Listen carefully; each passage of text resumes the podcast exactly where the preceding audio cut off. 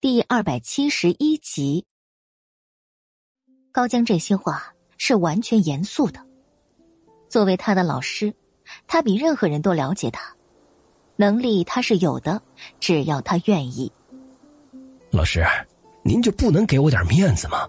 您放心，只要学妹的故事给力，我一定会好好的运作的。陈秋也收起了吊儿郎当的模样，难得郑重的跟他承诺着。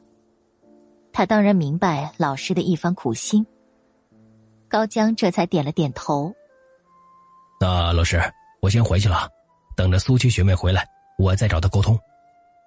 陈秋一边说，一边从椅子上站起来。高江看着他的那张脸，突然又冒出一句：“还有，你也该管理一下你自己的形象啊！年纪轻轻的，留一脸的胡子，像是什么样子呀？”怪不得都一把年纪了，还是找不到女朋友。陈秋简直哭笑不得，胡子怎么了？多性感，多有男人味儿啊！搏击场，老大，这是这些日子赛事的情况，还有上座率的记录。王昭把手里的资料夹放到立业面前的办公桌上。当他看到立业突然就笑了的时候，头皮都忍不住发麻了。老老大，对不起，都是我们做的不够好。立业终于正眼看向了他，然后一脸的疑惑：“嗯，你们做错了什么？”他哪里知道自己哪儿做错了？刚才他那个笑脸实在是太惊悚了，所以他才会主动认错，想要消除他的怒火。可是没想到立业却这么问。王昭的手心。顿时冒出一层冷汗。老大，我看您刚才笑了，找不到理由，只能实话实说。我笑了。立业竟然诧异了神色，好像根本就不知道。王昭嘴角抽了抽，老大这是什么反应啊？难不成是前天发烧，脑袋不太正常了？说正事吧。立业主动岔开话题，打开资料夹，片刻之后微微皱眉，整个办公室的气氛都因为他这细小的变化压抑几分。王昭脊梁绷得紧紧的，也知道现在搏击场的情况不太好。自从两个多月前齐苏那一场一对二创造了一个奇迹之后，有多少人都是奔着那小子过来的。但是老大却让他安心养伤，所以最近这段日子，他们也没有联系齐苏了。可是，有过那么精彩的比赛，后面不管再怎么安排，程度都是要逊色许多的，最后也就导致上座率严重流失了。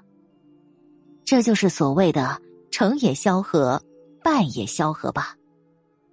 老大，现在外面对齐苏的呼声特别高。而且已经过去了这么久，那小子的伤肯定早就没问题了。不如不要打他的主意。王昭的话还没说完呢，便被立业强势的打断。嗯，不要打他的主意，老大这是什么意思啊？王昭突然觉得哪里怪怪的。就算他以后主动过来，你也要第一时间告诉我，记住了吗？立业紧接着命令一句。老大，这是为什么呀？所以说我的话，你都敢质疑了。立业当然不会告诉他原因，说到最后尾音直接上扬，让人不寒而栗。王昭呼吸一颤，脑袋摇成了拨浪鼓。那搏击场比赛，先这样吧。立业把面前的东西推到一旁，跟苏七的安全比起来。搏击场根本不算什么。王昭张张嘴巴，还想再说什么，可是这个时候，办公桌上的座机响了起来，他只能退了出去。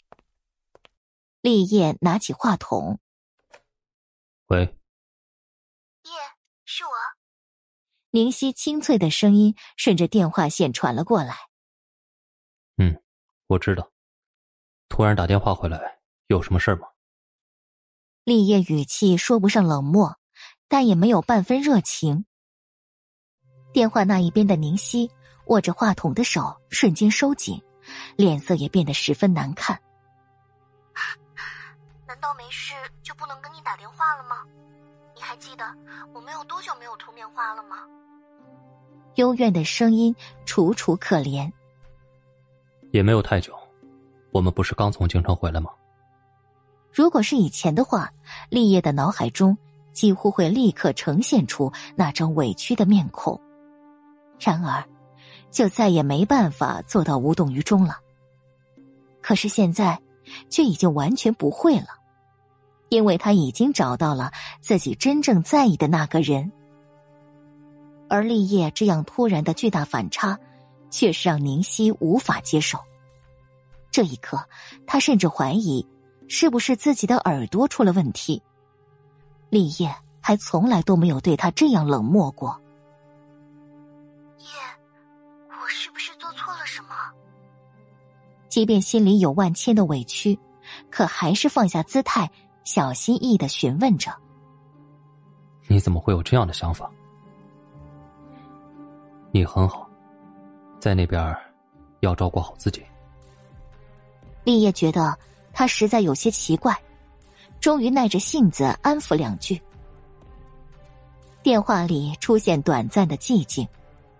正当立业想要结束的时候，宁熙的声音再次传了过来：“其实给你打电话确实是有事情的，而且是关于苏七的。”他故意用了“而且”，想要试探立业会不会意识到什么。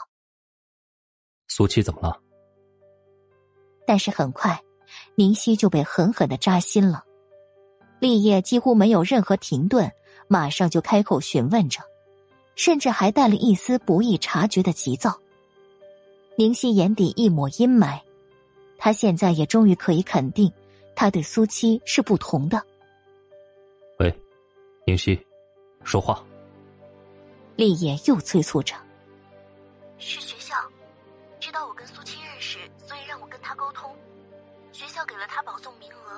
是他那边却一直都没有给明确的答复。可是我没有苏七的联系方式。宁熙表达的很清楚，同样也想要知道他对这件事的看法。圣都大学可是所有学子都无限向往的，苏七当然也不会例外，偏偏还要这样故意拿捏。好，我知道了，我会跟他说的。立业的反应相当平静，他也没有办法替苏七决定。而且苏七现在也才高二而已，就算上大学也还需要一年的。或者你把苏七家里的电话号码给我。显然，宁熙很不满意立业的回答，语气控制不住的恶劣几分。没必要，我会转达的，然后学校那边会跟你们联系的。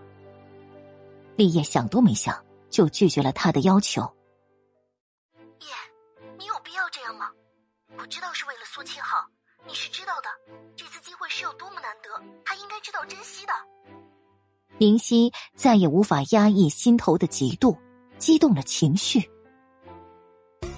哎，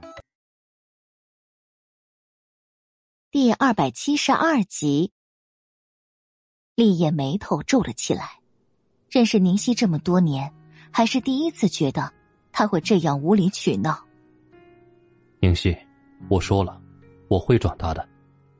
虽然你觉得这是一次很好的机会，但是苏七他未必会真的放在心上。在这个世界上，应该没有人会比他更了解苏七。上大学，对他根本不重要。叶，你不是苏七。你凭什么这么说？苏七那样身份的人肯定……他哪样身份的人？立业突然凌厉的语气，打断了宁熙的话。宁熙，苏七是我的未婚妻，我希望你以后能对她放尊重点。立业低沉着声音警告着：“没有人可以在他面前这样说苏七的。”宁熙如遭雷击，整个人都是懵的。立业的意思是：“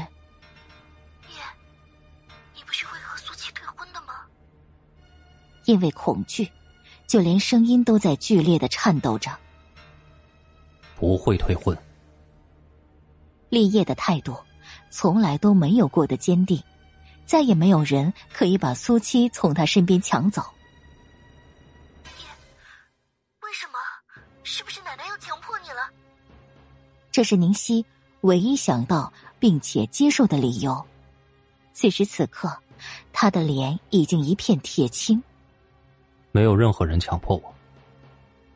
但是下一秒，他所有的幻想就被立业无情的打碎了。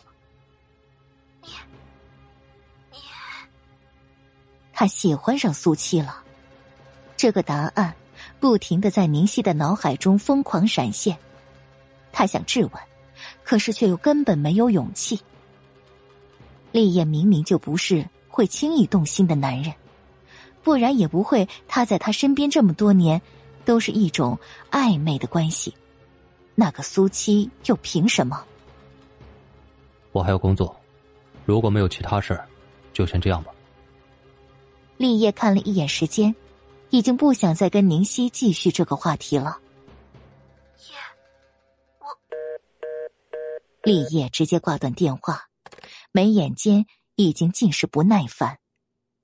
看来以后有必要跟宁熙保持距离了。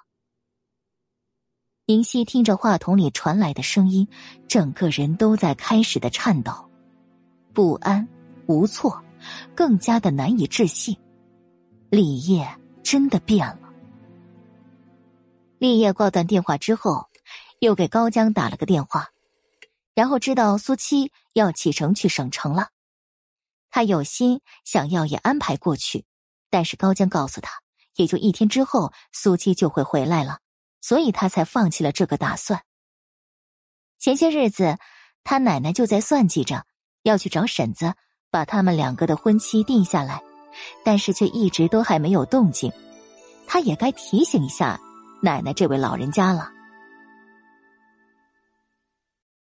翌日，圣德高中几乎人人都在议论。今天苏七要参加省运动会的事，学校为他报名了女子个人二百米和八百米赛跑，每个人都在揣测苏七会取得什么样的成绩。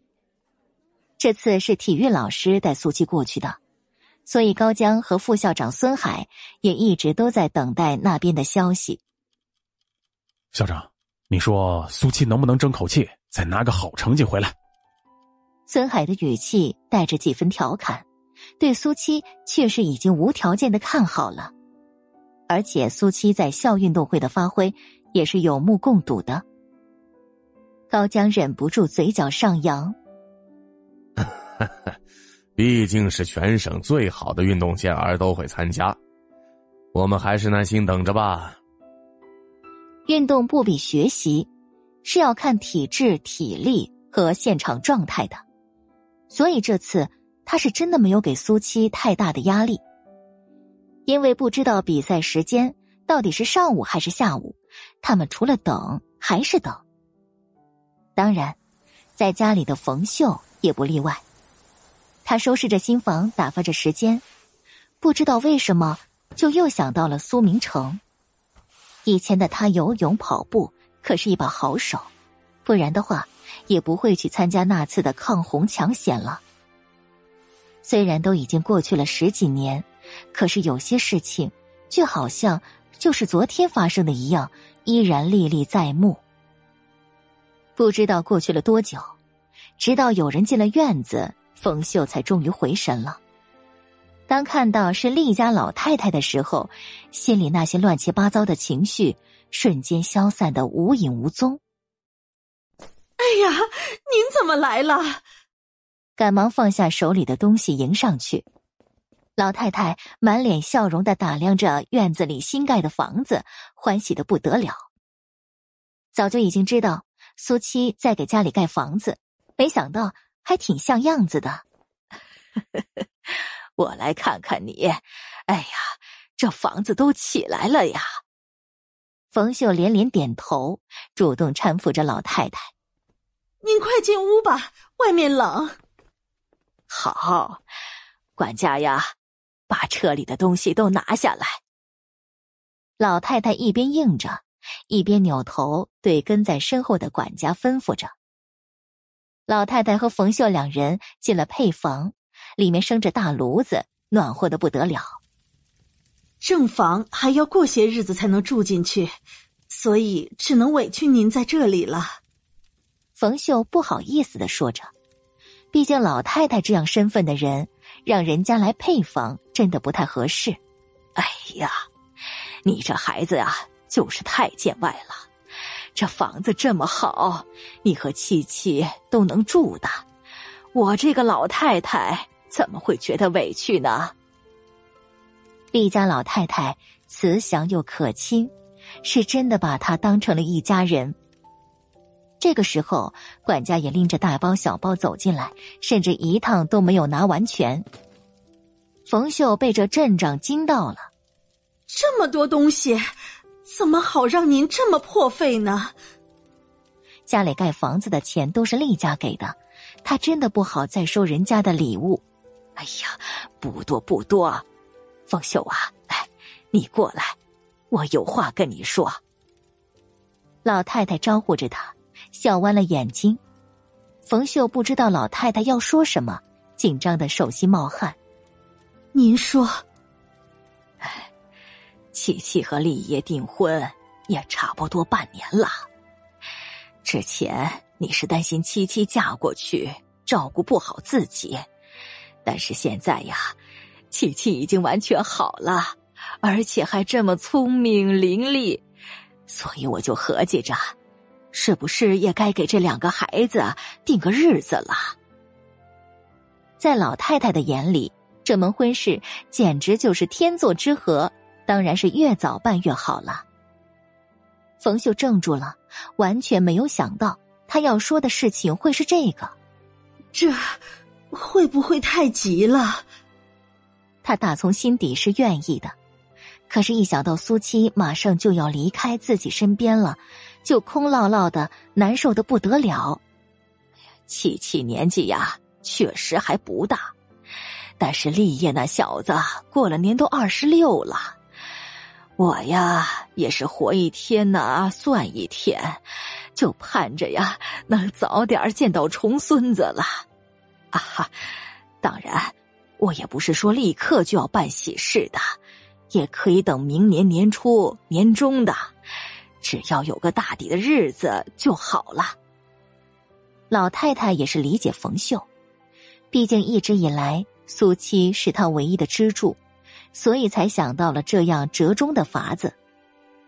冯秀虽然闷得厉害，可也清楚他不可能一辈子都把苏七留在身边的。您说的对，日子您定就好，我没意见。只要你们不嫌弃七七，立业能一心一意的对七七好，我别无所求。本集播讲完毕。第二百七十三集，事情比老太太想的还要顺利。冯秀在这件事的态度上，卑微的让他觉得心疼。冯秀啊，你放心的把七七交给我们厉家，谁敢对七七不好，老婆子我第一个就不答应。老太太态度郑重无比，跟冯秀承诺着。冯秀强忍着心头酸涩，不停的点头。他的一辈子就这样浑浑噩噩的过了，但一定要让自己的女儿幸福。两个人又聊了好一会儿，最后约定老太太去挑日子，然后再过来让冯秀定下。冯秀把老太太送出大门，看着她上了车，一直等到车子彻底消失在视线当中，这才收回。冯秀，刚才去你家的那位老人家是谁呀？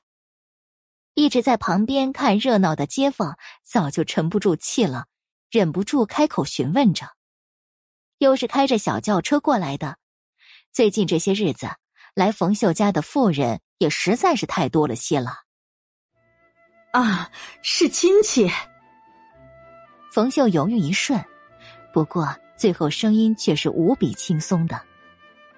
结婚的日子都要定下来了，那不就是亲戚了吗？说话的妇女瞪大了眼珠子，惊愕的不得了。哎，怎么以前没听你说过还有这种阔亲戚啊？这简直就是太奇怪了。冯秀却只是笑了笑，什么都不再说了。反正过不了多久，他们也就全都会知道了。回去的路上，老太太心情愉悦，已经开始和管家商量着结婚酒席要去哪里办，彩礼该准备些什么了。哎呀，人家妈妈这么相信我，把宝贝闺女交到我手里，可一定不能委屈了他们。老太太一边说，一边在心里打定了主意：彩礼一定要多多的给，让冯秀后半辈子衣食无忧。而且以后就算苏七过了门也不会拦着他回娘家来住的。最好的状态就是两家人变成一家人，和和美美的过日子。老夫人，您心善又这么喜欢苏小姐，能嫁过来也是苏小姐的福气。管家一句话逗得老太太哈哈直笑，不过很快又皱起了眉头。哎呀，别的倒没什么。我就是担心立业那个臭小子会对七七不上心。有时候老太太是真的怀疑自己的这个孙子是不是哪里有点问题。都已经二十五岁了，就从来没见过他交过女朋友，更别提带女生回家给他看了。身份、地位、钱财、样貌，他哪里都不差，怎么就偏偏对女人没兴趣呢？所以。他才会豁出去自己的这张老脸，为他挑选了苏七。可是以后过日子的毕竟是他们两个呀。老夫人，其实我觉得少爷最近有些不对劲。管家想了想，还是把话说了出来。老太太微微一愣：“哪里不对劲儿啊？”我也不知道想的对不对，您就随便听听。就拿今天这件事来说吧。您本来打算是好好准备礼品，然后再来的，但是昨天少爷回去，却在饭桌上主动提到了这个问题。管家有板有眼的分析着，老太太点点头。可臭小子说，结婚的事儿啊，目前根本就不在他的考虑范围之内了，还让我不要再张罗这件事情了。就是因为听了立业的这番话。老太太才担心夜长梦多，所以今天急急忙忙就过来了。问题就出在这里，如果少爷真的不想结婚，那不要说就可以了。反正您最近这些日子也没有再催促过，可他明明知道您对这件事情的态度，还一再的跟您表态，我觉得他这怎么更像是激将法呢？为的就是让您尽快把婚事给办了。老太太听得目不转睛，一会儿皱眉，一会儿呢喃：“是这样吗？我怎么就没想到呢？可是啊，立业不是一直都反对跟七七的这个婚约吗？我了解您，少爷肯定更了解您。这不，他昨天一说，今天您就来了吗？”管家的这句话。简直让老太太醍醐灌顶，顿时兴奋不已。所以他是被孙子给算计了，孙子愿意接受七七了。如果真是这样，那简直就是太好了呀！立业不停的看着时间，他奶奶一大早就带着礼品去了大院了，算算时间也差不多该回来了。现在苏七不在，家里只有他妈妈一个人。这件事情应该不会有什么问题的。终于，门口传来了车响声，立业立马转身回去自己的书房。老夫人，您慢点儿。管家搀扶着老太太走进客厅，这个时候书房的门也打开了，立业正好从里面走出来。奶奶，你这是去哪儿了？他脸不红气不喘的询问。老太太眼底一抹金光，强压着心里的兴奋。臭小子，竟然还在跟他演戏呢！哎呦，你怎么还没走啊？立业微微一愣，这开场似乎不太对呀。平常老太太可是只会让他多留一下，从来都没有主动催他离开的。哦，昨晚处理事情晚了一些，刚刚起来没多久，我收拾一下就准备走了。说完之后，又故意看向管家。王叔，我听他们讲，一大早你就跟奶奶出门了。管家赶忙点点头。是的，少爷，我们去了苏小姐家。立业强压着想要上扬的嘴角，故意装出一副诧异的神情。你们去了苏七家？奶奶，我不是都跟您说过了，目前我根本就没有结婚的打算。不结婚呐？哎呦，难道你还想打一辈子光棍啊？老太太最听不得立业这种话了，她也不看看，别人像她这么大的年纪啊，孩子都已经会打酱油了。立业两条眉毛拧成了麻花一样，脸上写满了不高兴。那你们过去，苏七妈妈怎么讲？她应该也不会答应。让苏七这么快就嫁过来吧？老太太眯着眼睛，似笑非笑的看着他。你是想让人家答应呢，还是不想啊？老太太根本没有正面回答，反而话里有话。立业目光闪烁，突然有了一股不祥的预感。他奶奶这副模样，分明就是猜出了他的心思。我当然不想。婚姻就是坟墓，而且苏七那丫头看起来半点都不招人喜欢。装，继续装啊！老太太也不戳穿他，反正已经知道了孙子的想法，以后的事儿可就全都好办喽。哎呀，那可就要让你失望了。你冯秀婶子啊，什么都没说，都依着我这个老太婆了。哎，第二百七十四集，王昭在公司看到立业的那一瞬，甚至怀疑是不是自己的耳朵出现了幻听。老大竟然在唱歌，唱歌啊！虽然他声音很低，听不清楚歌词，但是通过旋律却可以肯定那是一首歌，一首。至少是他根本就没有听到过的歌曲，实在是太惊悚了。老老大，您没事吧？王昭，你来了，来，快过来。立业很热情的冲着王昭招了招手，王昭只觉得从头皮到脚底，一瞬间全都开始发麻了，两条腿更像是灌了铅一样，怎么都迈不开。老大，我是不是又做错了什么？立业眨眨眼睛，英俊的脸上浮现出一抹疑惑的神色。没有啊，你过来，我有事情要跟你商量。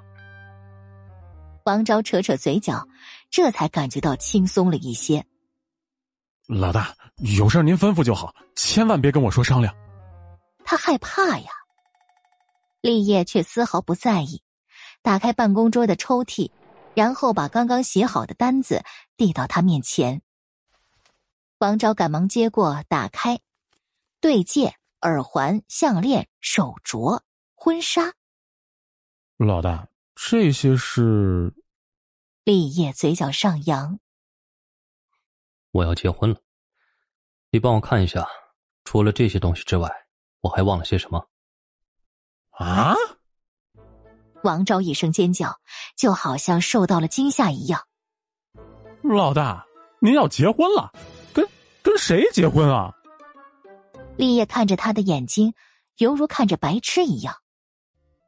还能跟谁结婚？当然是苏七呗。王昭的眼珠子差点瞪出来了。他当然知道苏七是他的未婚妻，可这是不是也太突然了？所以老大的心情好，都是因为这个。老大，恭喜你啊！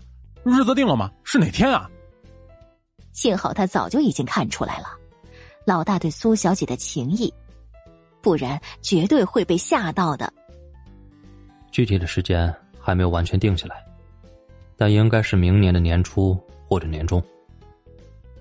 老太太是跟立业这么说的，所以他也就跟王昭这样说了。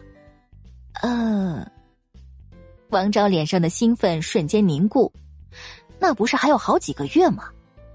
老大，您现在就准备这些，是不是早了点儿？不是早了一点儿，而是早了好多点儿。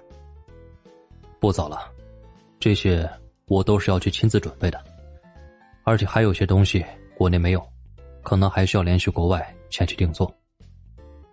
这是他跟苏七的婚礼，他要给苏七最好的。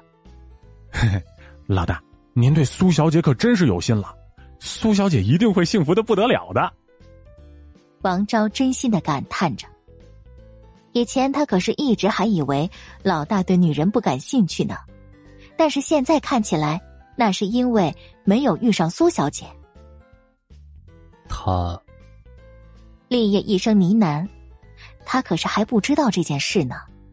被立业这样先斩后奏，估计苏七回来了，会迫不及待的过来找自己了。收敛思绪，看了一眼时间，现在已经是下午两点多了，也不知道苏七在省城那边的运动会上情况怎么样了。高江坐在办公室前，已经昏昏欲睡，突然响起的电话铃声让他瞬间清醒过来。他和孙海从早上就已经开始精神紧张的等着那边的消息了，左等也不来，右等也不来。孙海就先离开了。啊，喂，是我。迫不及待的拿起话筒，果然就听到了体育老师的声音。苏琪两场比赛都已经参加完了，成绩怎么样啊？啊！高江甚至没有等他把话说完，便急促的打断了他的询问。苏琪拿了两百米第一、八百米第二的好成绩。体育老师兴奋的说着。这样的成绩已经超出他们的预期了。高江顿时就亮了双眼，所有的忐忑全都变成了喜悦。这丫头果然没有让他们失望。现在她的状况怎么样啊？你一定要照看好她。校长，您就放心吧，她情况挺好的。等一会儿就要上台领奖了，我是怕你们担心，所以特意抽个时间打电话回来。行，你快回去吧。晚上带苏七吃些好的，明天就安安全全的把她带回来。高江笑呵呵的叮嘱着，然后挂断电话，简直就是春风得意。苏七二百米得了第一名，八百米第二名，也实在是太厉害了吧？是啊，那个省的运动会，我听说参加的选手可全部都是出类拔萃的。苏七不但学习好。体育还这么强，真是羡慕啊！哪怕我有他一样好呢。很快，苏七的消息就传遍了整个学校，而高江办公桌上的电话就一直都没有停下来过。如果说之前苏七获得了全国高中生数学竞赛，已经成为了各所名校争先争抢的学生，那现在他又在省运动会上夺得了这样的好成绩。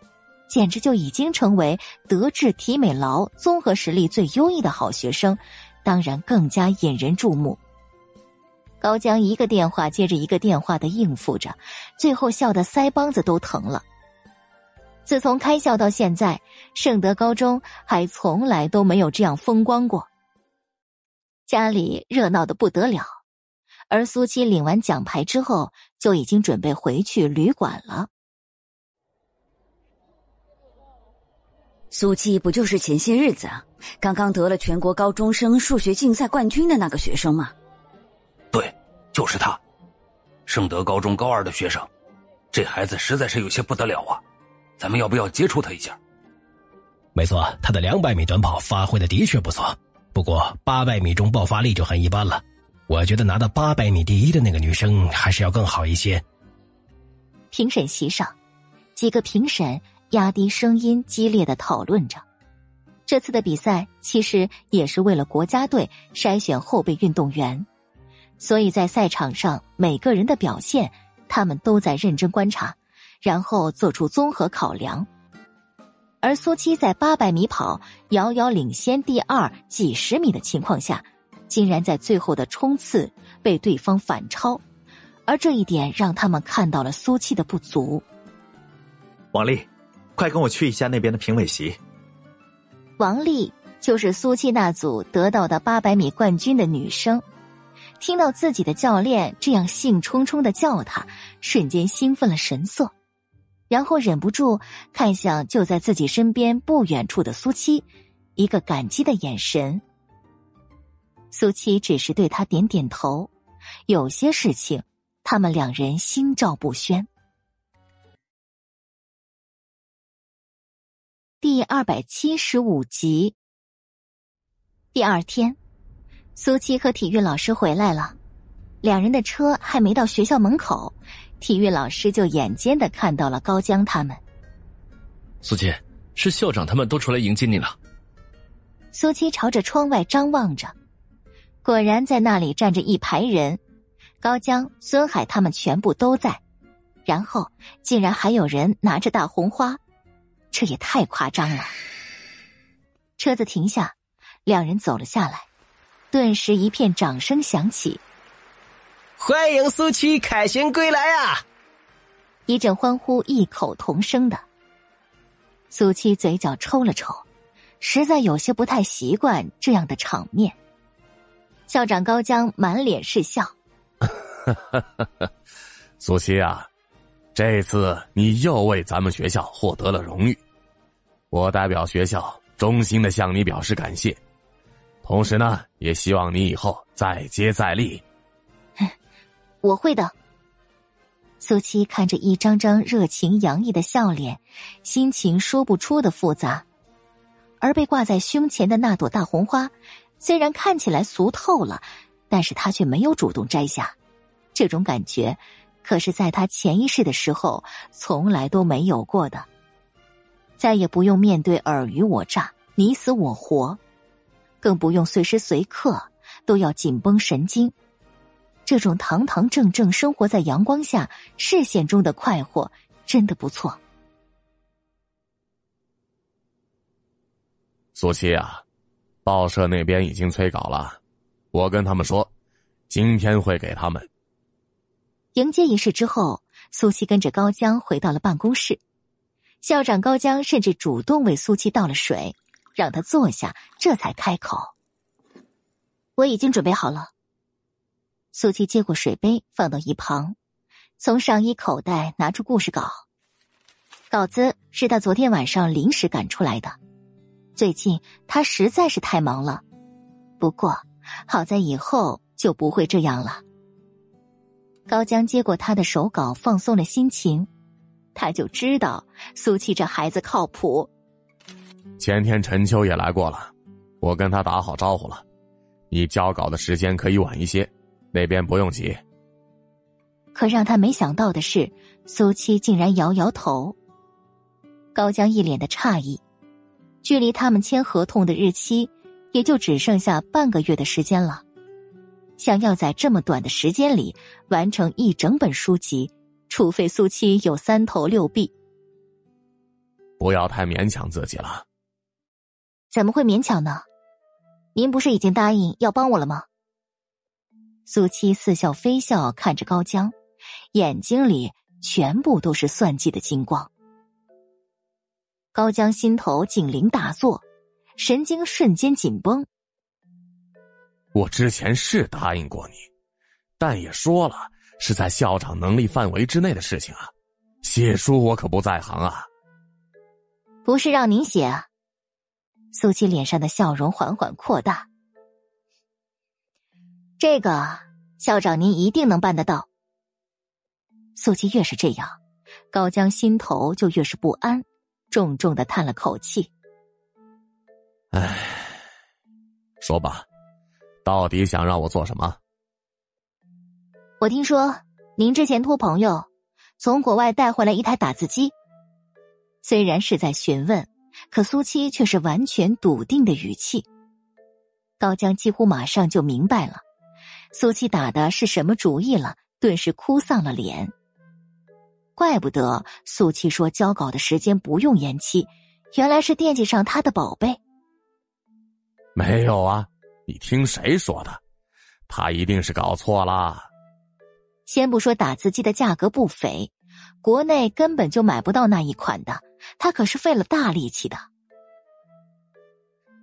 高校长，您这样可就没意思了。再说了，我只是借来用用而已，等新书完成了，一定给您送回来。苏七故意板着脸，前些日子他都快把自己的手写废了，正好有一天和张雪梅他们聊天的时候。无意中听到他们说起，这简直就是老天爷给他送福音。哎呀，不是我不借给你，就算我拿给你，你会用吗？高江还是想要继续挣扎一下，毕竟这种东西不是随便谁都可以用的。苏七真的沉默了几秒，打字机这种老古董，他确实是连见都是第一次。那您教我好了。啊，这个我没时间啊。要不，您就做我打字员，我说您打。不等高江说完，苏七便理直气壮的提议着。高江哭笑不得，整个学校这么让他办事的，苏七可还是第一个。您别忘了，这是您答应我的。苏七不慌不忙的补上一句。啊，那好，我教你。正好明天是周末，你来我家吧。高江最后还是选择了妥协，毕竟苏七出书也是一件大事，他自然是要支持的。苏七心情大好，谢谢校长。老大，大嫂现在回学校了，您要过去吗？王昭得到消息，马上就来跟立业汇报。去安排车。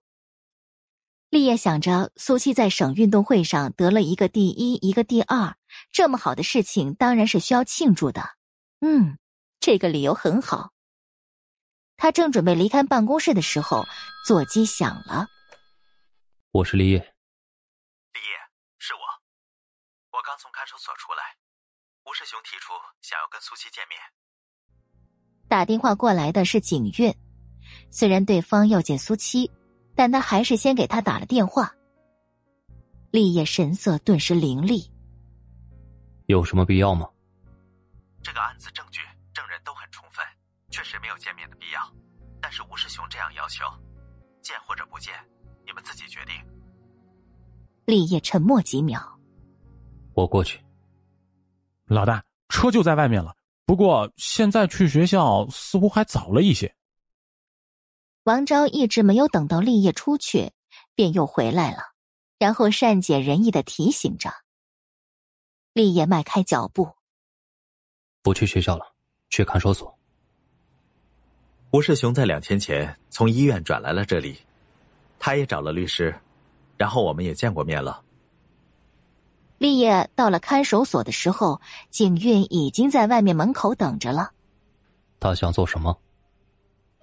仅仅是绑架这一条，就已经够他们在监狱里十几年了。立业的脸色阴沉如水。如果当时他在现场的话，根本就不可能让他们活到现在。吴世雄应该是想要保下吴香香。吴世雄想要脱罪，根本就不可能了。但是吴香香就不一样了。如果苏七肯松口。他们还是有概率能让吴香香全身而退的，比如绑架苏七的事情，吴香香并不知情，只是吴世雄为自己的女儿报复。吴香香之所以会出现在现场，也是因为想要阻拦。景玉能想到的，立业自然也可以。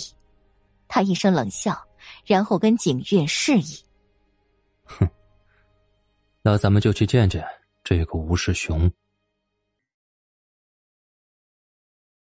第二百七十六集，短短几天的时间，吴世雄整个人都瘦了一圈儿，嚣张不在，满脸的胡茬也掩盖不住脸色的憔悴。看到进来的人并不是苏七，而是一个他不认识的男人，眼底顿时有了几分怒气。他要见的只有苏七。你是谁？苏七呢？立业面无表情的打量着他，对吴家的底细早就已经调查的清清楚楚。有什么话跟我说就行了。吴世雄的双手骤然收紧，想要发作，可是理智又提醒着他，已经没有多少机会了。你可以代表苏七。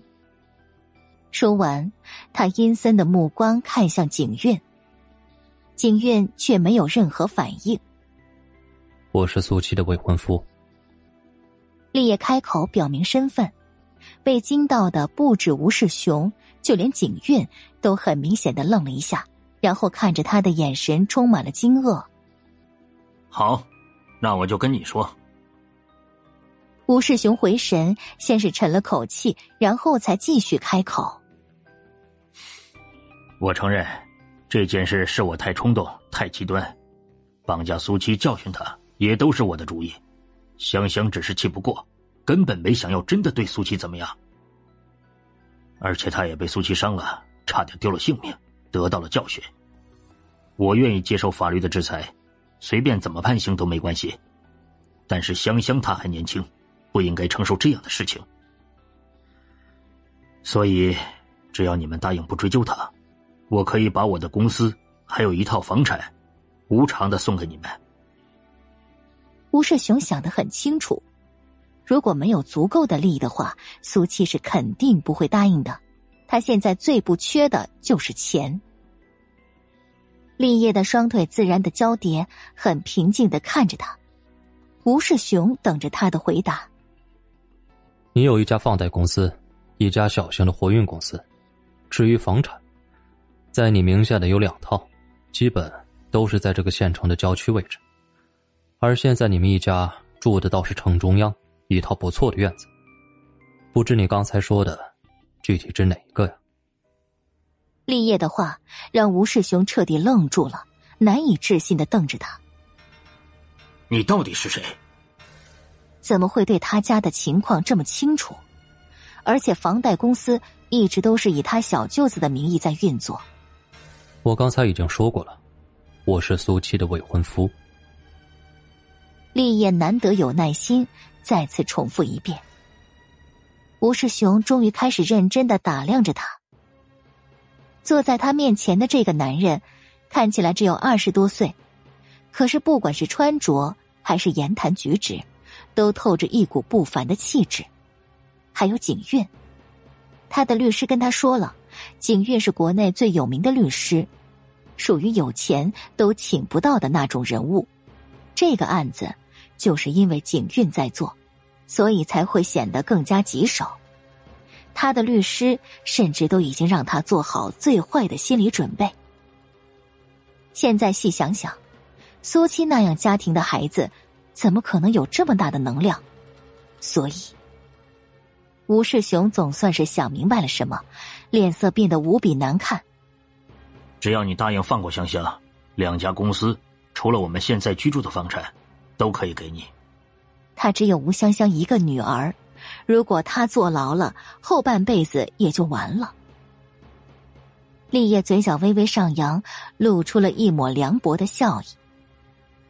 你觉得？这些东西，如果我想要，还需要你给吗？吴世雄的一颗心咯噔一下沉到了底儿了，之前的戾气更是消失的无影无踪。那，那你到底要怎样才能答应？我和苏七都是守法公民，我们什么都不会做，只要法律公正的审判。立业的语气不重，可是却让吴世雄彻底陷入绝望。他的意思是，根本就不会答应。压抑在心底的所有情绪和怒气轰然爆发，挣扎着想要扑向立业，可是手铐却已经完全限制他所有的动作。你们凭什么？苏七他也杀人了，而且他还想要杀死香香，这都是我们亲眼所见的。你们想要搞死我们，我也绝对不会坐以待毙的。就算是死，我也要拉着他一起。他失控的尖叫着，恐吓着，很快便惊动守在外面的狱警。立业眼底一抹阴霾，虽然一句话都没有再说，但是浑身上下散发出的气压。已经想要把他置于死地了。不管是吴世雄，还是依然在医院的吴香香，他是绝对不会放过的。立业，你没事吧？吴世雄的话不用放在心上。从看守所里走出来，景苑见到立业的神色实在是太冷，开口安抚着。立业整个人仿佛被一股阴影笼罩。吴世雄、吴香香，要让他们承受最重的刑罚。没问题，本来他们就犯了罪。景苑甚至没有一秒钟的犹豫，爽快的答应。立业紧绷着脸颊，这才稍微放松些许。立业，那个苏七真的是你的未婚妻？虽然景玉心里已经有了答案，但还是忍不住跟他确定着。这事还能有假吗？立业反问一句。景韵忍不住笑了起来，怪不得他会那么火急火燎的，让他一定要最快的速度赶过来，原来是为了自家媳妇。没想到你这个万年铁树竟然也开了花，而且还老牛吃嫩草。立业的思绪终于被他硬生生的从吴世雄身上拽了回来。什么叫老牛吃嫩草？我才二十五岁而已。人家今年虚十九岁，周十八岁，你就跟人家订婚了？难道我说的有毛病？景苑虽然比他年长几岁，平常往来也并不经常，但是两人以前同生共死过的感情可不是假的。所以对他，就像对自己的弟弟一样。看立业是真的喜欢那丫头，景韵也是打从心底替他高兴的。立业竟然无法反驳，总不能告诉他，他和苏七已经认识两辈子了。你放心吧，既然是弟妹的案子，我一定会处理的干干净净，绝对不会给你们留下任何的后顾之忧。景韵一边说，一边拍拍立业的肩膀，底气十足的承诺着。立业点点头，这个案子交给他，他自然是放心的。今天的事儿就不要告诉苏七了，没必要让他为这种人浪费一丝一毫的精力。好，都听你的。时间不早了，你还有事没？咱们可是好久没有在一起喝一杯了。机会难得。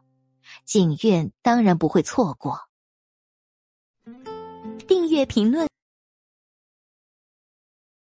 第二百七十七集。苏七早早回到了家，看到屋里大大小小礼品盒的时候，皱了皱眉头。七七，你吃了吗？累不累呀？妈去给你做饭，还是你先去洗洗？冯秀从头到尾说个不停，知道他竟然在二百米赛跑得了第一，高兴的不得了。这些东西是怎么回事啊？苏七直接开口询问着。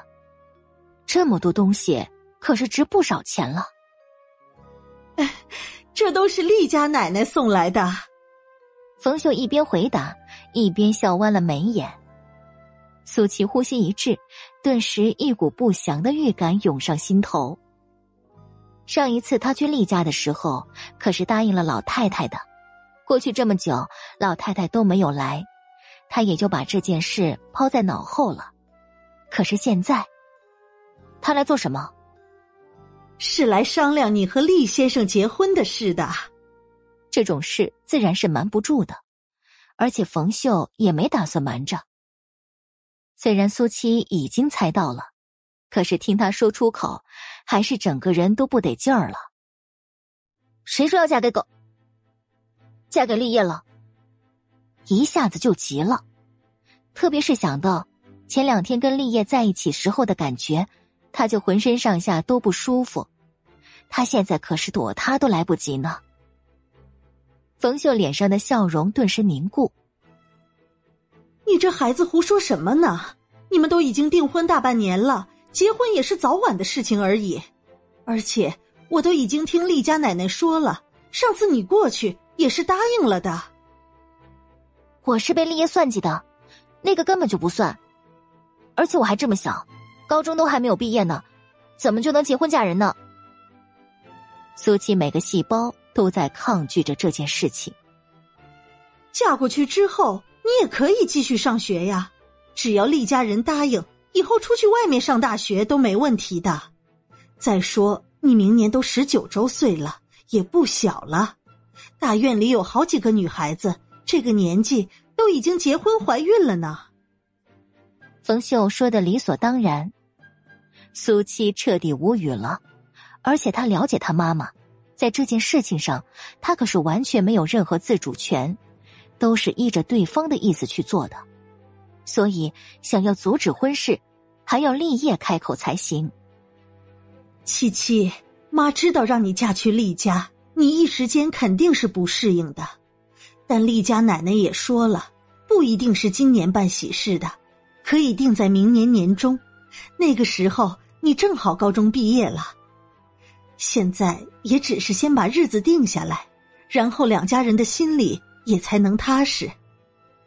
冯秀倒是已经完全打开心扉，接受了这样的安排，所以他觉得苏七只是刚刚听到才会这么抗拒，以后时间长了也就不会抗拒了。妈，您就这么急着把我嫁出去，而且也不问问我是不是喜欢立业，毕竟是要我生活一辈子的人。苏七严肃着声音。从始至终，这门婚事都是冯秀在替他做主，却从来都没有问过苏七的意见。当然，以前是不需要，但是现在不一样了。厉先生是好人，就算你们现在没什么感情，但是结婚以后可以慢慢培养，你一定会喜欢他的。你要相信妈的眼光。苏七黑了脸。还是第一次看到冯秀对一件事情这样笃定，所以她到底从哪里看得出来，苏七一定会喜欢上狗男人呢？好啦，我们不说这个了。你晚饭想吃什么？妈去给你做。冯秀主动结束这个话题，也表明了对这件事情的态度是断然不会改变的。随便吧。苏七有气无力的说着。心烦意乱。周末，医院，张峰，张峰，恭喜出院啊！恭喜恭喜！方宇、李猛、张雪梅、李媛他们几乎全都到了张峰的病房。已经穿戴整齐的张峰心头一暖，但一双眼睛却是下意识的朝着众人身后的门口看着。确定苏七并没有一起过来的那一瞬，有一丝淡淡的失落。不过，很快他便给众人一个笑容，从李元手中接过来的鲜花，他们竟然还买了这种东西啊！哎，你们怎么都来了？今天正好是周末，大家也都没什么事情，然后就过来一起接你了。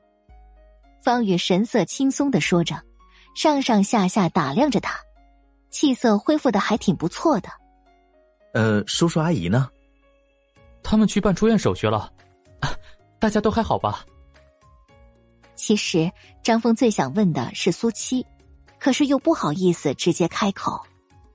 还不等方宇接着说，李媛就突然打断他的话，抢先说都很好的，还告诉他苏七昨天也参加完省运动会回来了，拿了一个第一名，一个第二名，风光的不得了。本来今天呢，他们也是要跟苏七一起来的。但是苏七要去高校长家里做什么事情，没有时间，所以就只有他们三个过来了。现在他们已经没人不知道张峰对苏七的心意了，所以主动说着。张峰心里顿时舒服多了，所以苏七不是故意不来。这时候，张父张母也办好了出院手续回来，看到这么多同学过来，自然是开心的。收拾完毕，一行人走出病房。张峰，吴香香是不是还在这里？李猛突然冒出一句，让欢快的气氛戛然而止。张峰点了点头，紧绷了脸颊。嗯，就在楼上，一直有警察看着。其他做什么？以前咱们啊，就是瞎了眼，全都被他给蒙蔽了。不过以后啊，估计也是没有什么机会再见面了。方宇大大咧咧的说着：“反正吴香香要坐牢是肯定的，跟他们已经是两个世界的人了。”张峰心情沉甸甸的，他是受害者，同样也是证人。他很清楚，吴香香落到现在这样的地步，跟喜欢他是有很大的关系的，只是所有人都闭口不提罢了。哎，张峰，别想了，咱们走吧。张雪梅催促一声，女孩子的心思总归是细腻的。张峰现在的不开心和纠结，她也能体会得到。几分钟之后，他们从医院走了出来，而在最顶楼的吴香香却紧闭着眼睛，不愿醒来。现在的她比任何时候都还要头脑清楚。如果一旦他的身体状况没问题了，那么就肯定会被抓走了。他真的不想坐牢，与其在监狱里度过自己的后半辈子，他宁愿死。所以，他必须要利用这段时间想到可以脱身的办法，然后他还要去找苏七报仇，绝对不能让那个贱人舒舒服服的过日子。订阅评论，别忘记。精彩故事再继续，我们下集见。第二百七十八集。半个月后，小货车拉着满满一车进了大院儿。腊月的天气冷得动人，在外面的街坊也少了许多。不过货车进来还是惊动了不少人。哟。这是谁家买了这么多东西呀？还能有谁家？当然是冯秀他们家了。他家正房不是还没装修呢，怎么家具就进来了？门窗都装好了，墙面也刮了大白，跟装修没什么区别。走，咱们看看去。不大一会儿，胡同里就热闹起来。苏西站在门口，指挥着师傅们卸车，床、沙发、茶几。写字台、桌椅一应俱全。冯秀睡惯了炕，但他还是喜欢床铺。以前的三间土坯房也没有他单独的空间，现在房子盖好了，他自然可以按着自己的喜好布置房间了。哎，苏七，你这家具是从哪儿买的呀？看着可真不错呢。啊，就在城里的家具店。只不过有些是他额外加了钱，按照他的要求定做的，那得不少钱吧？有好几个妇女都看直了眼睛，在大院里住了这么多年，还真没有看到过谁家买这么多家具的。冯秀这哪里是养闺女啊，分明就是养了一棵摇钱树啊！如果是以前，或许他们还会有多余的心思。可自从苏七拿了个全国冠军回来，所有人都对他刮目相看了。苏七自然不会回答这个问题，跟着师傅们进了房间，安排他们摆放家具。冯秀站在一旁也帮不上忙，看着一件件的搬进来，也是意外的不得了。他也没想到苏七会买这么多的，一车的家具，整整摆弄了小半个时辰，终于全都进了屋子。原本空荡荡的房间，瞬间变得满满当当。即便还没有精装修，但是在其他人眼里已经算是豪华了。一群女人叽叽喳喳，正房里还没有生炉子，可他们一个比一个兴奋，也没有离开的意思了。苏七的性子是不喜人多的，但是看着冯秀的笑脸，到了嘴边的话还是咽了回去。难得他妈妈这么高兴，打过招呼之后，他就回了暖和的配房。冯秀，你家苏七这么有本事，我们可真是羡慕呢。听着他们的夸赞，冯秀真的从来都没有过的满足和自豪。其中一个妇女眼珠子滴溜溜的转，然后热络的拉起冯秀的手：“你家苏七过了年也有二十了吧？”冯秀点点头：“十九周岁了，这个年纪啊，也该找个婆家了。你是知道的，我有个侄子，今年二十二岁了，自己在做生意，家里就他这么一个儿子，长得也是一表人才的。”要不抽个空，安排他们两个孩子见个面。冯秀微微一愣，用了四五秒钟才反应过来这女人的意思。可还没等他开口，另外一个妇女也说了话：“这么一说，我也想起来了，我外甥二十四了，在大厂子里上班，端着国家铁饭碗。他之前要求太高，所以就给耽搁了。”我看苏七跟他挺合适的，哎，老孙媳妇，你这可不厚道了。什么事儿都得有个先来后到，明明是我先说的，你跟着凑什么热闹？刚才的女人立马就不乐意了，可是她先看上苏七的。哎呀，别的也就算了，这种事儿还是要讲缘分的，苏七相中了那才行。谁都不是傻子，现在的苏七。那就是树枝上的金凤凰，自然谁家都惦记着。两个女人说着说着，竟然还吵吵了起来。冯秀一句话都插不上，简直就是哭笑不得，可心里却是高兴的。大结局，苏七按下最后三个字的时候，甚至轻松的想要喝一杯。整整半个月，将近三十万字。终于让他搞出来了，而且正好明天就是合同上的最后时间。没想到他这双习惯舞枪弄棒的手，竟然还有这样的潜力。七七，你怎么又喝这个苦东西了？冯秀进屋的时候，苏七已经端着热腾腾的咖啡坐到窗边了。外面天气阴沉沉的，似乎是要下雪了，今年的第一场雪。冯秀马上就闻到了咖啡的味道。这些日子，苏七疯了一样用打字机打字，每天几乎都是凌晨之后才会睡觉，而每一次他都会靠这种什么咖啡提神的。之前冯秀好奇，忍不住也尝了尝，简直比他喝过的中药都还要苦呢。妈，他们都走了。苏七把杯子放下。以后短时间内应该可以收敛一下了。走了，你不知道，刚才那个王婶子和李婶子差点为了你打起来呢。冯秀一边说，眼睛都眨着光，兴奋的不得了。苏七看着他现在幸福的神色，觉得所有努力都是值得的。好一会儿，冯秀终于跟他讲完了。我哪里能答应呢？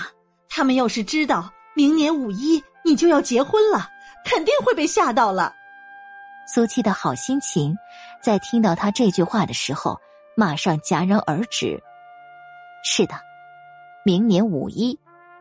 前些日子，厉奶奶又来了一趟，据说特意找了一位大师，按着苏七和立业的生辰八字，挑选了三个日子出来，然后他妈妈就选中了五一。而苏七这半个月所有精力都放在了稿子上，所以还没有去找立业。说来也是奇怪，自从苏七照顾他生病那天之后，苏七没有主动去找他，那立业也没有主动的联系他。七七，你想什么呢？冯秀的声音打断了苏七的思绪。这孩子怎么说着话都能愣神儿呢？啊，没什么。我整理一下，明天可能要出去办事。苏七摇摇头，还是打算先把出书的事情搞定，然后再做别的。而且马上也要过年了，问什么事啊？冯秀随口询问。给人打的这些东西已经完成了，明天送过去。苏七并没有告诉冯秀，这是自己写的书，只是说帮人在打字挣钱。冯秀一听，心头一喜，所以以后他再也不用那么辛苦的熬夜了。老夫人，少爷回来了。随着管家的声音，立业风尘仆仆从外面走了进来。老太太拄着拐杖站起身，朝着门口看去。第一眼先看的并不是立业，而是跟在他身边的宁熙。大概十几天前，宁熙在京城出了事，立业不得不赶过去处理。现在终于回来了。爆点击，快订阅！精第二百七十九集。奶奶，我回来了。立业带着一丝淡淡的疲惫，跟老太太打着招呼：“奶奶。”宁熙则是完全一副强忍泪水的委屈模样，让人心疼不已。西西呀，你受苦了。老太太也不是很清楚，宁熙在京城到底发生了什么，只是听说。似乎是招惹了什么人，然后被为难了。宁熙紧抿着嘴角，摇摇头。奶奶，我先回房间了，你们聊。立业丢下一句，然后离开客厅。老太太拉着宁熙的手，坐在了沙发上，细细询问起来。奶奶，对不起，让您担心了。我也没想到会发生这样的事情。宁熙一开口便是声音哽咽。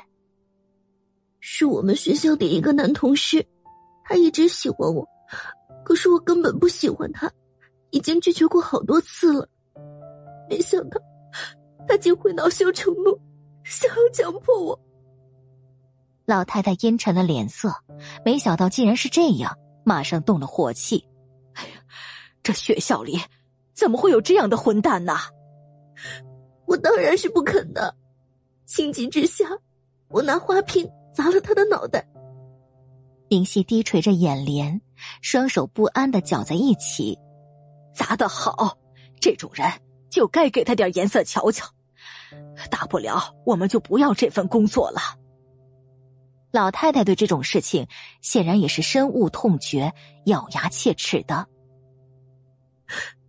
没想到。大家在京城颇有些势力，不肯轻易善罢甘休，还还想要强迫我。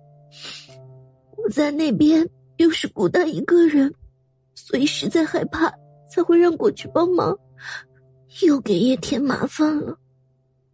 说到这里，宁熙停顿下来，满脸愧疚。都是一家人，出了事当然要找他。你已经回家了。什么都不用担心了，有奶奶在，谁也别想欺负你。老太太理所当然的说着，对宁熙是发自真心的喜欢和心疼。奶奶，您真好，我已经跟学校请了长假，这些日子就在家陪您了。宁熙抽抽噎噎，靠在了老太太的怀里，在她看不见的地方。眼底的委屈早已经被算计的金光取代。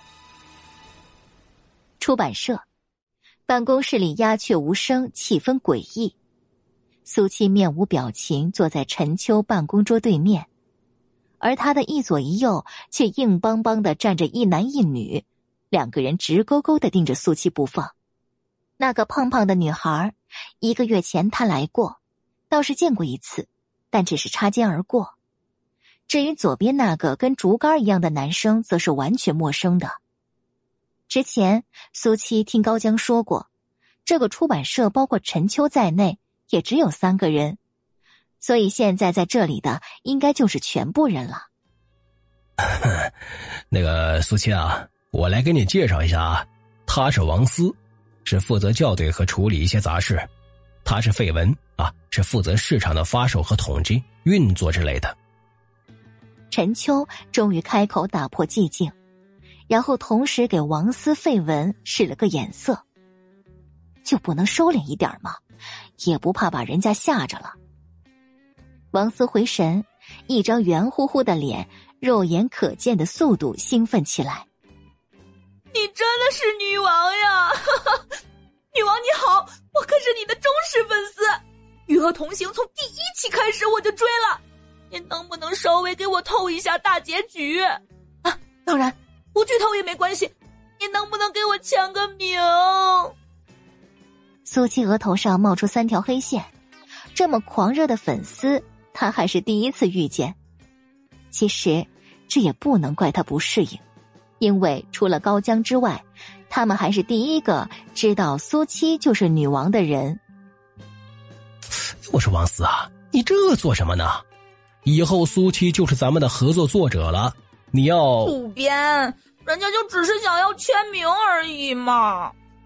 陈秋觉得丢人，一声呵斥，想要提醒王思，可是王思根本无法控制对苏七的喜欢。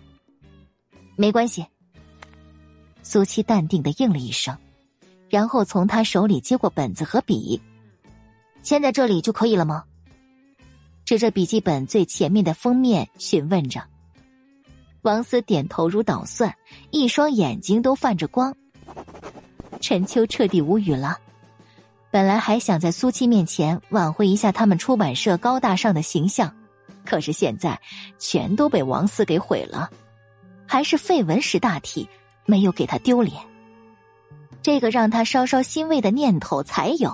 绯闻竟然也开了口了：“那个苏七，你可以也帮我签个名吗？”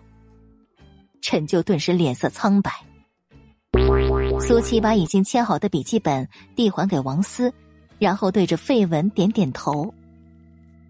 王思开心的手舞足蹈，把笔记本直接宝贝似的抱在了怀里。签在哪里呢？苏七朝着费文打量，他手上可什么都没拿。下一秒，费文便做了一个让陈秋恨不得找个地洞钻进去的动作。他直接脱下了棉衣，露出里面穿着的白色衬衫，然后红着脸走到苏七跟前：“就签在我衣服上行吗？”苏七很明显的愣了一下，心里哭笑不得。可是脸上却没有露出半分。没问题。拿着手里的钢笔站起身，潇洒的在白色衣服上写下自己女王的笔名。陈秋的一张脸已经完全拧巴成了一团了。你们两个真是够了啊！签名拿到了，都给我出去。低沉的声音仿佛压抑着暴风雨。费文很平静的抱起棉衣。却根本不打算继续穿上，生怕弄花了刚刚的签名。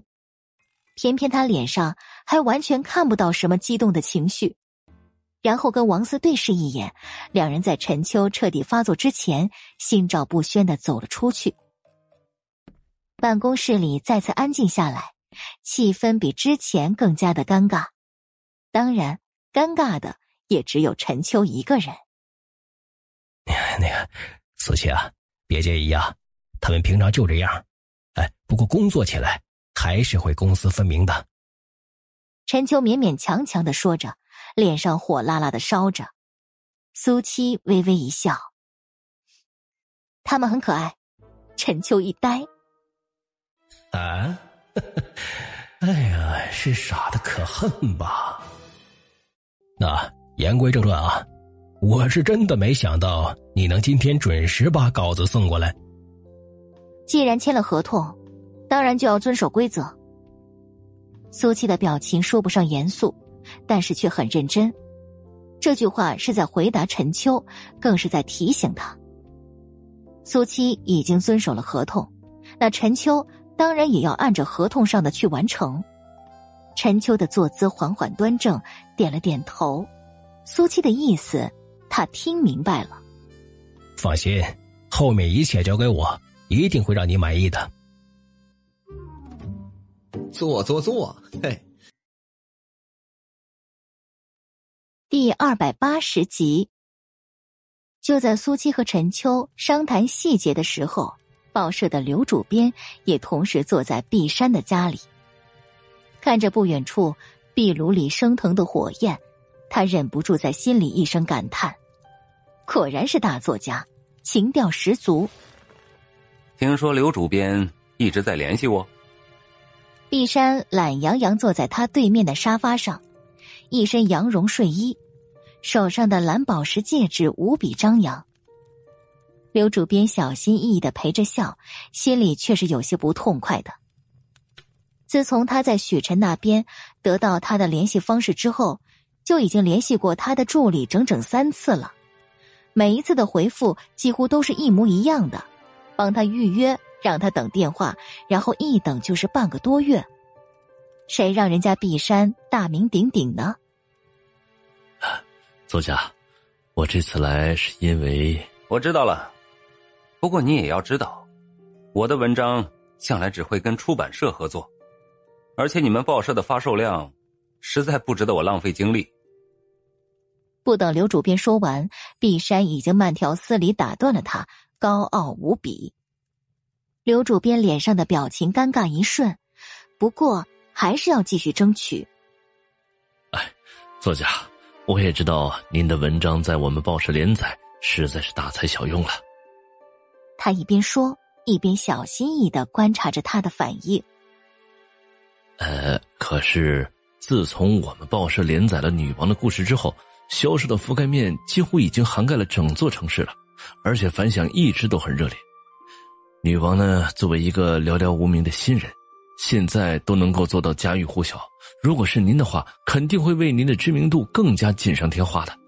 呃，更重要的是。还可以拉近您和普通民众之间的亲近度。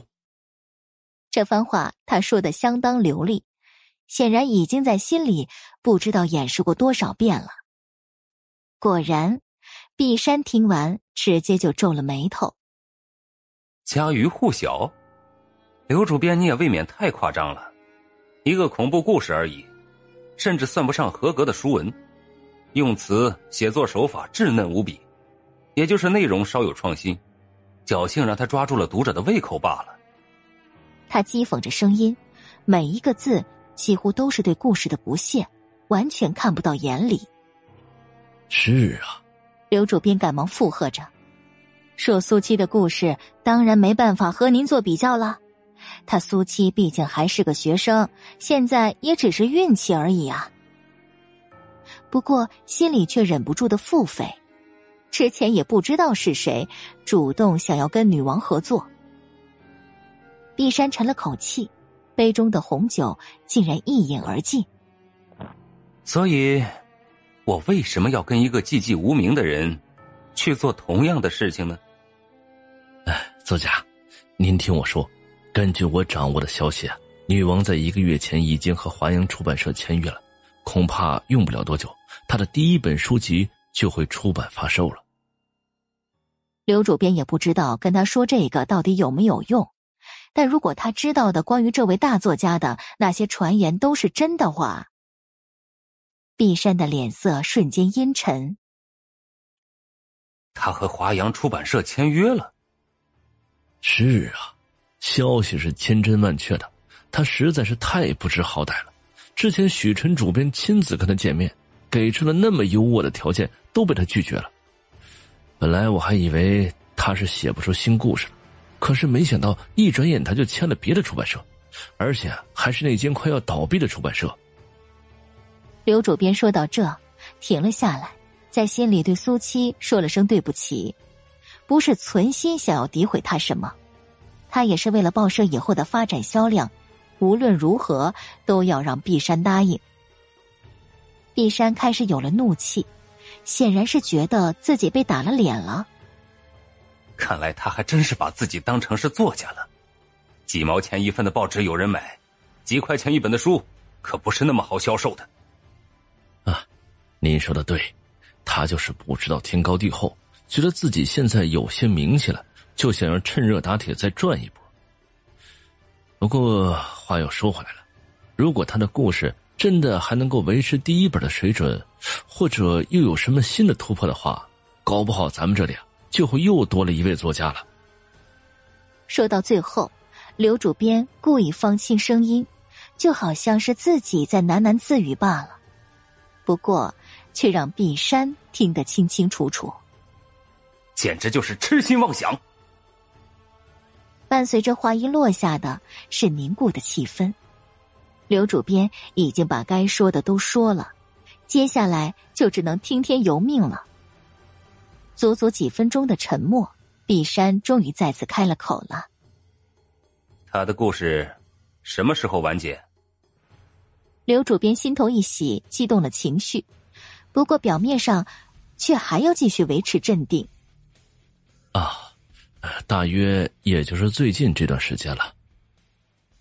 碧山目光闪烁，放下手里的酒杯，冲着一直站立在不远处的助理招招手。助理马上来到他身边，然后他用只有他们两个人听见的声音说着什么。刘主编竖直了耳朵，也没有听出来。片刻之后，碧山径直从沙发上站起来。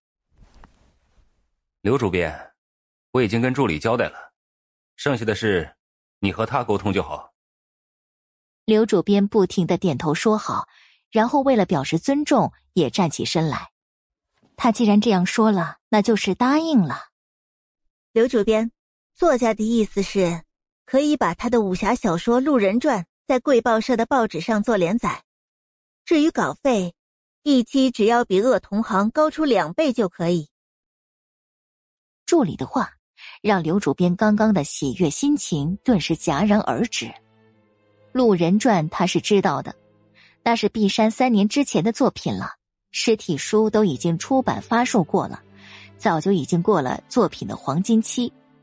他们报社想要的是碧山的新作品，而不是这种已经过期的老故事，而且稿费竟然还要超出女王两倍。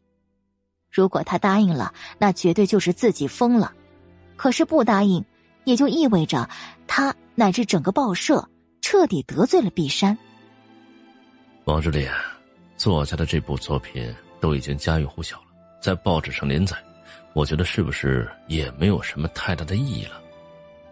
既然刘主编您自己也说了，作家的作品知名度极高，只要刊登出来，肯定会再引起一片轰动的。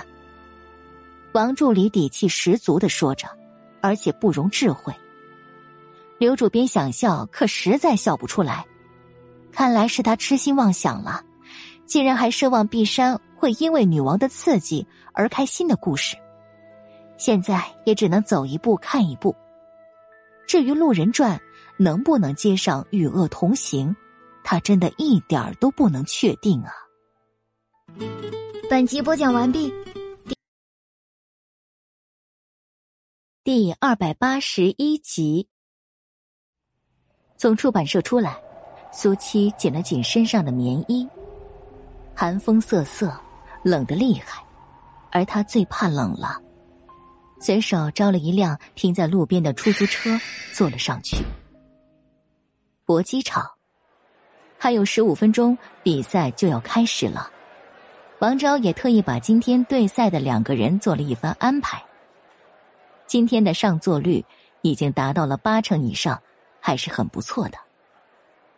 叮嘱再三，让他们一定好好表现，把比赛打精彩，然后才从休息室走了出去。王经理，齐，啊齐。这个时候，一个工作人员气喘吁吁的从前面跑了进来。好好说话，怎么急成这样？王昭皱起了眉头，让外面人看到了，成何体统？工作人员深吸了几口气，终于可以把话说完整了。齐苏来了，啊，在哪儿？这下轮到王昭不淡定了，声音都抬高了几度。距离上次比赛已经过去了这么久，这小子终于出现了，就在外面。被人围了，不然他也不会这么着急了。王昭立马瞪大了眼珠子，诧异不已。围了？谁敢？就是好多观众，看到他进来就激动的把他围了。王昭总算是明白了，一拍脑门最快的速度走了出去。苏七看着四周那一张张狂热的面孔。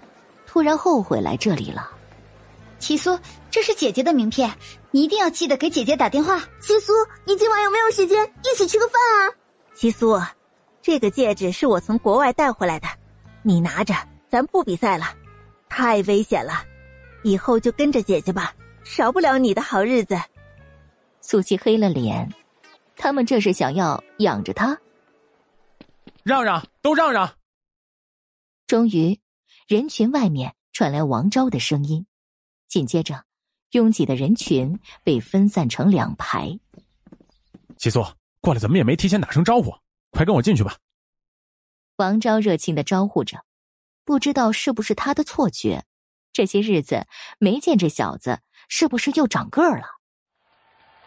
苏七点点头，跟在他的身侧。周围一声声尖叫，让苏七恨不得堵上自己的耳朵。好在很快到了后台，也清静了下来。王昭把他带到自己的办公室，关上房门。七苏，你的伤怎么样了？上上下下打量一番，果然还是一如往常，除了那双眼睛，当真是多一点都不会露出来。没事了。苏西压着嗓子，最近这些日子，跟他的接触有好多次了。如果不小心，很可能被王昭听出什么的。那就好，我们可一直都关心着你的情况呢。王昭满脸带笑，态度友好的不得了。苏西没有说话，不置可否。你今天过来是想要打比赛吗？马上就要开场了，恐怕是来不及安排了。王昭自顾自的说着，其实就算这小子来得早，他也不敢擅自安排的。毕竟之前老大可是有命令。我还剩下一场，今天不行的话，那就下周吧。苏七对于什么时候比赛并不在乎，其实现在会出现在这里，连他自己都不知道为什么。自从那天之后，他就没再见过立业，两人的婚期也都已经定下来了，没见他有什么动静。苏七本来想着直接找他，把这件事好好说清楚。但是那天的情形在苏七脑子里挥之不去，他甚至有些心虚见到立业。而且谁知道立业是不是就是想逼自己去找他呢？所以才忍不住来了这里，至少先看看狗男人的状态，然后再做决定。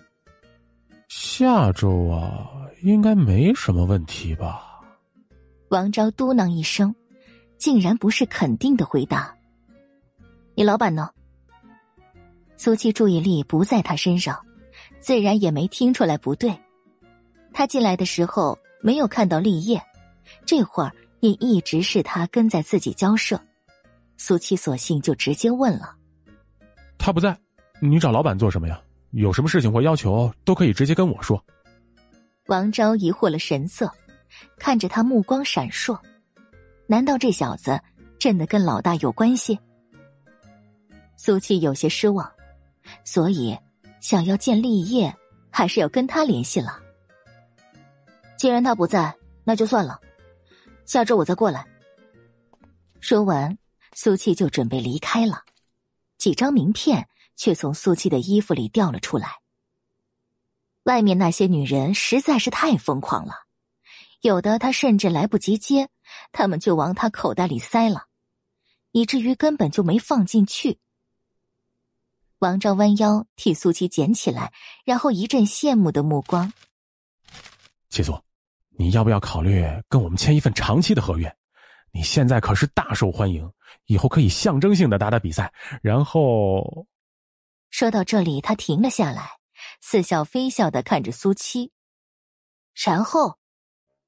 苏七倒是没明白王昭的意思。王昭把名片整理好，重新递到他手中。这些可都是人脉，只要你点点头。后面的话，就全都是他的眼神传递了。呃，苏七现在是听懂了。你还负责拉皮条啊？这里允许这样吗？王昭嘴角抽了抽。你小子说话可有点损啊！什么叫拉皮条啊？这都是你情我愿的事情。我们这儿没那么多规矩，而且你也只是跟我们签约打比赛，私人生活我们管不着。哥哥是看你年纪小，不太懂这些，所以才提醒你的。外面的那些女人，随随便便哪一个可都是有钱有势的，而且很多也不是你想的那样，有单身的，有离异的，人家也想要正常交往而已。他一本正经的跟他解释着，完全一副为苏七好的样子。苏七甩给他一只耳朵听着，一直等着他说：“谢谢王经理的好意，可是怎么办呢？我不喜欢女人。”哎呀，我知道你不喜欢。王昭猛然意识到了什么，瞳孔剧烈收缩一瞬，惊愕不已。下一秒，看着苏七的眼神彻底变了，根本控制不住自己的双腿，后退两步，拉开跟他之间的距离。你，你的意思是，你喜欢男人？最后两个字干巴巴的从他嘴里说出来，那个模样仿佛见了鬼。苏西抬手把名片扔到桌子上，然后在他直勾勾的注视下点点头。答对了。王昭用力的吞咽着自己的口水，觉得三观都被颠覆了。订阅评论别。第二百八十二集。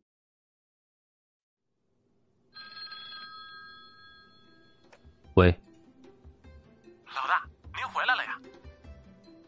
王昭听到话筒里传来立业的声音，心头一喜。他已经去京城十几天了，昨天联系过，说是今天要回来。果然，现在已经到家了。上午到家，有事吗？什么大事就是刚才齐苏来过了。王昭可是经过了激烈的思想争斗。才决定给立业打这个电话的。立业微微一愣，随即目光闪烁。现在他还在吗？走了，他过来应该是想完成最后一场比赛的，但是没有您的吩咐，我只能先拖着他了。不过我也已经跟他定好了，下周末让他过来。做得好。立业夸赞一声，然后电话挂断。本来之前他就打算要去见苏七的，可是却一而再的被一些事情拖住了。没想到一直就过去了这么久，他现在真的已经有些迫不及待的想要跟苏七见面了。外面的敲门声打断他的思绪。进来。房门打开，是宁熙。叶，奶奶让我问你。晚上想吃什么？随便。立业敷衍一句，却突然又想到了什么。晚上我有事儿，就不在家吃饭了。明熙的表情凝固一瞬。是很重要的事情吗？奶奶好像有什么事情要跟你说。是想要留下他的，可是也知道现在对他绝对不能操之过急。好。我出去。立业说着，径直朝着门口走了过去。宁熙瞬间收拾好情绪，跟在立业的身后。奶奶，宁熙说你有事找我。立业来到客厅，甚至没有打算坐下的意思。老太太满脸笑容：“ 哎，难得你们都回来了啊！今天晚上啊。”咱们好好团聚一下。晚上我有事儿，可能就不在家吃饭了。立业甚至没有等他把话说完。这样啊，既然你有工作要忙，那就去忙吧。我已经让管家去大院接七七了，到时候有两个丫头陪着我就行了。老太太丝毫没有拦着他的意思。自顾自的说着，宁熙眼底一抹阴霾，为什么还要让苏七过来？他有些不太高兴。可是接下来立业的话，更是让他郁闷不已，脸上的笑容再也维持不住了。我想了想，工作什么时候处理都没问题，但是既然奶奶想大家都在，那我就留下来陪陪你吧。哎，你要有事啊，就去忙你的，不要耽误了工作。老太太似笑非笑，故意补上一句：“没关系，都已经离开了十几天，也不差这一个晚上。我去厨房看一下，吩咐一下晚上要吃的菜肴。”立业一本正经的岔开话题，然后转身去了厨房。老太太再也忍不住笑容，脸上的褶子都挤成了一团。奶奶，我也好久没有看到七七了。之前她参加比赛得了冠军，我们学校还特意联系了她，给了她保送的名额。宁熙重新坐到他的身边，好像很开心，等一下要见到苏七。老太太眼睛一亮。那实在太好了，以后七七去了圣都大学，你们互相也能有个照应。宁熙点点头，不过又有些失落。但是也不知道他心中到底是怎么想的，一直也没有给个答复。老太太听他这样说，也觉得有些意外了。等一会儿七七来了，你当面问问他。嗯，外面多少学生都削尖脑袋想进我们大学呢？我觉得七七也应该知道该怎样选择。宁熙理所当然的说着，就好像如果苏七不选择圣都大学，就是他这辈子最大的失误。厨房里忙得如火如荼，立业竟然站立在一旁亲自指挥着。盐要少放一些，一勺就行了，花椒不要。刚刚烫的那个菜不要太软了。本来因为他在就已经神经紧张的佣人们，现在更是无比小心，生怕哪一点没有达到他的满意。一阵笑声从不远处响起：“叶，你这是做什么？”宁熙来到他的身边，对他现在的行为实在是哭笑不得。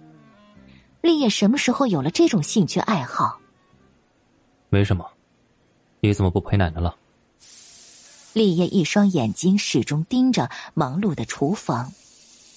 就是奶奶让我过来看看你的，顺便我也看看咱们晚上要吃些什么饭菜。宁熙心情不错，朝着里面打量着，台面上摆放着满满当当的食材，确实不错。看来今天晚上我们可以好好喝一杯了。他是在特意跟立业找着话题，想要吸引立业的注意力。等一下，汤里面不要放这种蘑菇。立业又开口阻止了里面人的动作。下人们马上停下，然后把蘑菇放到老远。叶为什么不能放？这种蘑菇很鲜的，放在汤里还很有营养。其他人虽然不敢问，但宁熙却是忍不住的。他不喜欢吃。立业目光闪烁，呢喃一句：“他。”虽然立业的声音很轻，可宁熙还是听得清清楚楚，眉头瞬间就皱了起来。现在家里可就只有奶奶和立业他们两个人，那立业口中的他，自然指的是……没什么，我不太喜欢吃。立业接上一句。好像刚才他根本就没有说过什么。宁熙勉强扯扯嘴角，心里却已经闷得不舒服了。所以，他都已经在意苏七，在意到这样的地步了吗？叶，你又不会做饭，在这里油烟太大了，不如我们回客厅吧。立业摇摇头：“你出去吧。”宁熙紧抿着嘴角，心有不甘。叶，你不是最喜欢吃我做的红烧排骨？反正我现在也是闲着，做给你和奶奶吃啊。明熙用力的甩掉心里的不悦，等一会儿苏七就要来了，他正好可以利用这次机会让立业看清楚，到底谁才是那个可以出的厅堂、入的厨房、真正适合立业的女人。长途跋涉，已经累了一天了，还是先去客厅休息吧。立业是真的觉得没有必要，毕竟家里有这么多人。可是这些话落在宁熙的耳中，就变成了满满的关心。我不累。说完，他迈开脚步走了进去。反正立言一直都在这里指挥，就好像是特意看着他做饭。这样的时候可是实在不多的。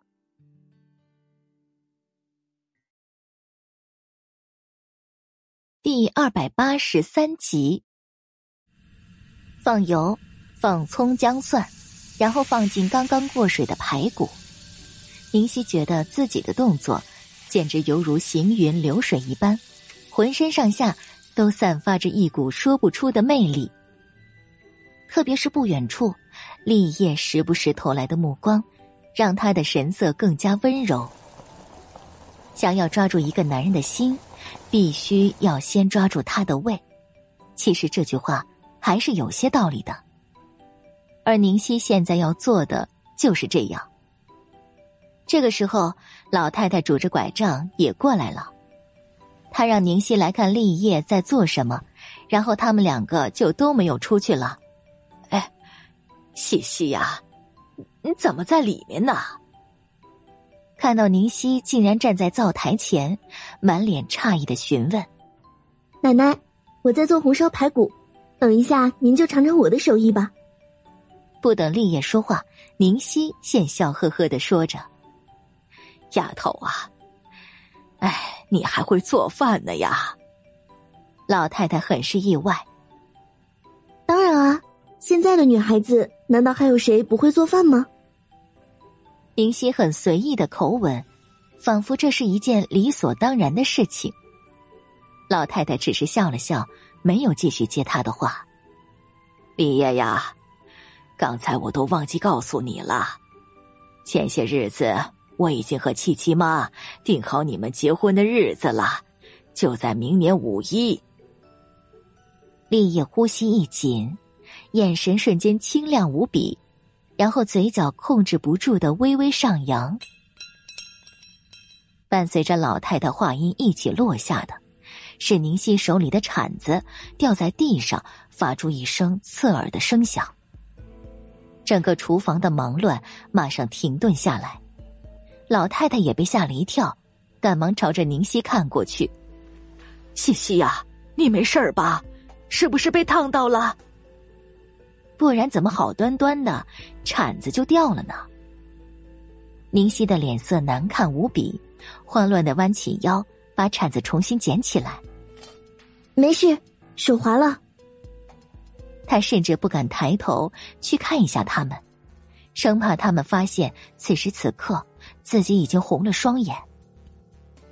立业和苏七真的要结婚了，就在明年五一，怎么会这样？立业忍不住多看了宁熙一眼，不过现在他的注意力根本就不在宁熙身上。没事就好，哎，咱们出去说吧。老太太若有所思，然后想了想，点了点头。在立业的搀扶下离开了厨房。宁熙握着铲子的右手紧了又紧，手背上的青筋都狰狞的凸起来。机关算尽，难道还是晚了一步吗？奶奶，日子什么时候定下的？怎么之前你也没跟我说过呢？回到客厅，立业已经迫不及待的确定着，有些日子了。正好你去了京都，而且算算时间呢，也还早，所以就等着你回来了再说了。老太太说到这个，欣慰的不得了，心头的一块大石总算是落了地。立业马上就想到了苏七，结婚的日子定在明年五一，那丫头竟然能够沉得住气，一直都没联系他。不，今天苏七去了搏击场。所以，或许根本就不是为了完成合约的最后一场比赛，而是因为想见他。我可是跟人家冯秀信誓旦旦的保证了的，琪琪嫁过来，你一定会对她好的，好好的跟琪琪过日子。你要是敢辜负了七七，就别怪奶奶我翻脸不认人了。虽然现在老太太已经确定孙子对人家七七是有意的，但该提醒的话还是要说的。立业竟然没有再故意反驳，而是认真了神色，点点头。我会的。只是不知道这场婚礼到底能不能在明年的五一正常顺利的举行了。轿车缓缓驶进院子，老太太和立业同时站起来，特别是立业，竟然没来由的紧张了几分。已经有十几天没有见苏七了，也不知道他过得好不好。不过怎么可能会不好呢？这样想着。苏七和管家的身影出现在他的视线之中。他穿着厚厚的棉衣，脑袋上还戴了一顶棉帽子，把自己裹得严严实实的。立业想笑，这样的打扮恐怕没有人不知道他怕冷了。他在看到苏七的同时，苏七也看到了他。早知道下午管家会去接他过来，那自己就不用再去搏击场了。王昭还说立业很忙，果然是忙啊！哎呦，琪琪呀，快进屋，冷不冷啊？老太太看着苏七圆滚滚的样子，喜欢的不行。不太冷。苏七收回视线，看向老太太，回答着。其实从家里出来就坐上车了，车里自然是暖和的。早上天就阴沉沉的，到了这会儿。更是黑压压的，已经看不到人了。看来这场雪应该也快下了吧。暖意扑面而来，苏七把帽子和棉大衣随手托给了站立在旁边的下人。苏七，你来了。宁熙听到了动静，也从厨房里走了出来，微笑着跟他打招呼，已经完全看不出刚刚经历过的任何情绪。苏七眼底一抹意外，倒真是没想到宁熙竟然也在。宁熙那边出了一些事情，正好也是今天回来的。不过还没有等他开口，立业已经解释了起来。苏七淡淡的瞥了他一眼，他有问什么吗？老夫人，饭菜都已经准备好了。管家打破三人间的尴尬气氛。老太太立刻就示意可以开饭了。很快，众人坐在饭桌前。七七，我还没来得及恭喜你呢。宁熙主动来到苏七身边，然后从管家手里接过酒瓶，想要亲自为苏七倒酒。我不喝。他不会喝酒。苏七拒绝的话语和立业的阻拦几乎同时响起，宁熙动作僵住。苏七挑着眉头，看着他的眼神深不见底。立业把自己的酒杯递到了宁熙面前，可是看着依然是苏七。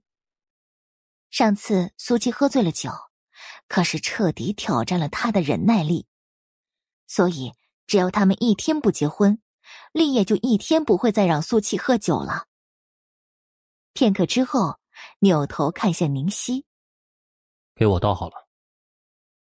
宁熙握着酒瓶的手紧了紧，快速的调整好情绪，给他一个温柔的笑。嗯，本来是想要恭喜七七得了好成绩，不过没关系，他可以以水代酒。不过你今晚也要少喝一点，我们长途跋涉从京城赶回来，你也太辛苦了。立业脸颊紧绷，脸上浮现出一抹不悦，他多话了。索西非但没有任何不高兴，反而微笑的开了口：“ 原来厉大哥这几天是去了宁熙姐姐那边啊！”哎哎，别走！第二百八十四集，厉叶一阵剧烈的咳嗽。厉大哥，宁熙姐姐。厉大哥，你是不是身体不舒服啊？怎么突然间就咳嗽了呢？管家，赶紧倒杯水给他。苏七眨眨眼睛，一脸关心的神色。立业实在觉得有些惊悚了，他还不如直接发发脾气，也好过像现在这样嘘寒问暖。少爷，水。管家麻利的把水递到他面前。立业其实一点都不想喝，但还是端起杯子一饮而尽。七七，前些日子我在京城那边出了事，是叶过去帮忙处理的，然后我也跟学校请了长假，一直到过年我都会留在家里的。明熙开口解释着苏七的疑惑。苏七恍然大悟：“哦，原来是这样啊！不过你在这里也挺好的，至少奶奶不会一个人孤孤单单了。”一番话。让老太太喜笑颜开。哎呦，琪琪呀，这些日子你都在忙什么呀？怎么一直没有过来看看奶奶呢？去苏七家里的两次，也没有看到苏七。学校也快放假了，事情比较多，以后有时间我会经常过来的。苏七乖巧的应着，跟之前过来的冷漠简直判若两人。哎呀，你要说到做到才好啊！不过奶奶等得起。明年五一呀，你和立业就要办婚礼了，你想要什么都和奶奶说，奶奶提前都给你备好了。老太太看着苏七，再看看立业，就从来都没有这么开心过。立业呼吸一紧，一直盯着苏七。不错过他脸上任何一个细小的表情，所以接下来他会怎么回答？仅仅只是一瞬，立业就已经在心里做好了最坏的准备。明熙绷紧了脊梁，也在极力的控制着。奶奶，我也正好想跟您说说这件事呢。苏七开口，完全在他们的意料之中。立业沉了口气，有些无奈。明熙却有几分迫不及待，老太太倒是最淡定的一个，丝毫没有察觉出什么，更没有什么担心的。好，想说什么就跟奶奶说。哎，之前您不是给了我妈三个日子吗？我妈定了五一，她觉得正好也是个节庆。不过，我还是想在家里多陪陪她，所以我想选另外晚一些的日子。苏七很淡定的把话说完，然后等着老太太的回答。一脚推迟，立业抢先一步，甚至带了一丝难以置信。他以为苏七会要退婚呢。苏七点点头，当然，也要你们同意了。立业看着苏七的眼神古怪到了极点，明明是该高兴的事情，可他就是觉得太不现实了。他到底想要做什么呀？啊哈，哎，当然同意呀！其实我早就想跟你妈说的，就算以后啊你们结婚了，你也是可以回去住的。你妈一个人把你拉扯大不容易，我们是不会把你从她身边抢走的。老太太想都没想，直接答应下来。最晚的一个日子。也是明年的八月而已，比五一也只晚了三个月左右，没有理由不答应的。苏七甜甜的笑起来，谢谢奶奶，都是一家人，不说两家话。老太太想的特别简单，只要明年能把喜事办了就行。立业始终直勾勾的盯着苏七，无法收回自己的视线。明熙放在桌子底下的双手却已经紧紧握成了拳头，他看着立业，想要无声的询问他，可是奈何他却根本连一个眼神都没有分给他。难道就真的无法改变了吗？七七，恭喜你啊！明年你才要上高三了吧？还真是羡慕你啊！还在学校就已经可以结婚了。下一秒。他终于还是忍不住开了口了。苏七也不说话，似笑非笑的看着他。我知道奶奶肯定是最开心的啦，因为她老人家最大的心愿就是赶紧抱上重孙子。宁熙看似无意，可是却话里有话。不是我最开心，是立业才对呀！金榜题名时，洞房花烛夜，都是男人一生中的大喜事啊！而且七七年纪也不小了，之前安排他读高二，也是出于一些考虑的。早知道我们七七这么聪明，就应该直接上高三的。老太太也是个精明的人，更正着他的说法。宁熙表情凝固一瞬，瞧我，竟光想着奶奶，把叶都给忘记了。叶，那你开心吗？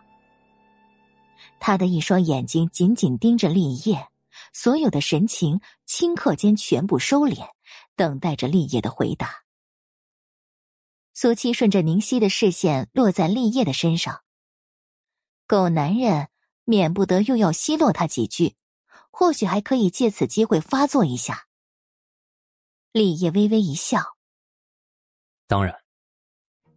这次轮到苏七惊愕了，狗男人还真是会讨好他奶奶，竟然连这种违心的话都能说得出来。今晚的汤还不错，你多喝一些。立业主动起身为他盛汤，就连老太太都看愣了，在饭桌上。立业可是极少这样去照顾一个人。奶奶，你也喝一碗。把汤碗放到苏七面前，自然也没忘了老太太。老太太喜笑颜开，这样就对了。叶，还是我来吧。宁熙接过他手里的汤勺，尽力掩饰着心底的不甘和嫉妒，因为他很清楚，如果不这样做。那就绝对会成为被他遗忘的那一个了。苏七低着脑袋喝汤。奶奶、叶、七七，你们尝尝我做的这个排骨怎么样？说完，他主动给每个人都夹了一块放在碗里。苏七也不客气，大口朵颐起来，味道确实还不错。然后又自己去夹了第二块。宁熙的脸上。终于再次有了笑容。看来七七喜欢吃，那就多吃一些。苏七给他一个眼神，算是回应。七七，你平常擅长做什么菜？以后有机会咱们可以切磋一下。宁熙随便找了一个话题，生怕自己没有任何存在感。苏七觉得他有些聒噪，吃饭就吃饭，偏偏这女人说个不停。我什么都不擅长，立业倒是挺擅长的，你去和他切磋吧。宁熙老太太都愣住了，他说立业会做饭，开什么玩笑啊？七七都还没喝酒呢，怎么喝醉话了？叶从来都不下厨的。片刻之后，宁熙很认真的反驳着，似乎怕苏七不信，然后特意看向老太太：“奶奶，你说是吧？”老太太果然也附和着点点头，至少他是从来没有看到过自己这个孙子下厨房的。第二百八十五集，苏七看看他们两个，然后又看向立业。啊，我随便说说而已。所以，那天还是他的荣幸喽。宁熙目光闪烁。很不满意苏七这样随意的态度，这个丫头是故意的吗？明明知道立业不下厨，偏偏还要这样说，就是想要告诉奶奶立业对她的与众不同。七七，有些事不能随便说说的。苏七皱了眉头，突然就没有了食欲。不然呢？宁熙紧抿着嘴角。感觉到饭桌上的气氛，因为他的这句话变得严肃而紧绷。我没有任何针对你的意思，只是觉得人要为自己说出的话负责。现在只有我们一家人在这里也就罢了，那如果到了外面的社会上呢？所以你现在是在教我做人吗？苏七径直放下手中的筷子。双手抱在胸前，眼睛微微眯了起来，而且谁跟他是一家人呢？宁熙的脸腾的一下就红了，他这副不满而轻蔑的态度，实在是太让人难堪了。哎 呀琪琪呀，西西，你们两个这是怎么了？只是唠唠家常罢了。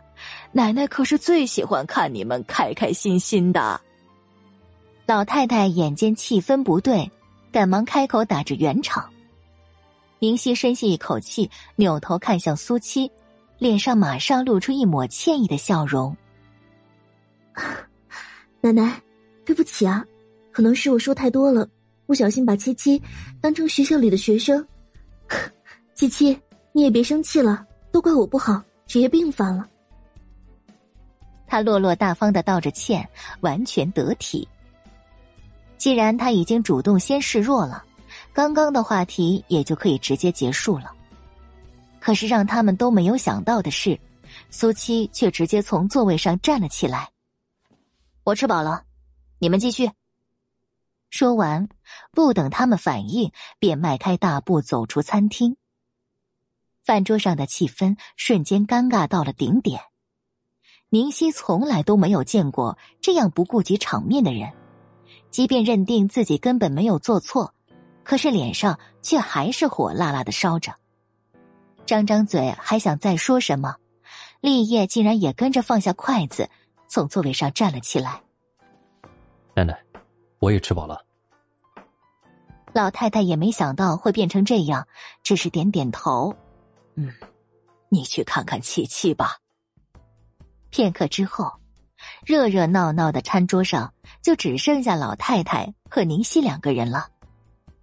奶奶，我真不是故意的。宁熙哽咽着声音，泪珠在眼眶里不停的打着转。老太太无奈的摇摇头，她还没有到老眼昏花的地步。这丫头对孙子的感情，绝对不只是家人和朋友那么简单。本来可以是和乐融融的一顿饭的，但是现在却搞成了这个样子。琪琪年纪小，脾气倔，西西呀，你也不要放在心上。表面还是要安抚的，不过老太太更担心的是以后的日子。宁熙僵硬的点了点头，所有心思。却早就已经跟着立业离开了。吃饱了吗？我让管家再准备些点心过来。立业明明已经走到了苏七的身边，可还是硬生生的后退一步，坐在了稍稍跟他拉开距离的地方。谁让他怂呢？不吃。苏七冷冷瞪了他一眼：“你出来做什么？”他现在看见立业就烦的，立业哭笑不得，这丫头果然把所有火气全都转移到他身上了。别生气了，你可以无视他。看来以后绝对要让他们两个少见面了。他那么一个大活人，我又不是瞎子。苏七本来心情就不爽，这会儿更是直接翻倍。立业忍不住笑出了声。那怎么样，你才能不生气啊？苏七终于察觉到他的不对劲儿，收敛了思绪。他这是在哄他。本来啊，他一年到头也不会回来几天的。这次是因为他在京城被同事欺负了，所以啊，我才过去帮他处理一下。他也只是回来散散心而已。要是你实在是不待见他，那以后我们就不要在家见面了。直接去上次我住的地方，怎么样？立业温柔着声音，自顾自的说着：“反正只要苏七高兴，怎么都没有问题的。”苏七黑了脸，真想要伸手去摸摸立业是不是又发烧了，不然怎么就突然胡言乱语呢？谁要跟你见面了？当然是你啊！我们都要结婚了，以后会天天在一起的。立业强忍着笑意，那样的生活，只是想想都是幸福的。呵呵，苏七一声冷笑。立业，你能不能好好跟我说话？你到底是怎么想的？之前我们明明说好，为了让奶奶安心，所以才暂时不提退婚的事情。可是现在事情发展成这样，你不会真的想要跟我结婚吧？立业的好心情因为苏七这番话戛然而止，他紧绷了神经，严肃了表情。那你是怎么想的？果然，他是不会让婚礼如期举行的。那刚才直接说了该有多好，为什么还要给自己不切实际的幻想？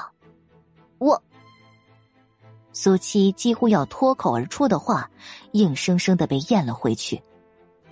明明是他在问立业的，如果现在就把自己的计划告诉这个狗男人，还不知道后面会发生什么。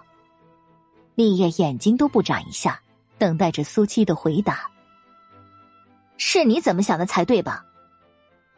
苏七板着脸反问回去：“结婚日子是你选的，奶奶的态度你也看到了，我除了照办还能怎样？所以你是在怪我了？你还真是你奶奶的乖孙子！”立业的话音都还没落下，苏七的讥讽就已经接上去了。立业被气得够呛，这个没良心的臭丫头！我不是这个意思。那你是什么意思？主动权都掌握在你们这边，我和我妈没得选择。在我们结婚之前，你最好少在我面前晃，我真的一点都不想要见到你。苏西人生中第一次体会到了什么叫做无理取闹，而且他还是这一方。不过，连他自己都说不清楚心里的怒火到底是因为什么。其实过来的时候，苏七是很平静的。目的就是小宝结婚的日子延后到八月份，可是根本没有想过要跟立业吵架的。无理取闹就无理取闹吧，反正这样吵一吵，他的心里真的是舒坦了不少。立业的脸色不停变换，也是第一次被一个女人气成这样，偏偏还不能也不想发作。第二百八十六集。不一会儿，老太太和宁熙也从餐厅出来了。发泄过后的苏七，又变成了吃饭前那副乖巧伶俐的模样。七七呀，我听说京都好几所大学都给你提供了保送名额呀，有没有想好去哪所学校啊？老太太关心的询问。我还没想好。苏七敷衍一句，然后看了一眼时间。奶奶就是想跟你说，就算以后啊，你和立业结婚了，但是上大学是完全没有影响的。老太太的话，确实让苏七心里多了几分感动。撇开狗男人不说，老人家真是待他极好的。七七。其实这还有什么好想的？圣都大学作为国内最好的大学，无论是从师资还是方方面面，都是顶尖的。宁熙带着一丝难以置信：怎么会有人真的能够拒绝圣都大学呢？苏琪听见他的声音就心烦。学校怎么样，他是不知道，但是有他在，他去了也不得安宁就对了。谁说我一定会在国内读书的？宁熙愣住了一瞬，难道你想要出国留学吗？苏七故意点点头，也没什么不可以吧。可是以你家的家庭条件，宁熙姐姐，你怕不是忘记了，我明年可就是立业的媳妇儿了，难道送我出去留学的能力他还没有吗？苏七就是在气他，句句戳在宁熙的心窝子。本来，如果他跟自己和和气气的，或许苏七还能帮着撮合一下他们两个。可是偏偏宁熙搞不清楚状况，对自己针锋相对，那就别怪他苏七不让他痛快了。宁熙的呼吸急促了几分，就连胸脯都在剧烈的起伏着。他怎么这么不要脸啊？都还没有真的嫁进来，就已经开始算计利用厉家的便利了。这个当然没问题，只要你想要的，告诉我，我都能为你办到。偏偏立业竟然开口附和着苏七，而且态度还是无比认真的。他是真的在借这个机会告诉苏七，完全可以信任他、依赖他。苏七忍不住头皮发麻，他听不出来，那他这么说只是为了怼宁熙吧？要这样的话，那还真的不用着急了。这个时候，老太太也开了口了，显然也是把苏七的话当真了。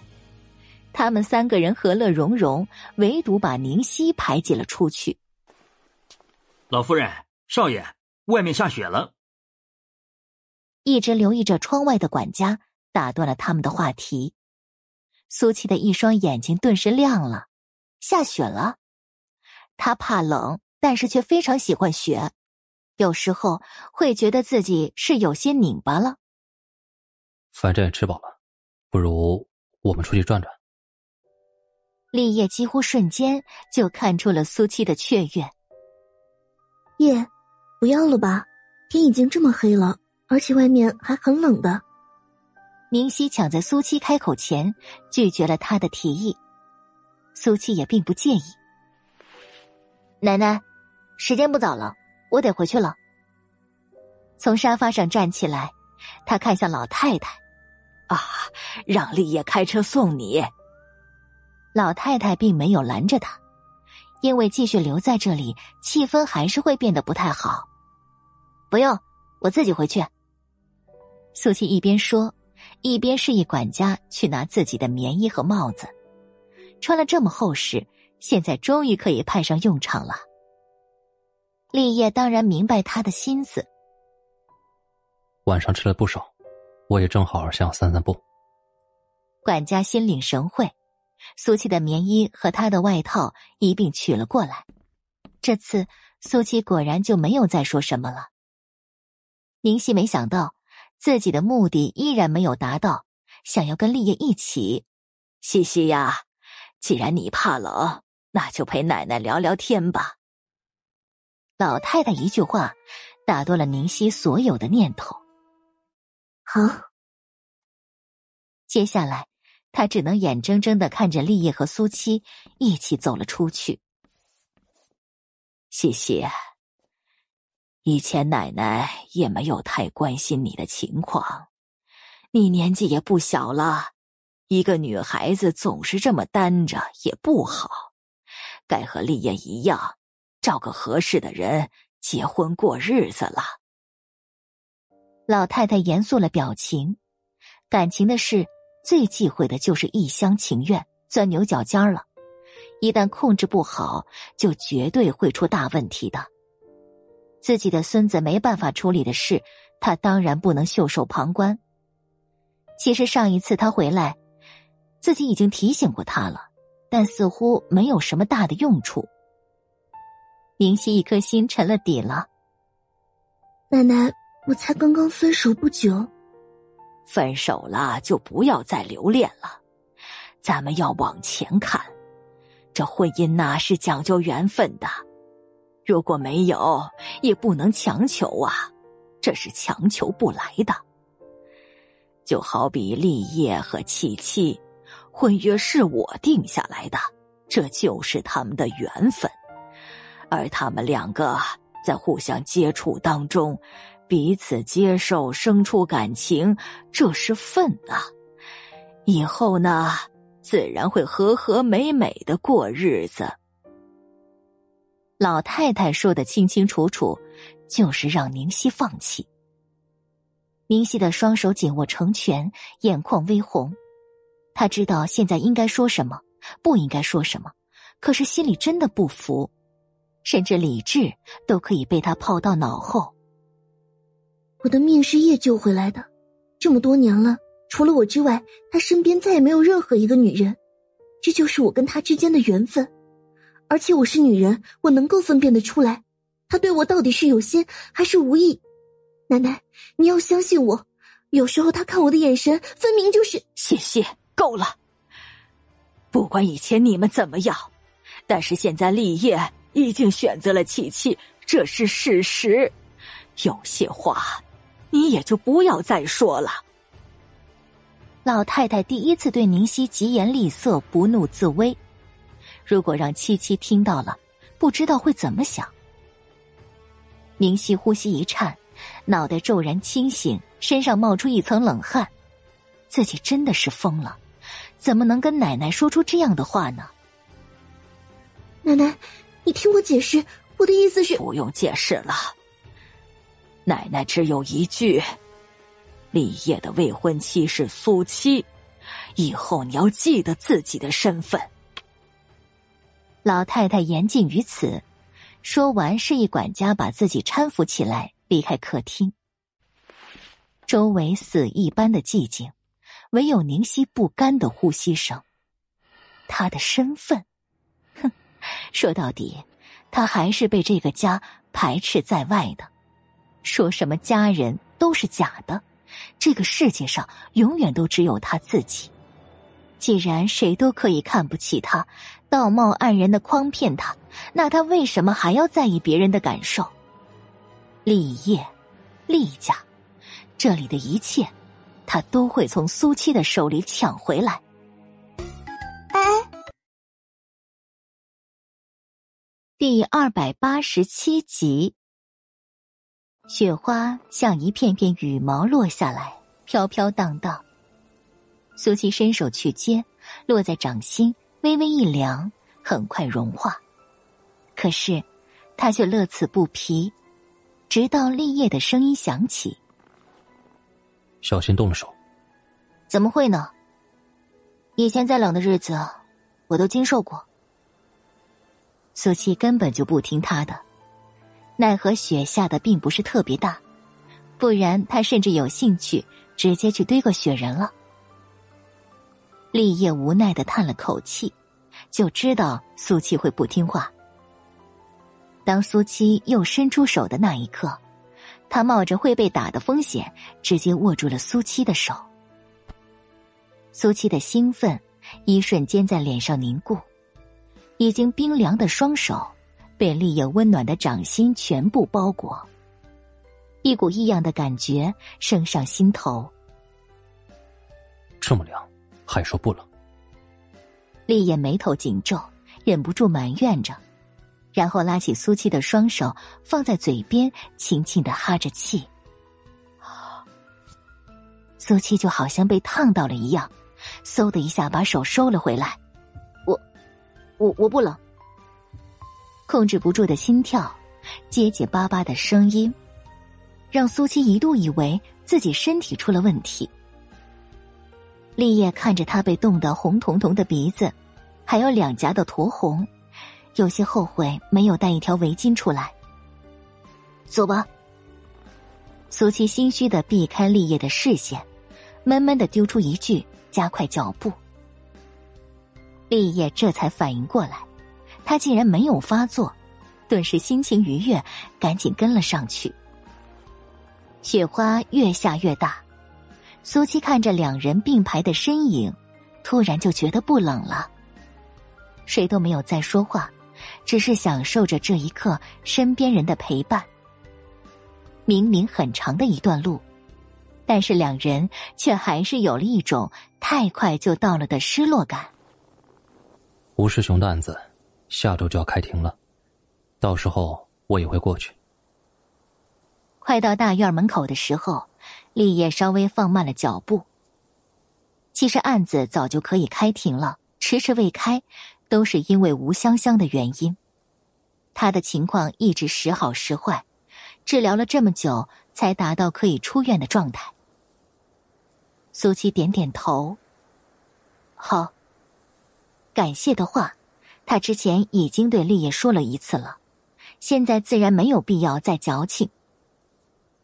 立业看着不远处的大院门口，明天肯定会更冷，你千万不要贪玩，让自己着凉了。时间也不早了，我就不送你进去了，免得打扰婶子休息。苏七继续点点头，好。所以，你除了这个字儿，就没有别的什么？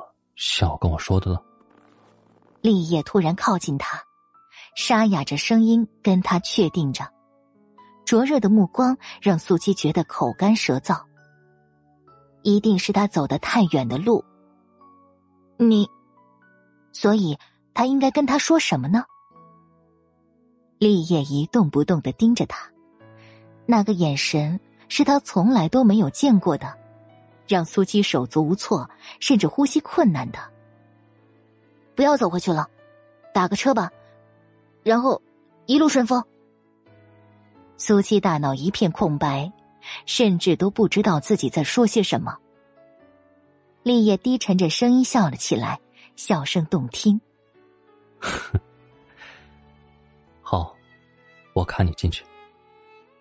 苏七想说没必要，但是身体比大脑的反应更快，直接点了点头。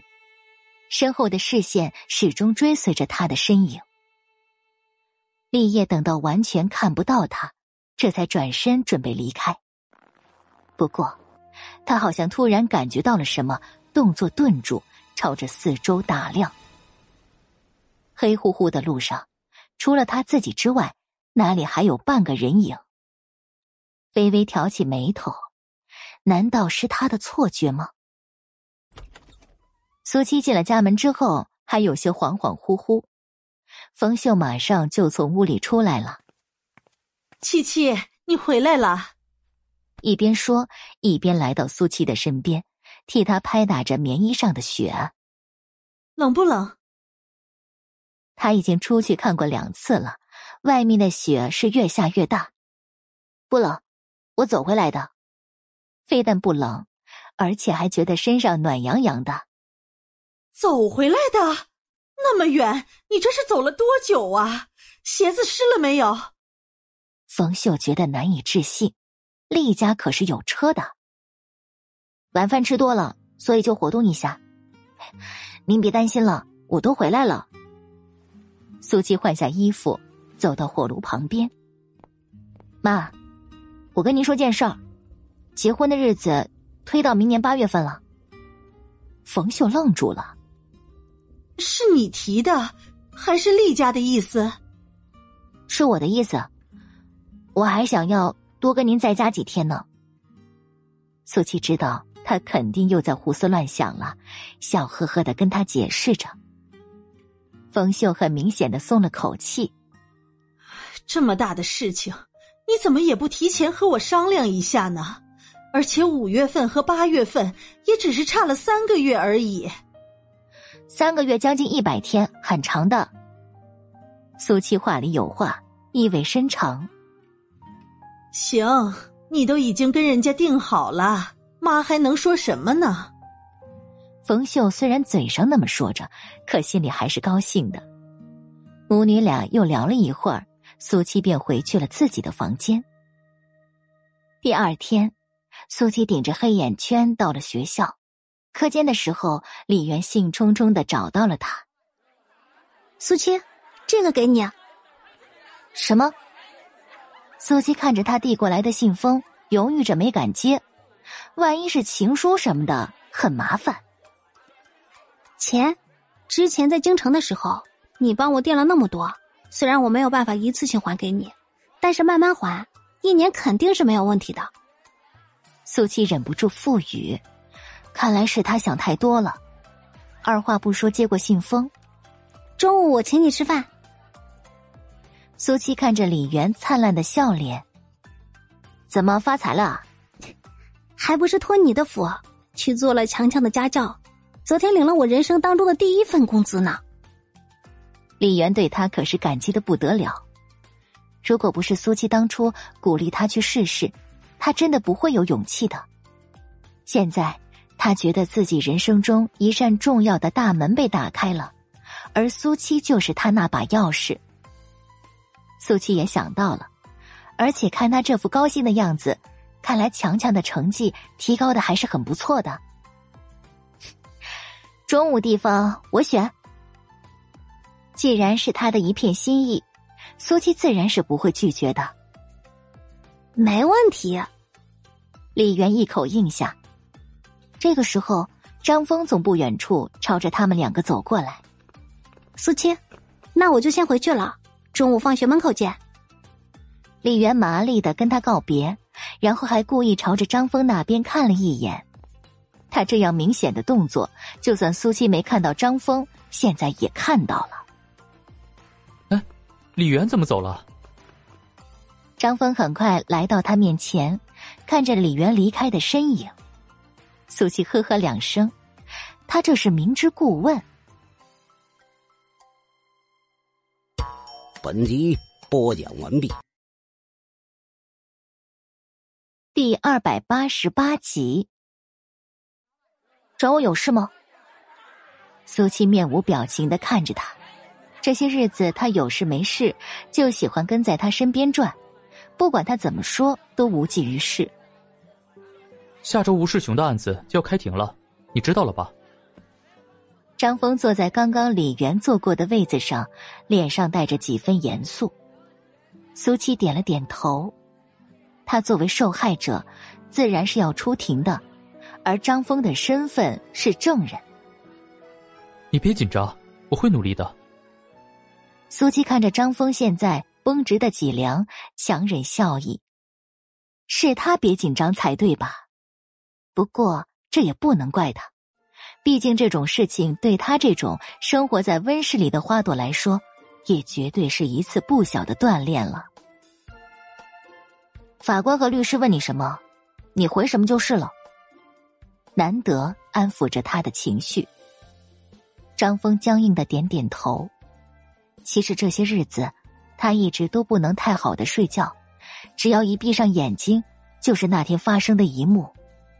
所以现在他甚至比苏七还希望能够早一天开庭，把这件事彻底做了一个了断。你的伤没事了吧？苏七的视线落在他中枪的肩膀，没事了。张峰稍稍收敛思绪，嗯，你倒是让我有些刮目相看。不是谁都能够有勇气去挡子弹的。苏七感慨一句：“正常普通人遇见这种事情的话，只会下意识的躲避。”张峰目光闪烁。看着苏七的眼神深邃几分。如果我说，再让我经历同样一次的话，我绝对没有勇气那么做。你会不会笑我？当时他真的是头脑一热，只是想着不想让苏七受伤。可是这之后的每一天，他都在忍不住的后怕。如果那一枪打中的不是他的肩膀，而是心脏呢？当然不会。事实上，你躲开才是正常的。苏七半开玩笑半认真的打趣着。张峰低垂的眼帘下压抑着太多的情绪。我不躲开，是因为我知道，如果不是我，那受伤的就会是你。苏七微微一愣，一时间竟然不知道该说些什么。他喜欢苏七，这已经毋庸置疑了。张峰。我都说过了，所以你也不用经常提醒我。我怎么做是我的事情，不会强求你什么的。张峰急躁的打断苏七后面的话。这些日子他听了太多，也被扎心过太多次了。苏七直直的看着他，实在不能理解他对自己的感情到底是因为什么。他们之间相处的也并不愉快，而且。张峰刚开始不是极度厌恶他的吗？刘家还好吗？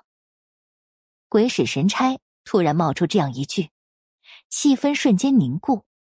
张峰脸色有了细微的变化，刚刚放松的神经重新紧绷。我就只是随便问问，没有别的意思，不说就算了。话说出口之后，苏七也有些后悔了。之前他确实怀疑过。他是因为想要报复刘家，所以才故意接近他，向他示好的。可是发生吴香香的事之后，这个念头就已经被他打消了。毕竟，谁都不会用自己的性命去做这种事情的。没什么不能说的，他现在在外省的精神病院接受治疗，情况比之前已经有些好转了。张峰坦坦荡荡的开口，说完之后，却小心翼翼留意着苏七的表情。神经病院啊！苏七眼底一抹笑意，转瞬即逝，没有半分同情。张峰胸口闷闷的不舒服，他真的不喜欢苏七这样冷酷无情的样子。其实刘家只是有些小姐脾气，并没有像吴香香那样的十恶不赦。苏七没兴趣跟他讨论刘家是什么样的人，不过他确实还没有对刘家放下，倒是真的，不然怎么会对他的情况这样清楚？我之前答应过你，会为你做一件事情。如果你想让我去见刘家，也是可以的。说完。苏七似笑非笑看着他，机会已经给他了。做完这件事情之后，他们也可以两清了。张峰似乎根本就没想到这一点，不过脸色却是更难看了几分。这怎么能混为一谈呢？去看刘家，帮他恢复，本来就是你该做的事。毕竟他是因为你才变成现在这样的。而且苏七一定要这么急切吗？跟他划清关系吗？苏七的好心情，因为张峰的这句话消失的荡然无存。他好心提议，没想到却被张峰反咬一口。你认为是应该的，可是我偏偏觉得他是咎由自取。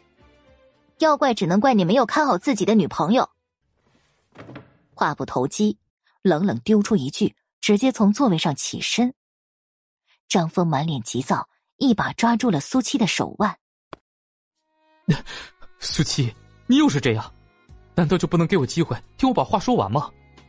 刘佳根本就不是我的女朋友，而且我不是在责怪你，我就是觉得你不是那么冷漠残酷的人。苏七可以从劫匪手中救下张雪梅，也可以在李媛被人欺负的时候挺身而出。她明明是个外冷内热、正义感很强的女孩子。苏七眼底一抹阴霾，别自以为是，觉得很了解我。我是什么样的人，还轮不到你来智慧。放手！我向你道歉可以吗？对不起，是我说错了。张峰最受不得他现在对自己这样的态度，脑子里只剩下一个念头，那就是一定要尽快把他哄好。苏琪黑着脸，彻底无语了。他是真的把自己当成了学校里那些小女生吗？生气了道个歉，说几句好话就可以一笔接过？放手！他就是最近对他们的态度太和气了，所以现在谁都敢随意的抓他的手了。如果不是看在张峰的肩膀上伤口刚刚愈合，他早就教训他了。张峰见苏七是真的很生气。也不敢继续拦着他，只得松开。苏七几乎没有一秒钟的停顿，迈着大步扬长而去。张峰看着他离开的背影，强忍着想要追上去的冲动，恨不得直接给自己一巴掌。都怪自己嘴笨，把关系又搞僵了。从小到大，他还从来都没有主动讨好过哪个女生，基本都是那些女生在围着他转的。所以现在遇上苏七这样让人难以琢磨的女孩子，真的是有些手足无措，应付不了了。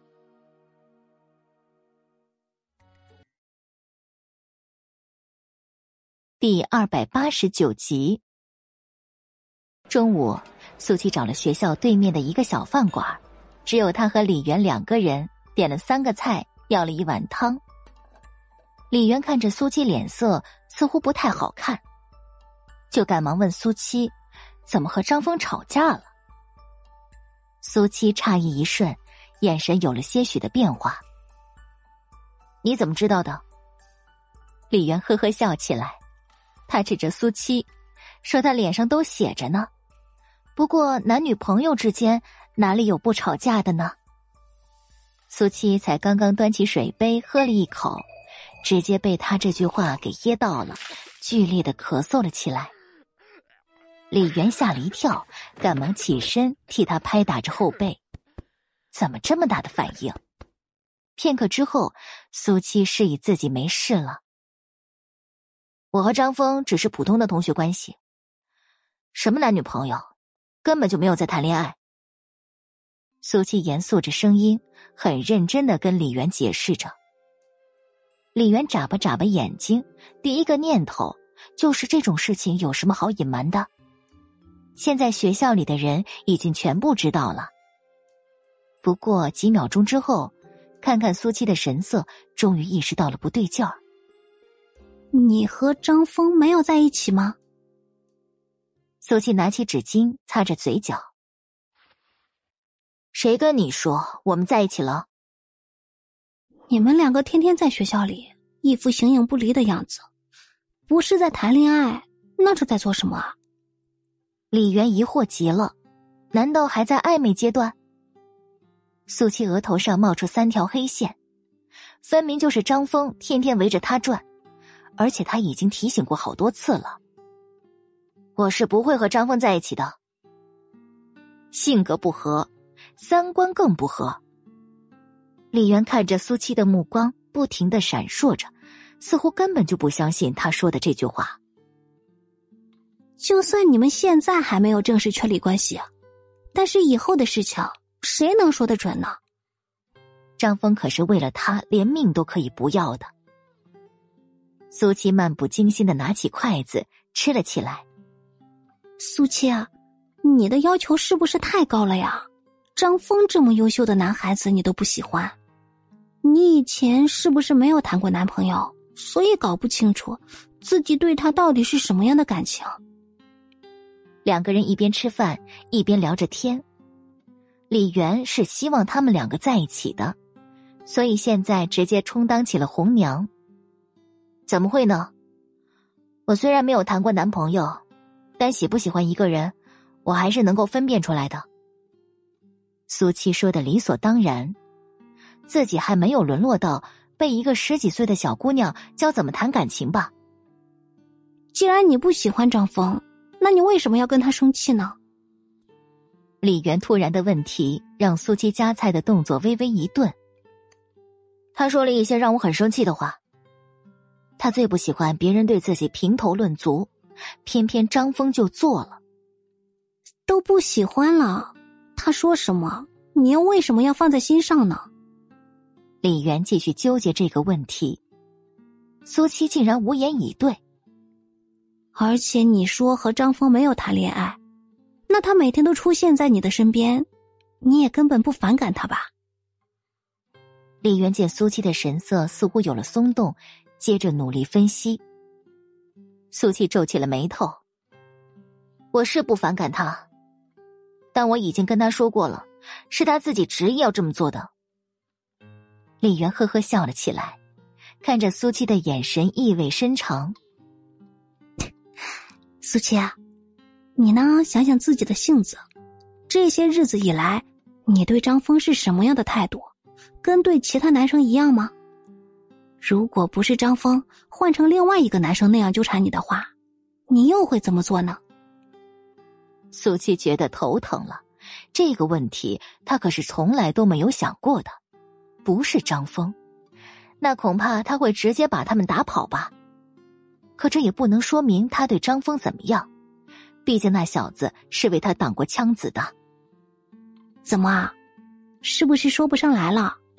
我看你啊，就是喜欢张峰而不自知呢。李媛几乎已经可以肯定，绝对错不了了。张峰为你做了那么多事，你真的不感动吗？苏七的脑海中自动浮现出那天在悬崖，张峰义无反顾挡在自己身前的那一刻。他的心又不是石头做的，别人为了他甚至可以连性命都不要，他怎么可能不感动呢？所以啊，你是有感觉的，对不对？这些就是好感啊。你的意思是？我喜欢张峰。苏七仅仅是这样说出口，都觉得头皮有些发麻了。你自己觉得呢？你对他跟对别人都不一样，而且也为他感动，为他担心，这些啊，都是喜欢的一种表现呢。李媛觉得，自己以后可以往感情专家的方面发展了。苏七有些混乱了，明明是有哪里不对的，可是却又说不上来。不过扪心自问，他确实对张峰并不讨厌。其实你也不用这么纠结的，顺其自然就好了。你们两个先交往看看，合适就继续，不合适啊就分手呗。李媛提出自己的想法，他们两个在所有人眼里都是相当完美的一对恋人。苏七扯扯嘴角，或许以后是可以的，但是现在是绝对不行的。不说这个了，吃饭吧。感情，他现在依然没有心情去碰。好，这个菜的味道还挺不错的，那你多吃一些。两人有说有笑，又开始聊起了其他的话题。苏七啊，你有没有觉得这个汤喝下去越来越暖和啊？吃的差不多，苏七要的汤也送上来，两人一人喝了一碗。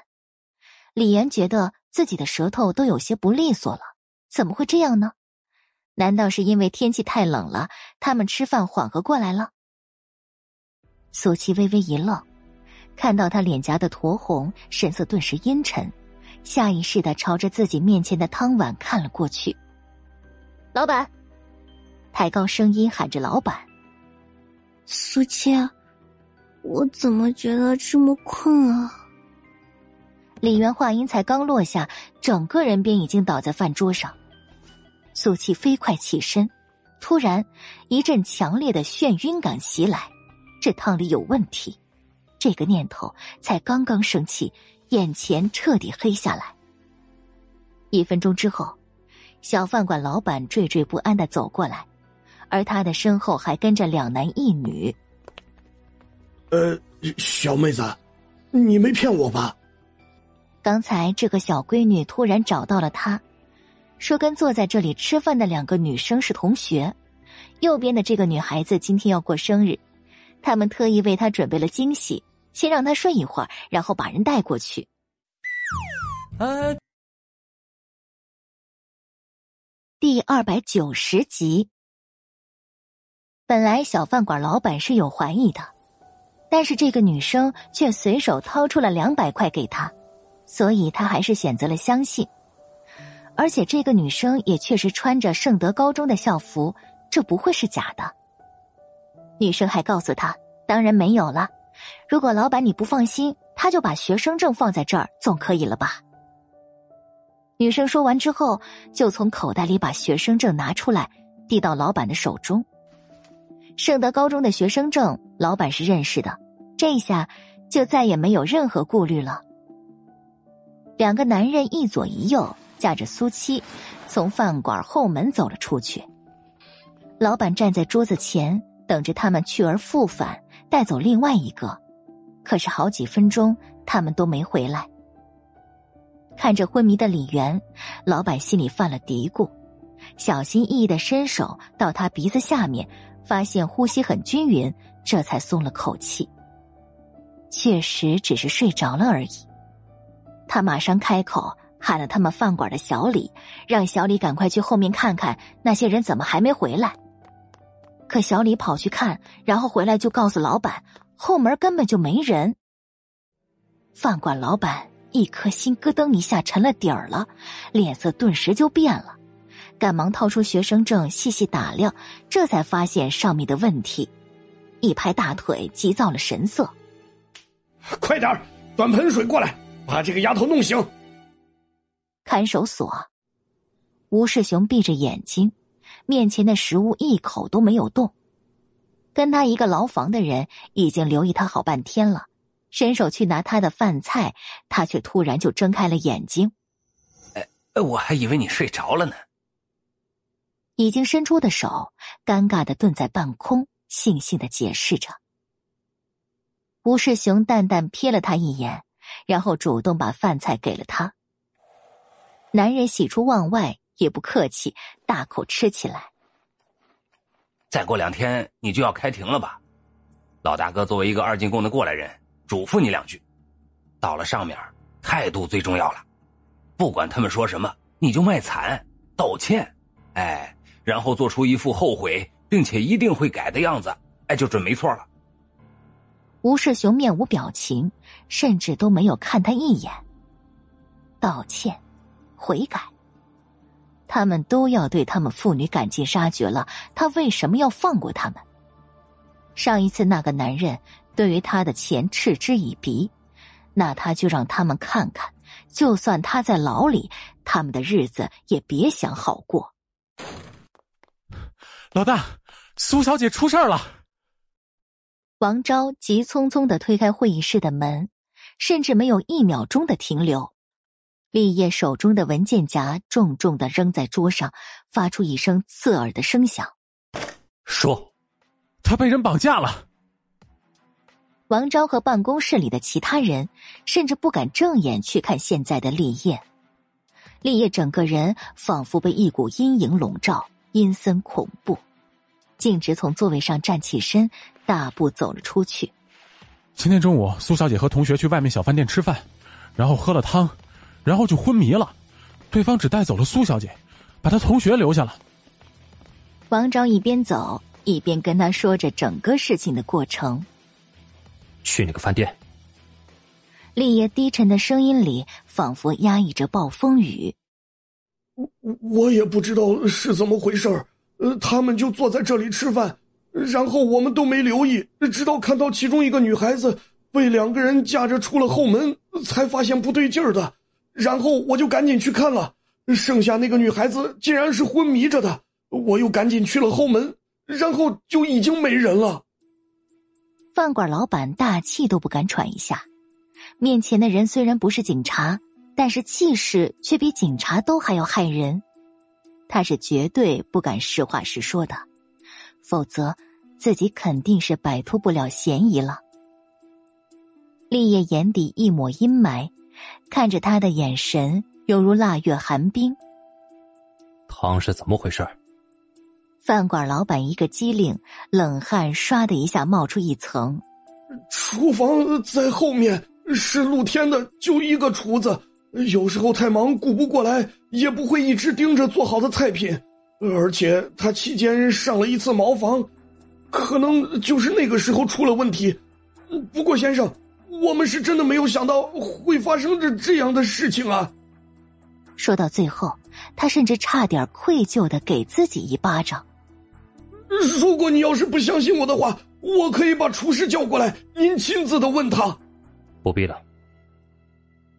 立业转身走出饭馆，老板双腿一软，吓得够呛。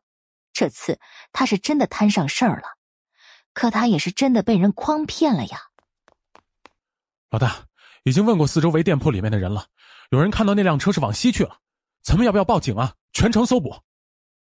王昭看看立业，不敢多说一句话。立业眼底戾气升腾，来不及了。昨晚他送苏七回去，感觉到的不对劲儿，或许根本就不是错觉。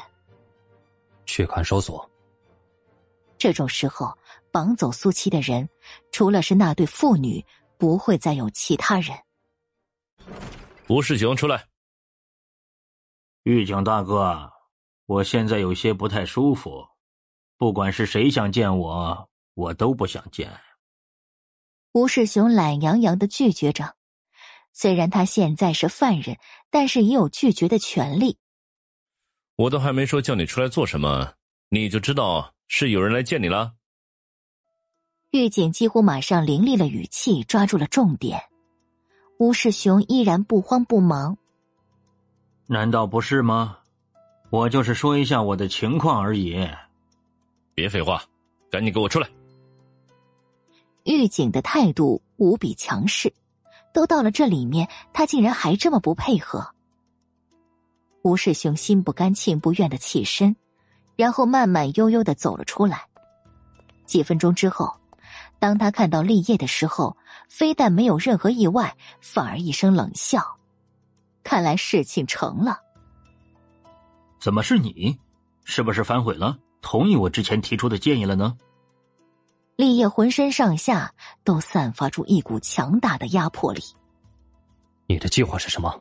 苏七被带去哪儿了？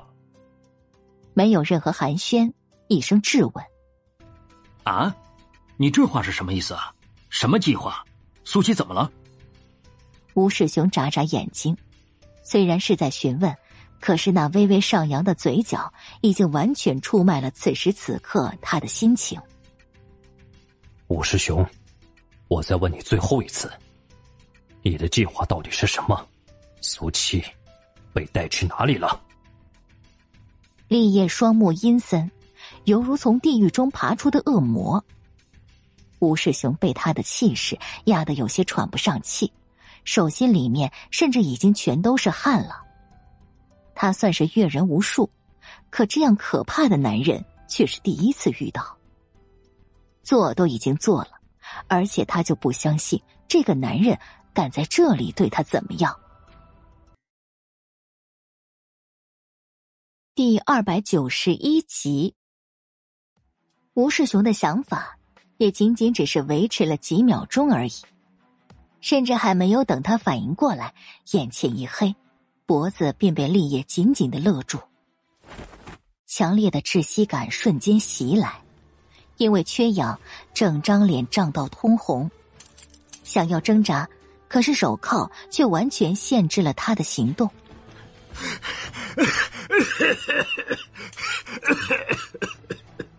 用尽全身的力气，想要让外面的狱警听到。可是几声呼喊之后，根本就没有任何人进来。突出的眼珠瞳孔剧烈的收缩着，清楚的倒映出立业脸上的杀意。他怎么敢呢？说。立业低沉的声音犹如一道惊雷，五指继续收紧。吴世雄的大脑意识甚至都已经模糊起来，他要死了，所有的情绪。全都被惊恐取代，在胸腔里最后一丝空气消失殆尽之前，他拼命的点头。下一瞬，脖子一松，终于可以呼吸到新鲜的空气。他大口的呼吸着，然后又是一阵剧烈的咳嗽。这一次，看着利益的眼神彻底变了，都怪自己太傻。才会一而再的低估了面前的男人。如果不告诉他，恐怕他就根本不能活着走出这间审讯室。你不要挑战我的耐心。如果苏七受到一丝一毫的伤害，你的妻子、你的女儿，都要千倍百倍的还回来。厉叶阴鸷的眼神说不出的话，却足以让他心惊胆战，不寒而栗。我，我说，吴世雄丝毫不怀疑他这句话的真实性。这个男人什么都能干得出来。现在他是真的有些后悔了，为什么要去招惹苏七？不知道现在还能不能来得及。张峰，都怪我不好。如果不是我约苏七出来吃饭，也不会让那些坏人有机可乘的。李元红着眼眶。不停的在跟身边的人道歉。这一带他们都已经找过了，可是根本就没有素气的影子。张峰脸颊紧绷，垂在身侧的双手始终握成拳头。他想到了上一次，李媛，别哭了。哎，这怎么能怪你呢？他们想要害人，肯定会有无数种办法的。张雪梅他们安抚着他的情绪，心里也都急得不得了。我想到了！李猛突然大喊一声，吸引了所有人的注意力。你想到了什么？跟你说呀！既然咱们都觉得是吴世雄和吴香香他们背后指使的，我们是不是可以去找他们？李猛紧张的说出自己的想法。张峰呼吸一紧，他怎么没有早点想到这一点呢？真的是关心则乱。我听说。吴香香今天就被带到看守所了，我们这么过去，那边能让咱们见吗？张雪梅冷静的分析着，而且这也仅仅只是他们的猜测罢了，根本没有证据。几个人再次安静下来，你们先回去吧。片刻之后，张峰开口，显然他心里已经有了打算。他们或许不可以。但是有一个人是绝对能够做到的。老大，刚才警察局那边来了电话，说医院那边出了问题，吴香香不见了。王昭说完，甚至连大气都不敢喘一下。现在可以确定，大嫂就是被吴香香给绑走的。继续找。立业声音阴沉如水。他们已经到了吴世雄说的地方，可这里是一片废弃的厂房区，根本不知道他们到底躲藏在哪个里面，所以只能一间接一间的搜找着。王昭看着他脸上的阴影，甚至已经想到了吴香香的结局。吴小姐，说好了，我们只负责给你把人带来，剩下的钱呢？昏暗的厂房里。竟然连一扇窗户都没有，只有一盏忽明忽暗的电灯泡挂在顶上。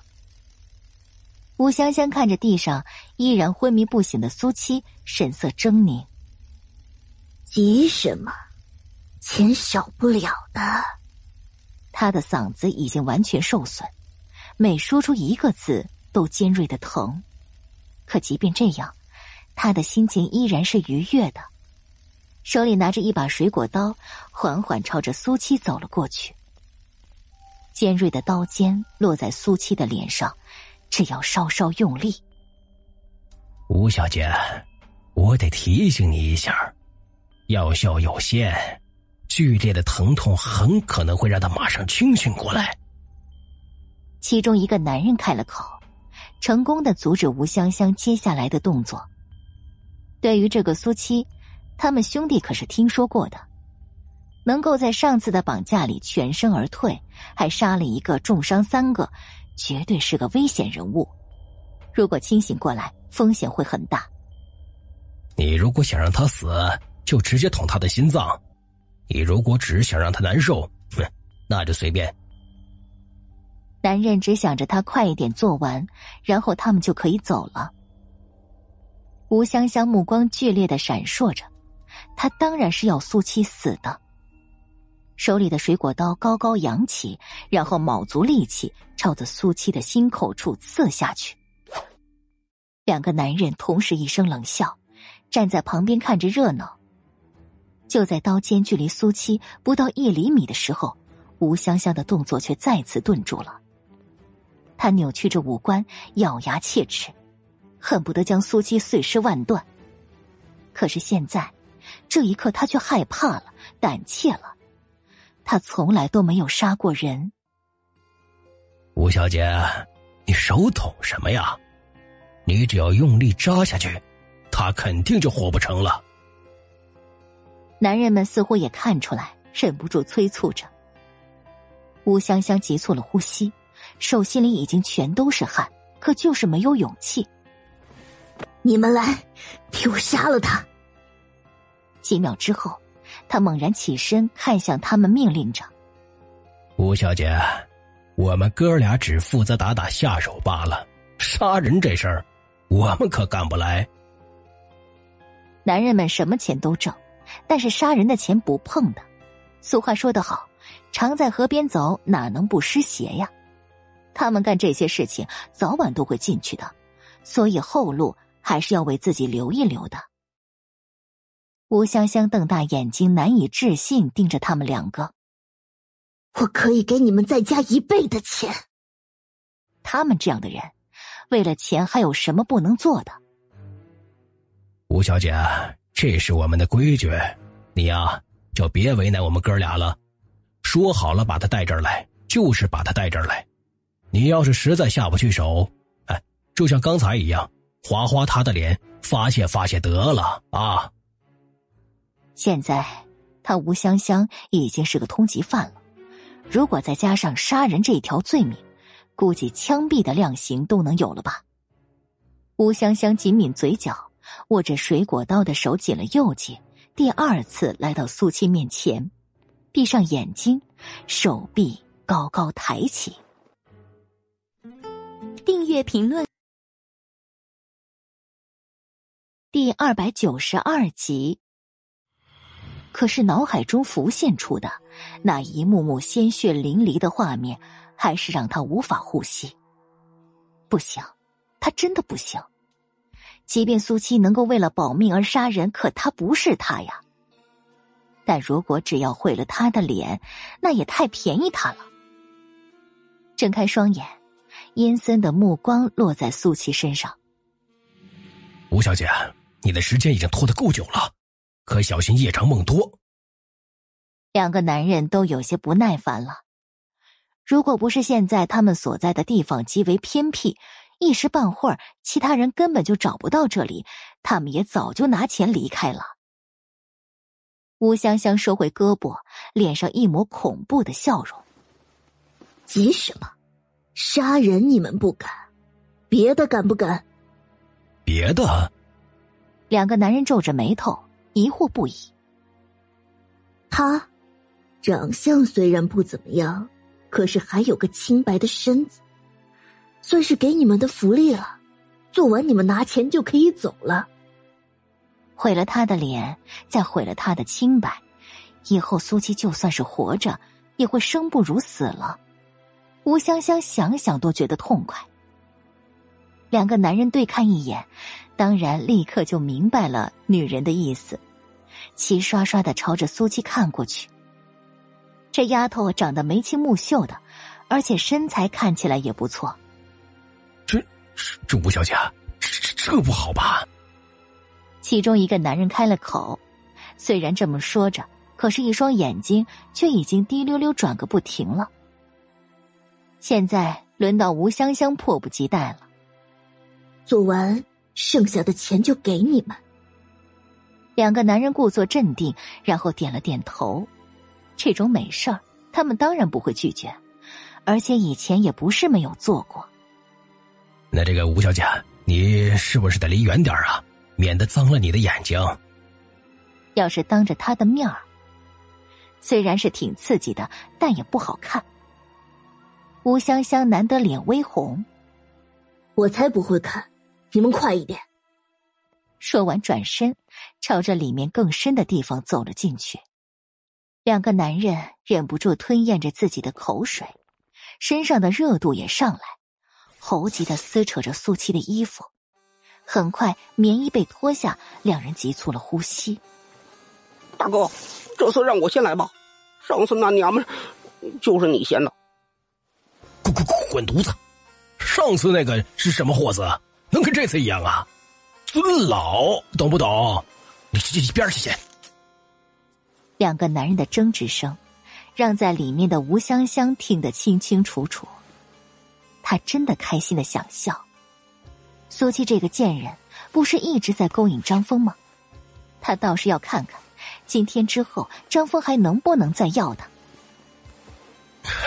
这他妈的，这扣子怎么这么难解呀？男人第一次觉得自己的手指不够灵活，可他越是心急，衣服就越解不开。当上面第一颗纽扣终于开的时候，门外突然响起一阵杂乱的脚步声。大哥，呃，这外面是不是有人来了？另外那个男人竖直了耳朵听着，脸色顿时就变了。他们对一些风吹草动可是格外敏感，前一秒还按耐不住思绪，这一刻便已经消失的荡然无存。肯定是有人找过来了，可是怎么会这么快？大哥，怎么办？说不慌那是假的。这里甚至连个后门都没有，只要来人把前面堵住了，就等于是瓮中捉鳖了。被称为男人的大哥，额头上已经冒出一层冷汗，不过头脑反而异常清醒。快，快把他的棉衣重新穿上。另外那个人也算听话，两人手忙脚乱，又把刚刚脱下的棉衣为苏七重新穿上，就好像什么都没有发生过。其实，也真的什么都没有发生。他们甚至连苏七里面的小衫扣子都还没有解开呢，所以这个锅，他们兄弟是肯定不能背的。吴香香刚开始还不知道发生什么了，只是听见他们两个人似乎没什么动静了，便马上朝着这边走出来。这个时候，外面已经传来一阵激烈的砸门声，一颗心咯噔一下沉了底，脸上一片惨白。上一次的失败不停的在他眼前晃动，而这一次他没办法再承受那样的局面。这外面到底怎么回事儿？紧张和急躁让他扯着嗓子大喊着，可是却牵动了伤口，疼得他冷汗直流。哎呦，还能怎么回事啊？来人了！这这事情不不不白露了。两个男人面如死灰，也是怎么都想不通，为什么会这么快被找到。吴香香根本就没有办法冷静下来，外面声音越来越大，而他的心里却只剩下一个念头：就算是他死，也一定要拖着苏七这个贱人一起下地狱。第三次，握紧手里的水果刀，毫不犹豫朝着苏琪走了过去。可那两个男人却已经改变了主意，现在这丫头可绝对不能出事。如果外面的是警察，他们只需要一年半载就能出来了；但如果被吴香香杀了的话，那他们就得陪着她一起把牢底儿坐穿了。呃，吴小姐，你冷静一点。现在还看不清楚状况吗？杀人是要偿命的，你难道想死啊？两个男人齐齐拦在吴香香的面前，不让她得逞。吴香香简直快要被气炸了。他们可是自己花钱雇来的，现在竟然要保护这个贱人！我一人做十一人当，你们都给我滚开！那不行，咱们现在可是一条绳上的蚂蚱。三个人争执之间。厂房的大门终于被外面的人砸开。就在两个男人愣神的时候，吴香香却抓到了机会，从他们两人身边跑过去，锋利的水果刀抵在依然昏迷的苏七的脖子上。别动！一声大喊之后，立业带人出现在他们的视线当中。当他看到苏七的那一瞬，恨不得直接冲到他身边。两个男人彻底傻了眼。虽然进来的不是警察，但肯定也是营救那丫头的人呐。大爷饶命！我们就是小喽啰，听吴小姐的吩咐办办办办事。这除除了把人带到这边，我这我我我们真就什么都没做呀！在对方动手之前，他们赶紧表明，并且乖乖把手抱在脑后，十分的配合。立业甚至都没有看他们一眼。深邃的眼眸死死盯着面色狰狞的吴香香。是他们的大意，竟然没有防备他卷土重来，而吴香香却怎么都没有想到来人竟然会是他。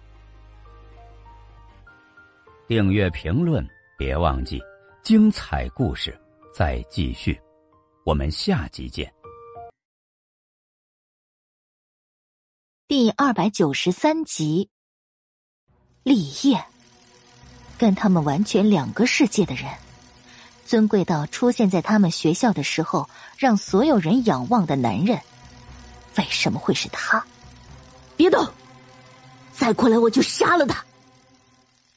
察觉到立业的意图之后，吴香香骤然回神，握着水果刀的手都在剧烈的颤抖着。立业停下脚步。另外两个男人已经被王昭他们彻底捆绑了起来。吴香香，放开他，我可以让你离开这儿。立业现在已经确定，苏七应该只是在昏迷着，强压着心头的戾气，开口对他说着。吴香香想笑，可是喉咙撕扯般的疼痛着，只能发出犹如鬼吼一般的声响。你以为我是傻子吗？放了他，你们就会立刻把我抓起来。你现在还有别的选择吗？放下手中的刀，跟我们去自首，你就还有一线生机。否则的话，都到了这个时候了，你觉得我会在乎自己的命吗？不过，就算我死了，也会拉着他一起下地狱的。吴香香甚至不等他把话说完，扭曲的大喊着：“是他抢走了我的一切，让我身败名裂，更害得我和我爸成为阶下囚。这样的人生，活着还有什么意思？他双目赤红，神色无比骇人，说完就准备刺下去。你不怕死？难道你还要继续拖累你的父亲吗？立业一句话，立刻让他停下动作。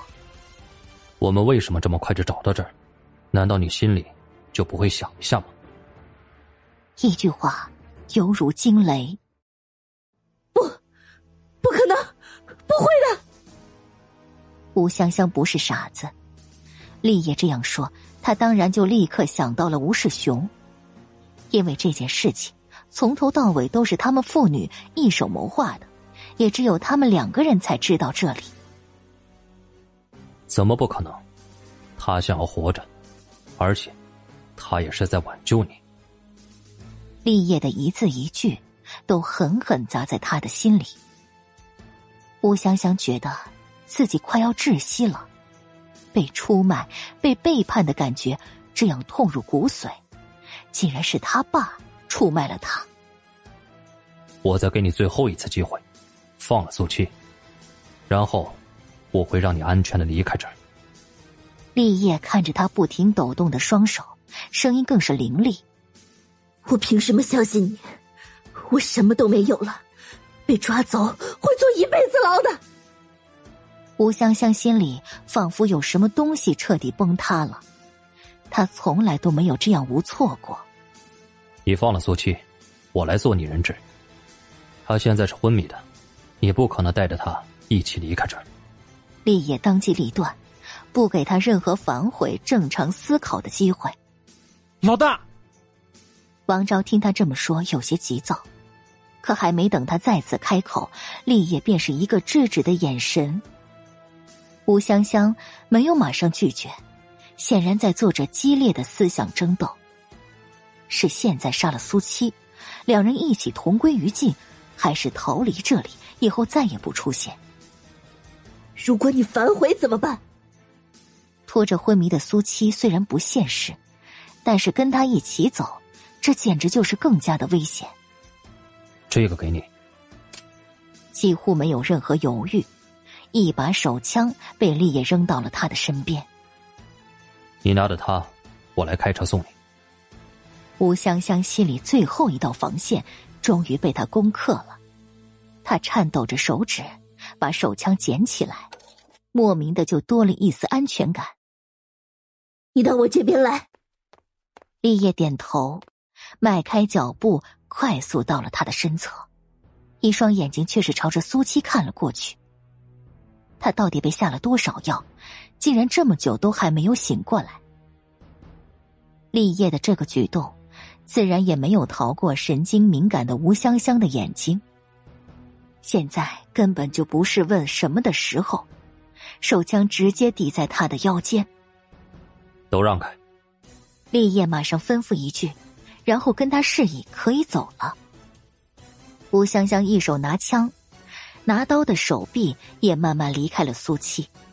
王昭他们二话不说让开道路，眼睁睁的看着他们两个从身边走了过去。照顾好苏七。立业最后留下这句话，然后又不舍得朝着苏七看了一眼。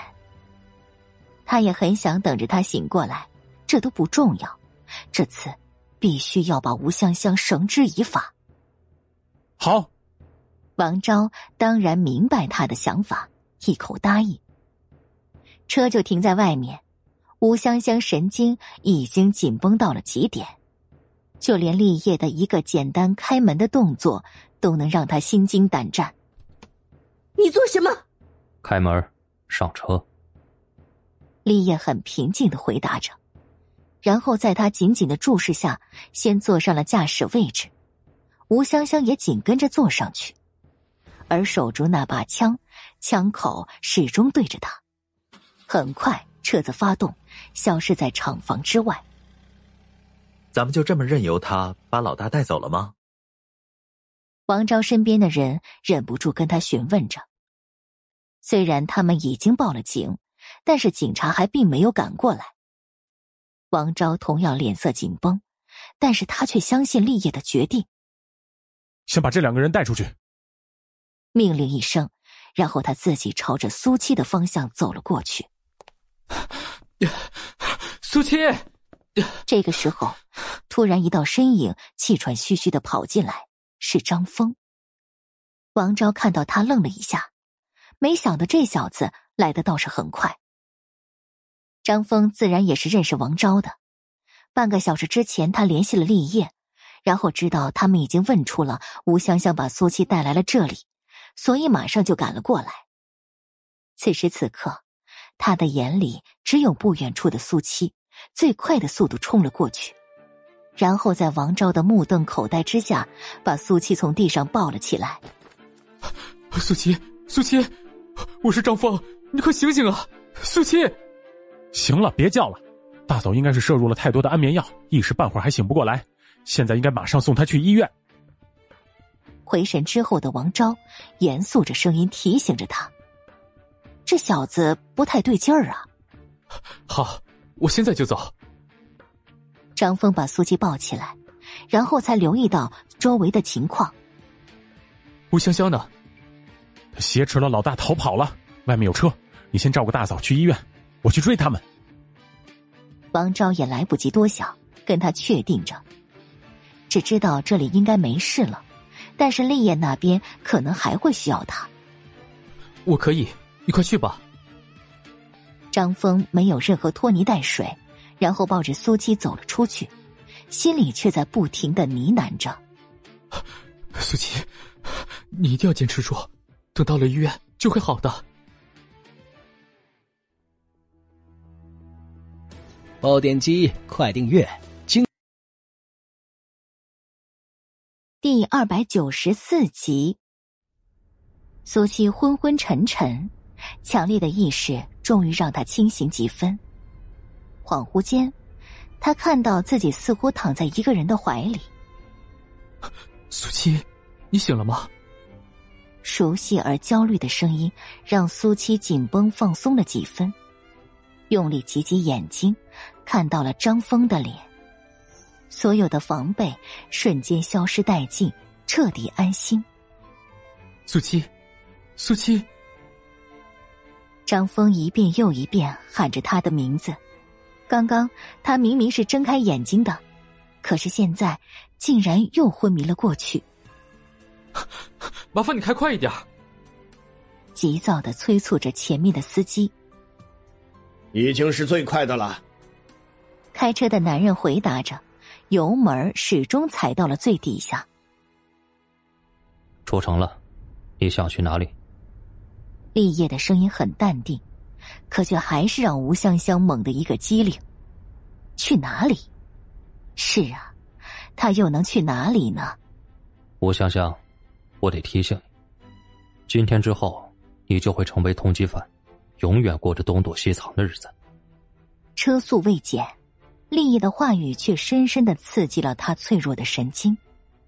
他不要变成通缉犯，她是天之娇女，明明生活的那么幸福，心里的恐惧缓缓蔓延，让她六神无主。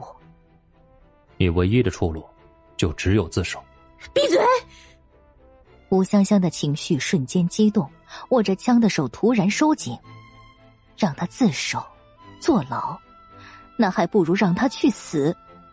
立业果然什么都不说了，只是顺着路一直往前开。都是苏七那个贱人，如果不是他害我，我怎么会落到这个地步？吴香香狰狞着神色，咬牙切齿。她心里很清楚，以后再想要找苏七报仇，就是难上加难了。立业眼底一抹阴霾。哼，我还没问你，你和苏七是什么关系？竟然为了救他，可以连自己的命都不要了。吴香香故意岔开话题，想让自己不要陷入恐惧。这很重要吗？立业并没有立刻回答他，而是反问一句。吴香香冷笑着，心头却一片嫉妒和凉意。仿佛全世界的男人都在围着那个贱人一样。不重要，反正以后我们也不可能再有见面的机会了。他要走得远远的，永远都不想再见到苏七。我是他未婚夫。好像是要故意刺激他一般，立业竟然真的告诉了他。吴香香呼吸一滞，难以置信的看着他，不过仅仅只是一瞬，便又讥笑起来。你觉得我会相信吗？苏七是什么样的人，什么样的家庭条件，他还是清楚的，怎么可能？车厢中的气氛缓缓凝固，立业没有开口，可是吴香香的表情却有了变化，仿佛被人勒住了脖子，难以呼吸。你真是苏七的未婚夫？他沙哑而尖锐的声音刺耳无比。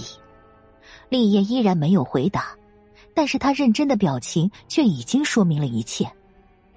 不，不可能，苏七那样的人。吴香香不停的想要否认，然后又一声大笑，笑弯了腰，笑出了眼泪。立业看着他的反应，冷漠至极。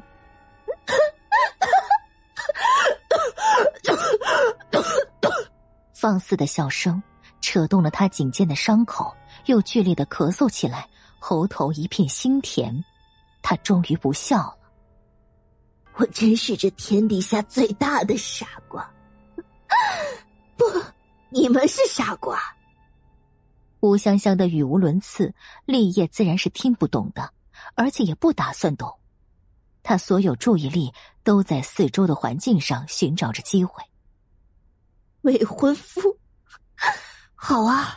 未婚夫，那你知不知道苏七在学校跟张峰勾勾搭搭的事情？吴香香阴森森的开了口，似乎终于找到了可以让他心情愉悦的话题。张峰，立业尾音微微上扬。是啊，他在学校和张峰出双入对，是所有人公认的情侣。而且他们之前去京城的时候就已经在一起腻腻歪歪了。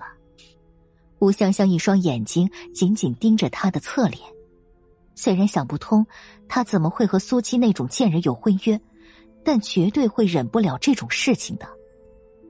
果然，立业阴郁了脸色。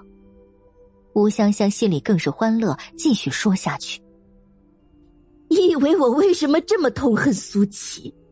他在学校从没跟任何人提起过已经订婚的事，明明知道我喜欢的是张峰，却还要和张峰在一起。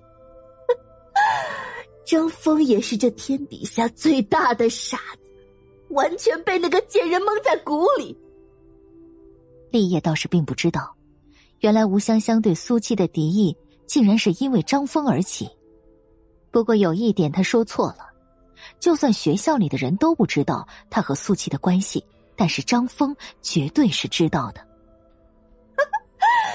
你也是个可怜人，都还没结婚，已经被那贱人戴上绿帽子了。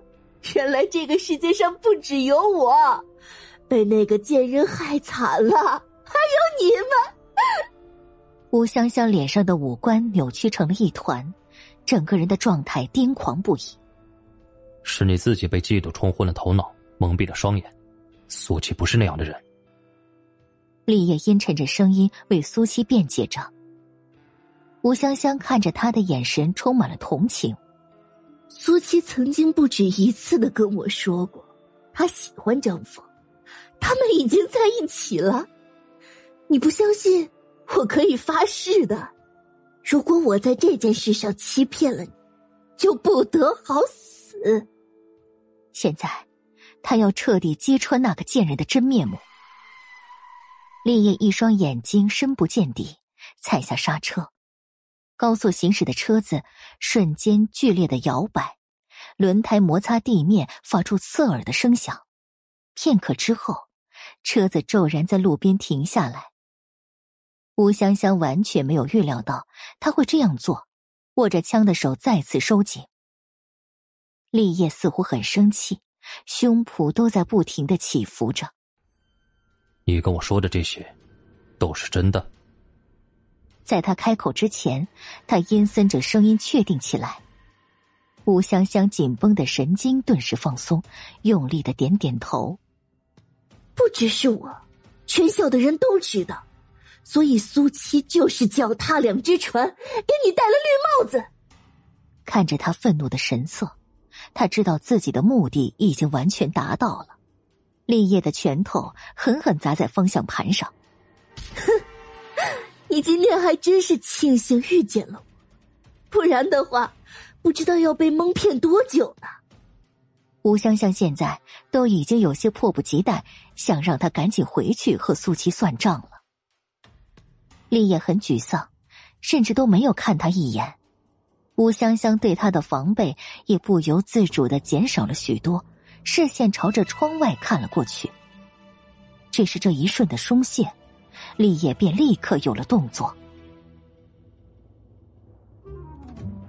坐坐坐，嘿。第二百九十五集，苏七，苏七，苏七再次睁开眼睛的时候，身边已经站了不少人，张峰、李元、张雪梅他们几个几乎都在，意识缓缓的回归。醒了，真的醒了。李媛差一点喜极而泣。如果苏七真的出了什么事情，这一辈子他都会活在愧疚之中的。这是医院。苏七依然有些虚弱。对，是医院。你真的吓死我们了。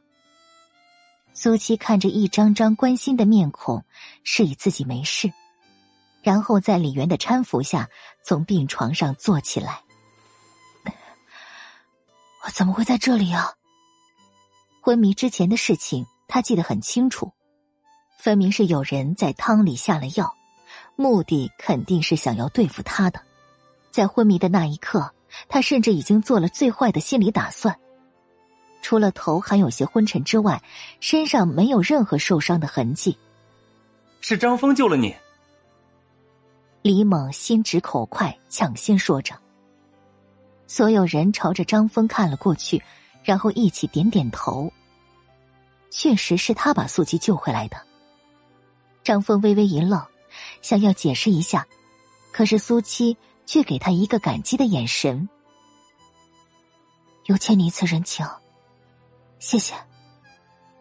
不知道是因为身体还没有恢复，还是因为其他什么，他的语气是以前从来都没有过的温柔。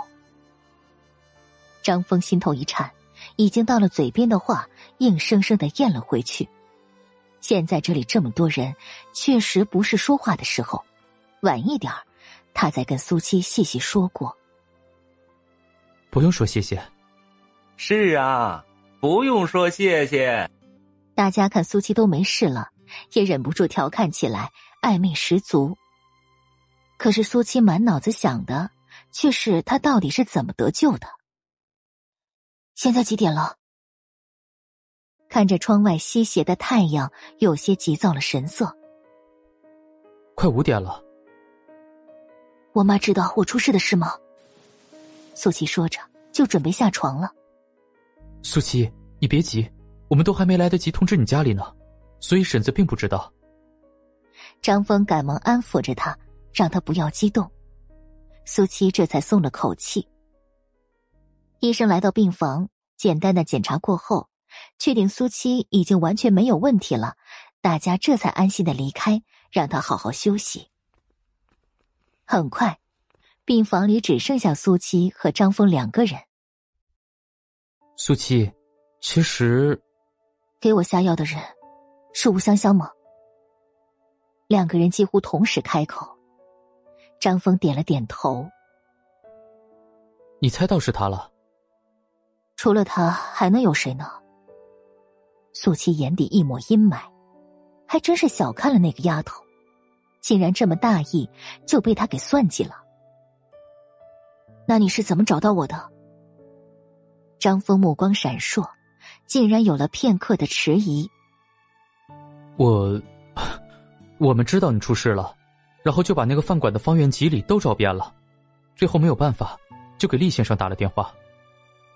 苏七很明显的愣了一下，立业，厉先生人脉广，很快就找到了你被吴香香带去了哪里，然后我们就赶回去了。张峰觉得自己是实话实说，毕竟他也确实不知道这其中到底发生了什么。那立业呢？苏七肯定他是不在医院的，不然也不会这么久不出现。我也不太清楚，当时情况紧急。我一直守在你身边，他好像是去追吴香香了。张峰一边说，一边留意着苏七的反应。苏七目光闪烁，这倒是符合立业做事的性格。而且既然他去追，那自己只好需要等消息就好。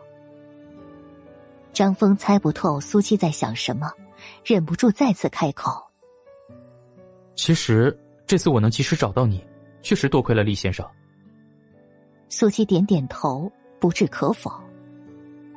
送我回家吧。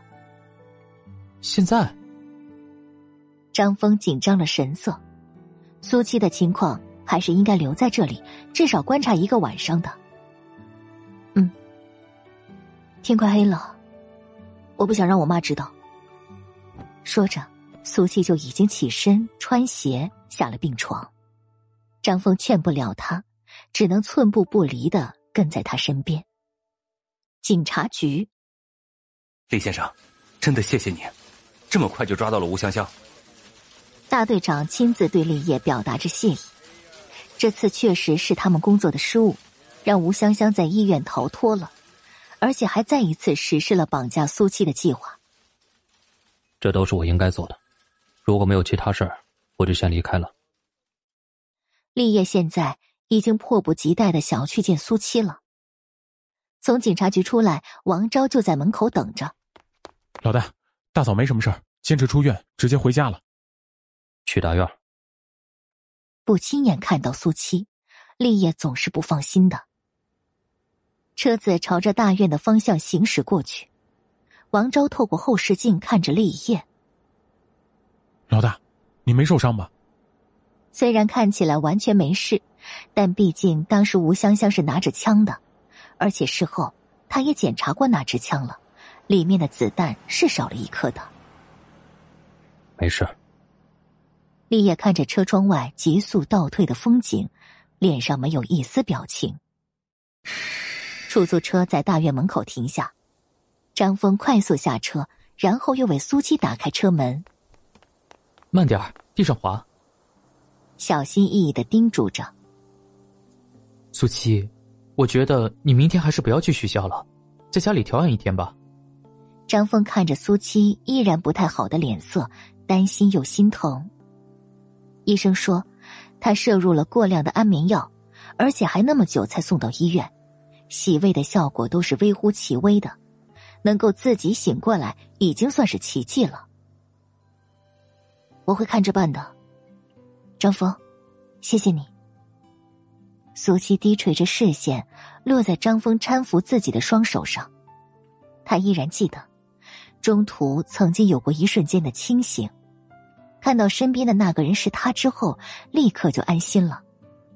这种信任感，是在他前生最奢望不及而难能可贵的。似乎他还是第一个给自己这样感觉的人，或者李元说的对。他对张峰潜意识里是有喜欢的。路上的积雪都已经成了冰，苏七又走了神，没有留意到脚下，脚底一滑，踉跄了身子。哎，小心！始终都是留意他的张峰，眼疾手快，直接把他抱进怀里。这是他们两个第一次这样亲密的接触，张峰的心跳骤然加速。身上的血液沸腾了起来。苏七回了神，刚开始并没有多想什么，说了一声谢谢，想要重新站好，可是没想到，张峰却突然圈紧双手，不肯松开了。本集播讲完毕，第二百九十六集。苏七察觉到他的举动，开始用力。可是体力却并没有完全恢复，竟然发现推不开张峰，张峰，放手。就一分钟，一分钟就好。苏七，你知道，今天我发现，发现你失踪的时候，有多害怕吗？张峰压抑着声音，在苏七头顶响起。他曾经发过誓，一定要保护好苏七的，可是没想到这么快他就失言了。苏七知道自己没办法挣脱他，索性不再做无用功。我不会怎么样的。如果不是我及时找到了你，你知道会发生什么吗？你为什么总是这样，对危险这么不在乎？张峰颤抖着声音埋怨着他。他宁愿苏七还是以前那个对任何人、任何事都很冷漠的苏七，也不想看到他一次次陷入危险当中。苏七听着他责备的话语，心头一暖。张峰是这个世上除了他妈妈之外第一个对他这么在意的人。苏七，答应我，不要再让自己受伤了，好吗？苏七心里叹了口气。也不是他想主动招惹麻烦，他也想安安稳稳的过日子的。张张嘴，刚想回答他，可是这个时候，就在苏七的身后，突然响起一阵剧烈的咳嗽声，然后苏七清清楚楚的感觉到一道阴鸷的目光锁定在了自己的身上。张峰显然也没有想到会有人，终于抬起眼帘。当他看清楚立业和王昭的那一刻，整个人都有些僵了，双手也几乎是下意识的松开。王昭哭丧着脸，甚至不敢去看立业一眼。老大为了大嫂，可是连危险都不顾了，亲自做了吴香香的人质，然后成功的抓到他，风风火火的赶过来见大嫂，却没想到是这么一副红杏出墙的场景。怪不得在厂房的时候，他就觉得张凤这小子不太对劲儿，原来竟是这么回事。刚才那两声是他咳嗽的，如果他们两个再不分开，老大有可能就要大开杀戒了。苏七的视线和立业的目光半空中交汇，竟然有一瞬间的心虚。呸！心虚什么？他什么都没做，而且就算做了。他立业能把他怎么样？三人谁都没有先开口，气氛压抑的让人窒息。大嫂，老大抓到吴香香，就赶紧过来看你了。片刻之后，还是王昭先打破了僵局。抓到吴香香了。苏七眼底一抹喜悦，不过却并不意外。立业亲自出手，自然没有完不成的事情。老大。王昭小心翼翼喊着：“立业，现在可千万不能发作啊！绝对不能让张峰有机可乘。”立业迈开两条大长腿，径直朝着苏七走了过去。苏七站在原地一动不动，可是张峰却紧张的想要护着苏七。刚才那个样子，虽然他问心无愧，但是立业这样的男人可不能接受的。张峰。你先回去吧。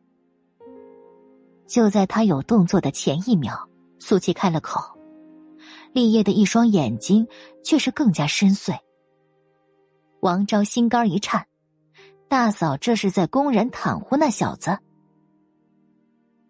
苏七，我回去吧。张峰自然是不甘心的，至少让他跟立业解释清楚也好。可是苏七根本就不等他说完，依然坚持。好，我明天过来看你。即便是在立业阴鸷的目光下，他还是跟苏七这样说了一句，然后才从立业身边走了过去。两分钟之后，王昭也识趣儿的回到车里，只剩下立业和苏七两个人在站着。我听说了。是你找到了吴香香绑架我的地方，这次确实是我大意了。苏七不敢直视立业的眼睛，就好像是做错了事的孩子，在家里大人面前，不管辩解什么，都会被一眼望穿。即便他对自己这种情绪，觉得简直就有些莫名其妙。回应他的依然是立业的沉默。好吧，我跟你解释，刚才我们并没有怎么样，只是我不小心滑了一下，他扶住了我而已。苏七觉得有些憋屈。如果是以前那个世界的他，做什么就做什么，没人敢问过一句。谁让现在他们还有那层关系，所以他也只好忍一忍了。立业继续沉默，让苏七心里有了火气。这男人到底想怎么样？看着立业那张阴晴不定的面孔，几乎和他记忆中的那个男人完全重合。看来，你是没话要跟我说了。愤愤的丢下一句，然后转身就走。立业也同样迈开脚步，虽然他一句话都没有说，但是此时此刻的心里已经是暗流涌动。本来吴香香对他说的那些话，他是根本不信的。可是刚刚，帝华是真的，张峰服了他也是真的，但苏七为什么没有推开张峰呢？垂在身侧的双手紧握成拳，强压着不停翻涌的情绪。两人就这样一前一后走到了苏七家门口。苏七知道他在跟着自己，就是不想跟他说话罢了。站立脚步，转身再次看向他。我才开口，立业竟然选择了离开，离开了。看着立业逐渐远去的背影，苏七惊愕的回不了神。从见到立业的第一次到现在，即便是最早他厌恶苏七的时候，也没有让苏七觉得这样不舒服过。他的态度就好像是一块大石头，硬是塞到苏七的心口，让他闷得喘不过气来。狗男人是真的生气了。宁熙端着汤碗站在立业房门前。一个小时之前他回来了，看起来非常疲惫。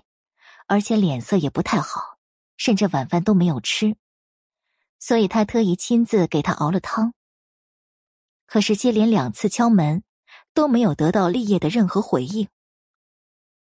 叶，你在里面吧，我进去了。说完，转动把手打开房门。立业自然在房间里，他坐在沙发上，双眼紧闭，似乎是睡着了。宁熙马上就放轻了脚步，怪不得没有应他。小心翼翼把汤碗放在茶几上，尽量不发出任何一丁点的声响，然后走到他面前，看着立业棱角分明的轮廓，如刀刻般的英俊五官，不由得有些吃了。立业是他见过最俊美的男人。哪怕只是一个清淡的眼神，都可以让他魂牵梦绕、念念不忘。老天爷安排这样的男人出现在他的生命中，可是，却又让他不属于他。他怎么能够接受这种残酷的事情？目光剧烈闪烁一瞬，鬼使神差一般朝着立业的嘴唇吻了下去。订阅、评论，别。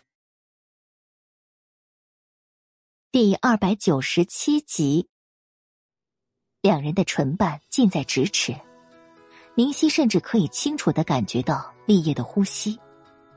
他浑身上下的细胞都沸腾起来，颤抖着的睫毛闭上了双眼。就在这一瞬，气氛却突然有了变化。他清清楚楚的感觉到立业醒了，呼吸一滞，整个人都僵硬了。赶忙慌乱的睁开眼睛，他们之间的距离实在是太近了，近到宁熙可以无比清晰的看到立业眼中自己的脸庞。立业竟然并没有直接推开他，而是一抹惊愕之后出现了欣喜激动之色。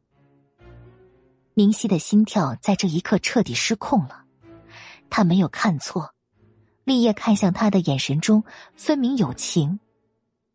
当他终于有勇气在立业清醒的时候去做刚刚的事情的时候，他的柔情已不在，取而代之的是一片冰冷。但是他已经根本看不到了，心心念念的男人就在这里。两片嘴唇相碰的那一秒，立业却突然把脸转开，还没等他回神，立业已经从沙发上起身，彻底拉开跟宁熙的距离。宁熙大脑一片空白，立业眼底一抹阴霾，他当然清楚，刚才宁熙是想要做什么。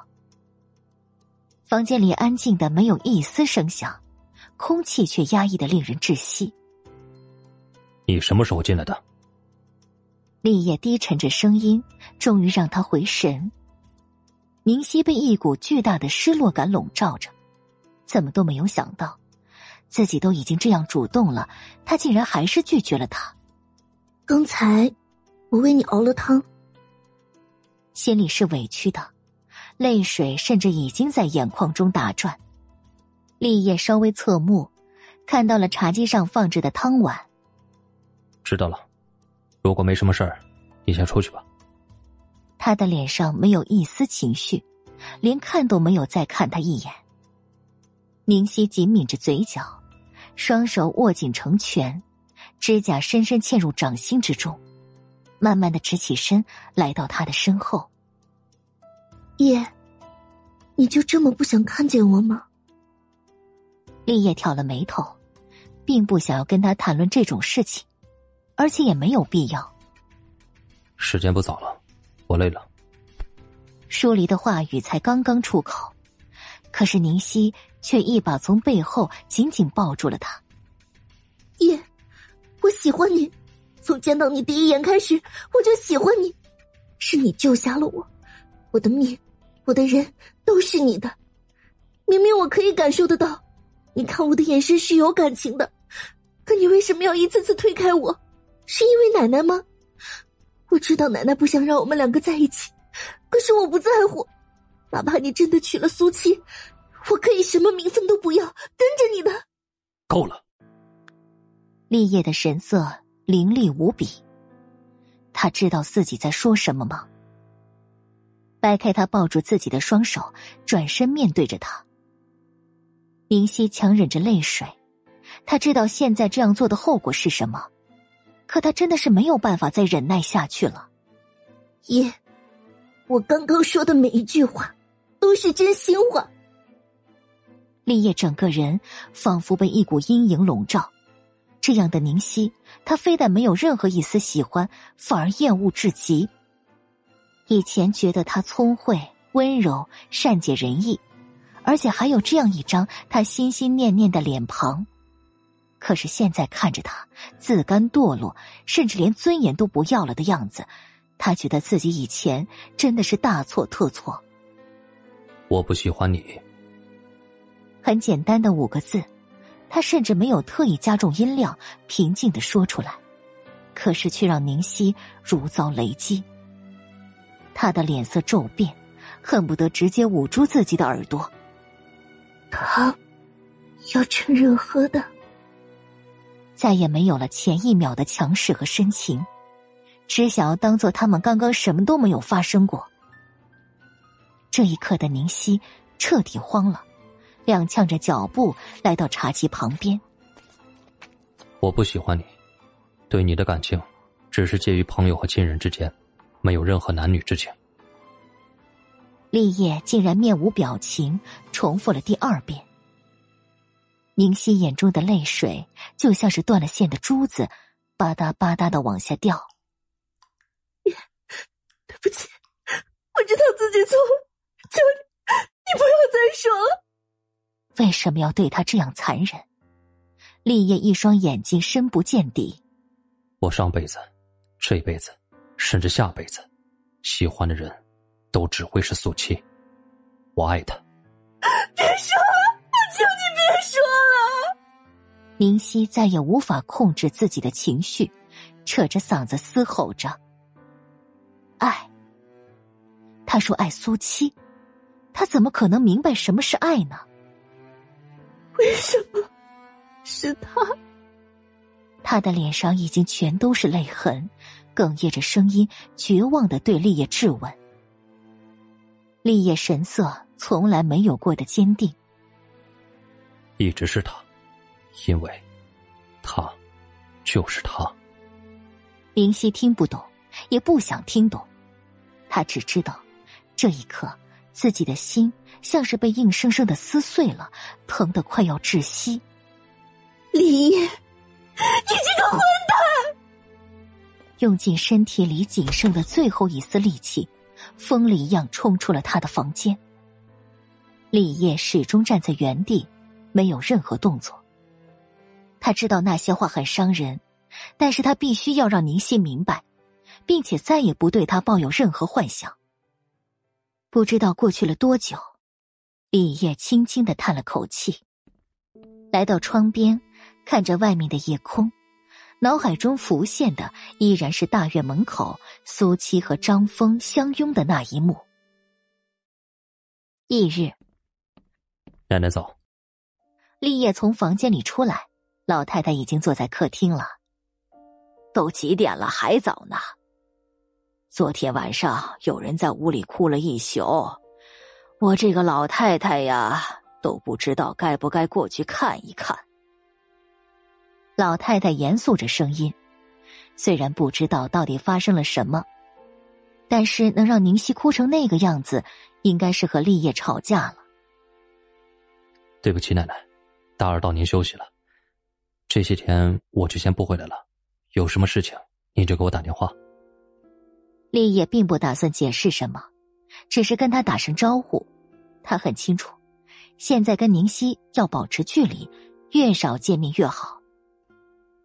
老太太点点头，仿佛已经看透了一切。不回来也好，有些事情确实是该冷静冷静了。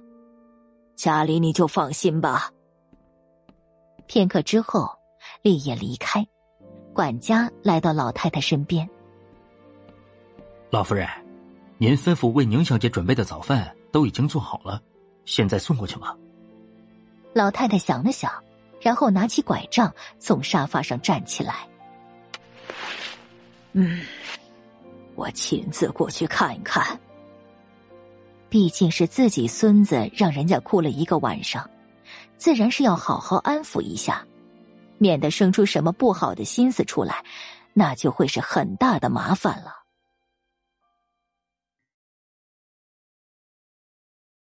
第二百九十八集，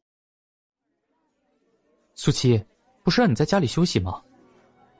张峰看到苏七竟然又来了学校，两条眉毛拧成了麻花一样，恨不得直接把苏七按到床上休息。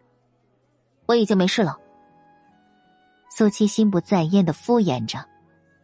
如果今天他要是不来学校的话，还要找理由搪塞他妈妈，也是一件很麻烦的事情。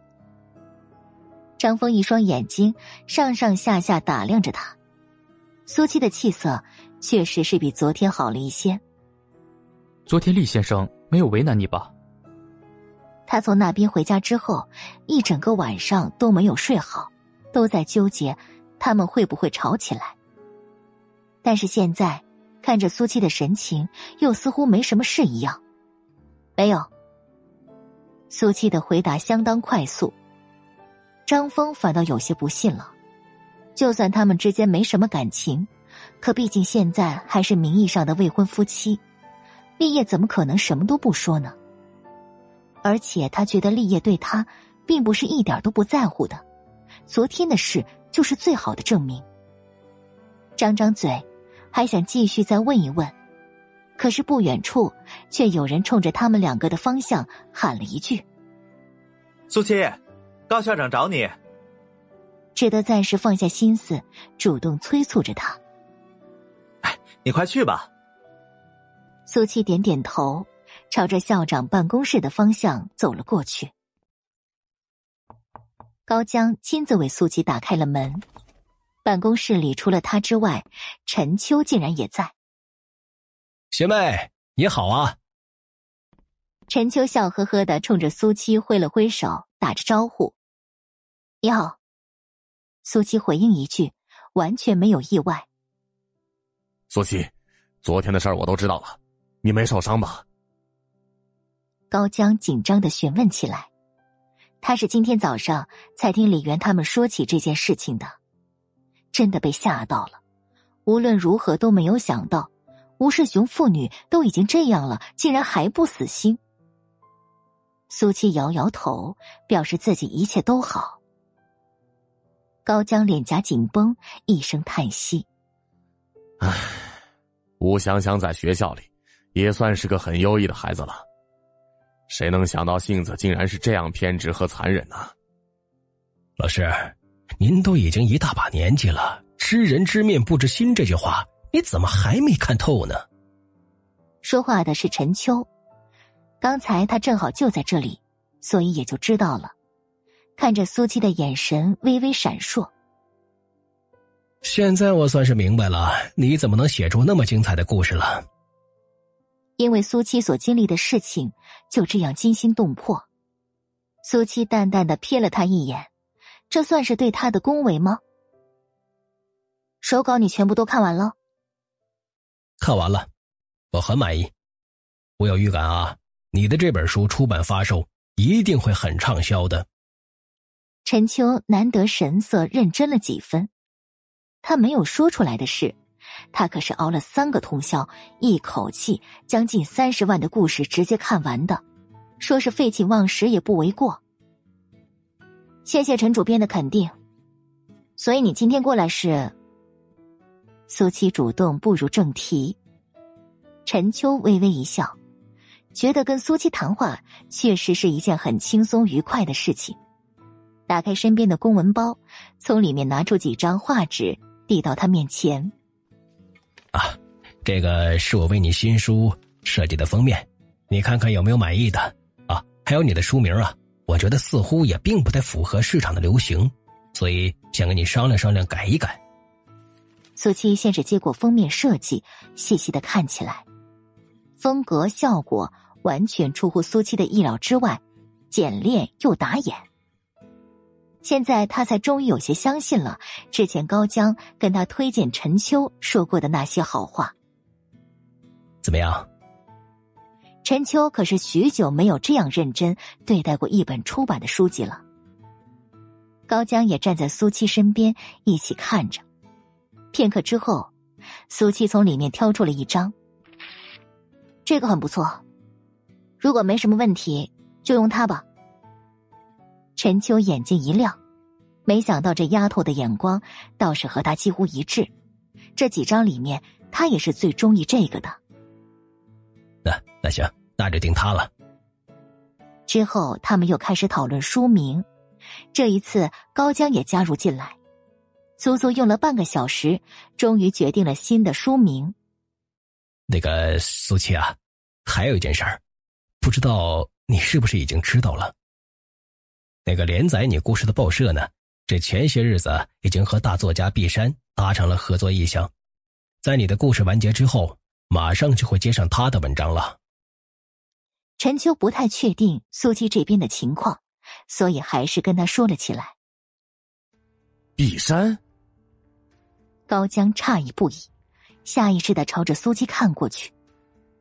苏七目光闪烁，虽然意外，但是并不是不能接受。陈秋继续开口：“啊，碧山那种级别的作家，怎么可能会选择在报纸上连载自己的故事呢？顾家还是冲着你来的。”之前的事，他都已经听高江说过了。高江却凝重了表情。碧山知名度那么高，在城里作家的辈分也是无人能及的。竟然会跟苏七计较，可想而知，这个人的心思已经狭隘到什么地步了。这会不会对苏七有影响啊？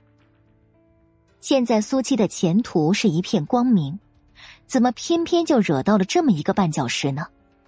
应该是会有一些的。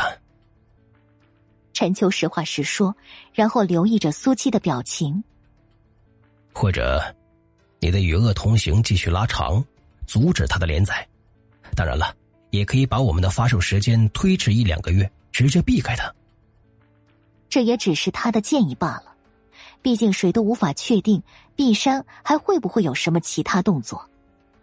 如果他确实是故意针对，想要打压苏七的话，所以怎么选择还是要看苏七自己的。不需要，他连载他的，我做我的。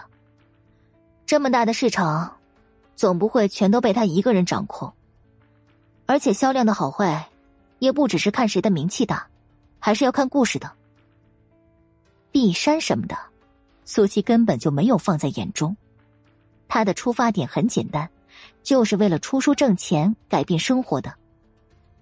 高江和陈秋对看一眼，虽然都觉得苏七这个决定会不会太冒险了一些，但是苏七会这样选择，却也在他们的意料之中。毕竟，苏七的性子绝对不是忍气吞声、避其锋芒。所以我们这次是要跟碧山正面刚，是，我喜欢。陈秋突然兴奋了神色，一双眼睛都冒了光。是大作家碧山一骑绝尘，继续辉煌，还是女王强势崛起？就要看看他们谁的故事更能得到读者的心了。哎哎，别走！第二百九十九集。他妈的，这这该死的天气，把我耳朵冻掉了。怎怎么这么他他他他他他娘的冷？这冯铁骂骂咧咧的，即便是在屋里，依然不停的跺着脚。张招娣也比他好不到哪里去，能裹的衣服全都裹上了，可还是鼻涕直流。当家的，要不再去小卖部买点棉纸吧，把窗户再糊一层吧。什么活？都三层了，这屋里就跟个冰窖一样。赶紧的，生生个炉子。冯铁实在是受不了了，催促着。张招娣立马就瞪了眼珠子：“没不要钱吗？啊，咱们屋里生了炉子，儿子那屋生不生啊？还有老太太那屋，家里哪有那么多钱呢？说到底，还不都是因为穷。”冯铁被他这一句话怼得哑口无言，脑子里顿时就想到了冯秀。虽然这些日子他们确实是消停了，没有再打那边的心思，可是那边的一举一动他们可是知道的。人家的大房子盖完了，已经搬进去住了，光是家具就买了一大车。抽空咱们去趟那边吧。冯铁一说那边。张招娣立马就明白了，你还敢过去啊？再说苏七那丫头鬼精鬼精的，去了我们也占不到便宜的。现在这种感觉就像守着一座金山，可是偏偏看得着，挖不出来。不行，就把老太太还扔那边去，我就不信了，冯秀真能看着老太太，就活活冻死在他们家门口啊！冯铁也是下了决心的，少了老婆子这张嘴，他们的日子也能缓解一些了。其实上一次他也是没想通，就把老太婆给带了回来，觉得只要老太婆在自己这边，冯秀怎么都会顾念母女情分的。没想到情分就是狗屁呀！张招娣眼珠子滴溜溜的转，稍微压低了声音：“这么做行吗？”养老送终这种事，可向来都是儿子本分。要是处理不好，会被乡亲们戳着脊梁骨骂的。有什么不行的？咱们又不是不养他，是让他享福去了。冯铁说的理所当然。那成，你去跟妈说吧，毕竟你是他亲儿子，他不能记恨你。张招娣忍不住催促。配房里。老太太缩在墙角，也是冻得发抖。不过她也没闲着，僵硬的手指头里捏着一只鞋垫。就算眼睛早已经花的看不清东西了，依然在一针一线的缝着。哎呀妈！都说多少遍了，天气这么冷，你就别干了。冯铁皱着眉头，一脸的不耐烦。一双鞋垫才值几分钱？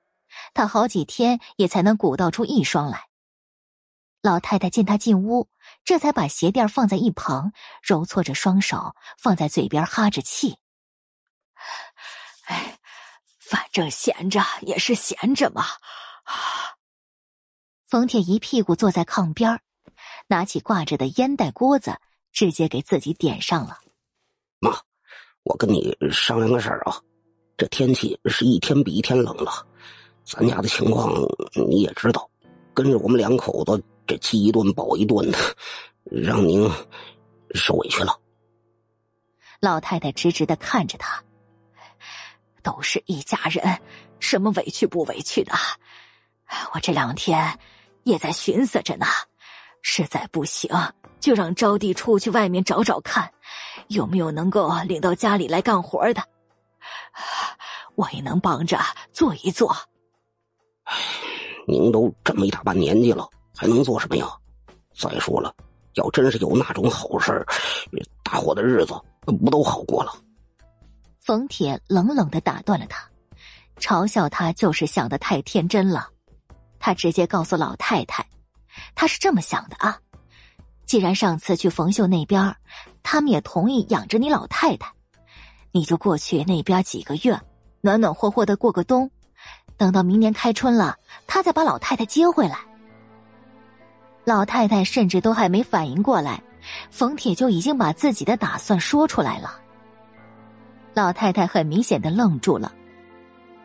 哎，你看家里还有什么东西，收拾收拾吧，我下午就给你送过去啊。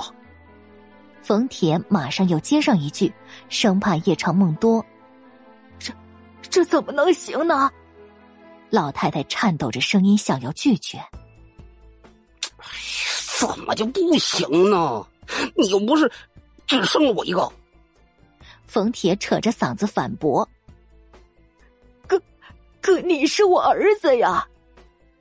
老太太不仅仅心里愧对冯秀，而且自从她嫁人的那天起，她就已经把他当成水泼出去了，再和冯家没有任何关系了。这现在都什么年代了，你还儿子女儿的？哼，你怎么就这么想不开呢？这冯秀家现在住着大房子，吃得好，穿得好，呃，随随便便剩一口饭给你，那都比在这儿跟着我强。而且吧，我我也不是不养你，等明年暖和了，你再回来，不是一样吗？冯天以前没有这种想法，对待他虽然没有多好，倒也算是周全。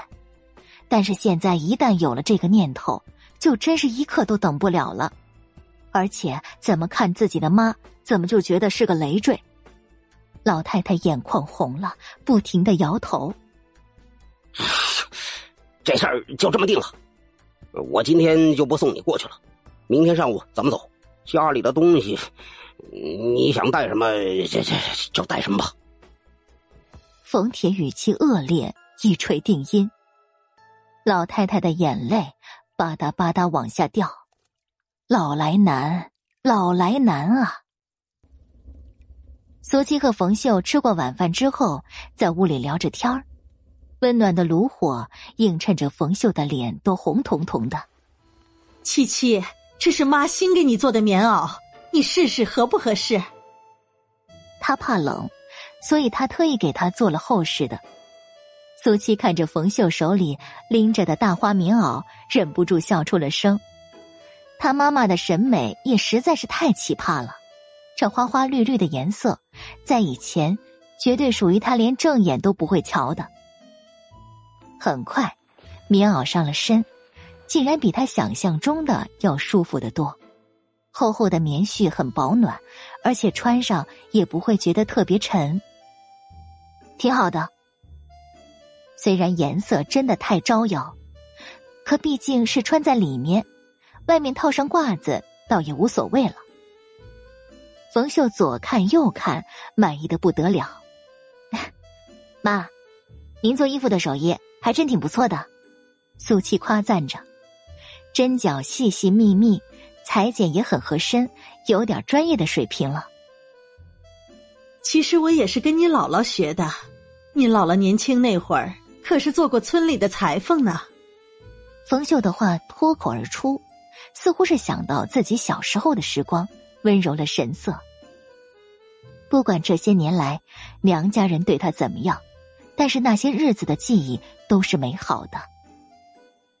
苏七看着冯秀，眼底的怅然若失，若有所思。第三百集，翌日，等会儿走的时候，你还是看一眼妈的行李。张招娣一边收拾被褥，一边跟冯铁叮嘱着：“哟，咋的呀？你还怕他藏着什么值钱的棺材本啊？”冯铁把棉鞋提上，故意调侃着：“把老太婆送走了，家里就少了一张嘴吃饭。”炉子也该张罗着生气来了。张招娣瞪了他一眼，就算他是这么想的，冯铁说出来可就没意思了。让你去你就去，哪那么多废话呀？咱妈多精明的一个人呐，不怕一万，就怕万一。行，我知道了，放心，除了他的衣服之外，咱家的一根柴火，他都带不走。冯铁说完。心情愉快的吹起了口哨。从东屋出来，也没敢惊动依然还在睡着的儿子，径直朝着老太太住的配房去了。妈，时候也不早了，咱们该……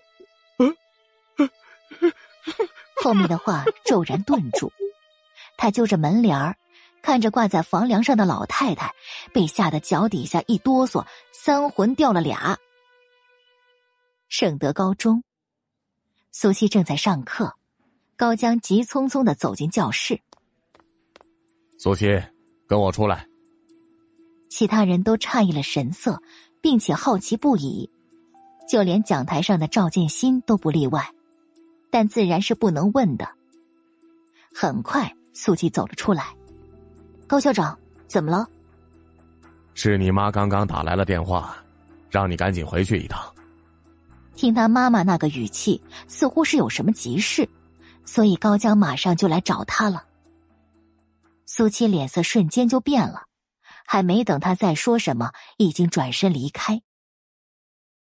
冯秀不停在屋子里踱着步子，每隔几秒就会看一眼墙上的钟表，怎么还不回来？妈，我回来了。仿佛过了一个世纪那么漫长。院子里终于传来苏七的声音，冯秀几乎是跑着出了屋，看到苏七的那一瞬，眼泪唰一下就流出来。七七，你终于回来了！苏七紧绷着脸颊，因为是跑进院子的，所以气息都有些不稳。看到冯秀哭了，心头一沉，不过他的第一反应。还是确定冯秀并没有受到任何伤害，而且家里也只有他一个人。妈，你别哭了，出什么事了？他扶着冯秀，替他擦了眼泪。是你姥姥，她她上吊了。说到最后，冯秀已经泣不成声了。苏七眼底一抹意外转瞬即逝，不过马上想到，这会不会又是那对夫妻搞出来的把戏？医院，冯铁脸色无比难看，脸上的恐惧挥之不去，满脑子都是老太太上吊的那副样子。张招娣的一张脸都快耷拉到地上了，明明老太婆都已经断了气。可是，却硬生生的还是被乡亲们用车拉到这里抢救，抢救不要钱的吗？这么一大把年纪了，既然他自己都不想活着了，还救什么劲儿啊？谁是刘大红的家属？护士急匆匆的从里面走出来，冲着走廊喊着。冯铁就好像傻了一样，一动不动。张招娣连忙走上前：“ 我们是。”呃呃，他怎么样了啊？是不是已经不行了？现在还有一口气，医生正在抢救呢。那，这是病危通知书，你们在上面签字吧。护士一边说，一边把笔递到他手里。张招娣眼珠子不停的转，笔是接了过去，可是却并没有签字。护士啊，我能不能问问，抢救得花多少钱呢？护士仿佛已经见多了他这样的情况，直接回答：“这个不归我们管，要等最后的清单出来，快签字吧。”张招娣哭丧着脸：“护士。”我们就是从村里过来的，家里穷得很呢，只剩下几间破房子了。要是抢救的钱太多了，我们可是拿不出的。护士皱了眉头，那你的意思是人就不救了？不救了，那还送来医院做什么？张招娣干咳两声，有些心虚的朝着冯铁看过去：“你快点过来，在那杵着做什么呢？”冯铁终于回了神，迈着僵硬的步子来到两人身边。张招娣把刚刚护士说的那些跟冯铁重复了一遍：“你说吧，救还是不救啊？毕竟那是他妈呀，就算是不救了，也得由他这个儿子说出来。”冯铁支支吾吾，也拿不定主意了。这这如果救的话，几率……有多大？这个不好说了，医生肯定会尽力的。你们最好快点做决定，不然耽误了时间呢，病人就更渺茫了。护士看看他们两个这样的态度，语气都忍不住恶劣了几分。冯铁沉了口气，终于艰难的开了口：“哦，所以就算抢救，也也可能。”救不回来，那要不就就就就算了吧。不是他不想救，而是他没有那个能力呀。再说了，老太婆今年八十六了，已经算是高龄了。你们确定不救了？护士面无表情的跟他们确定着。冯铁点点头，嗯，不救了。等一下，他的话音才刚落，走廊的尽头一阵急促的脚步声传来。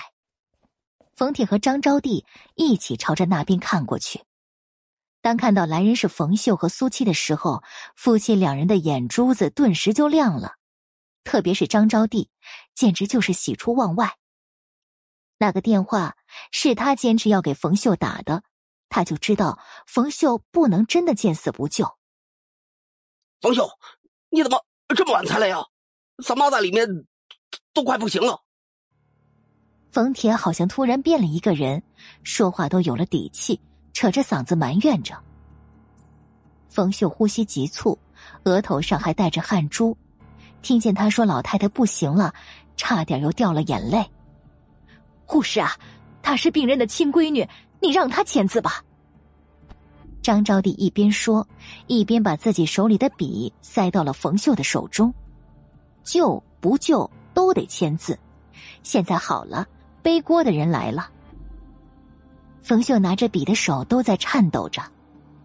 签什么字？病危通知书。你们快点做决定吧。要是放弃抢救了，就在最下面的那张纸上签字。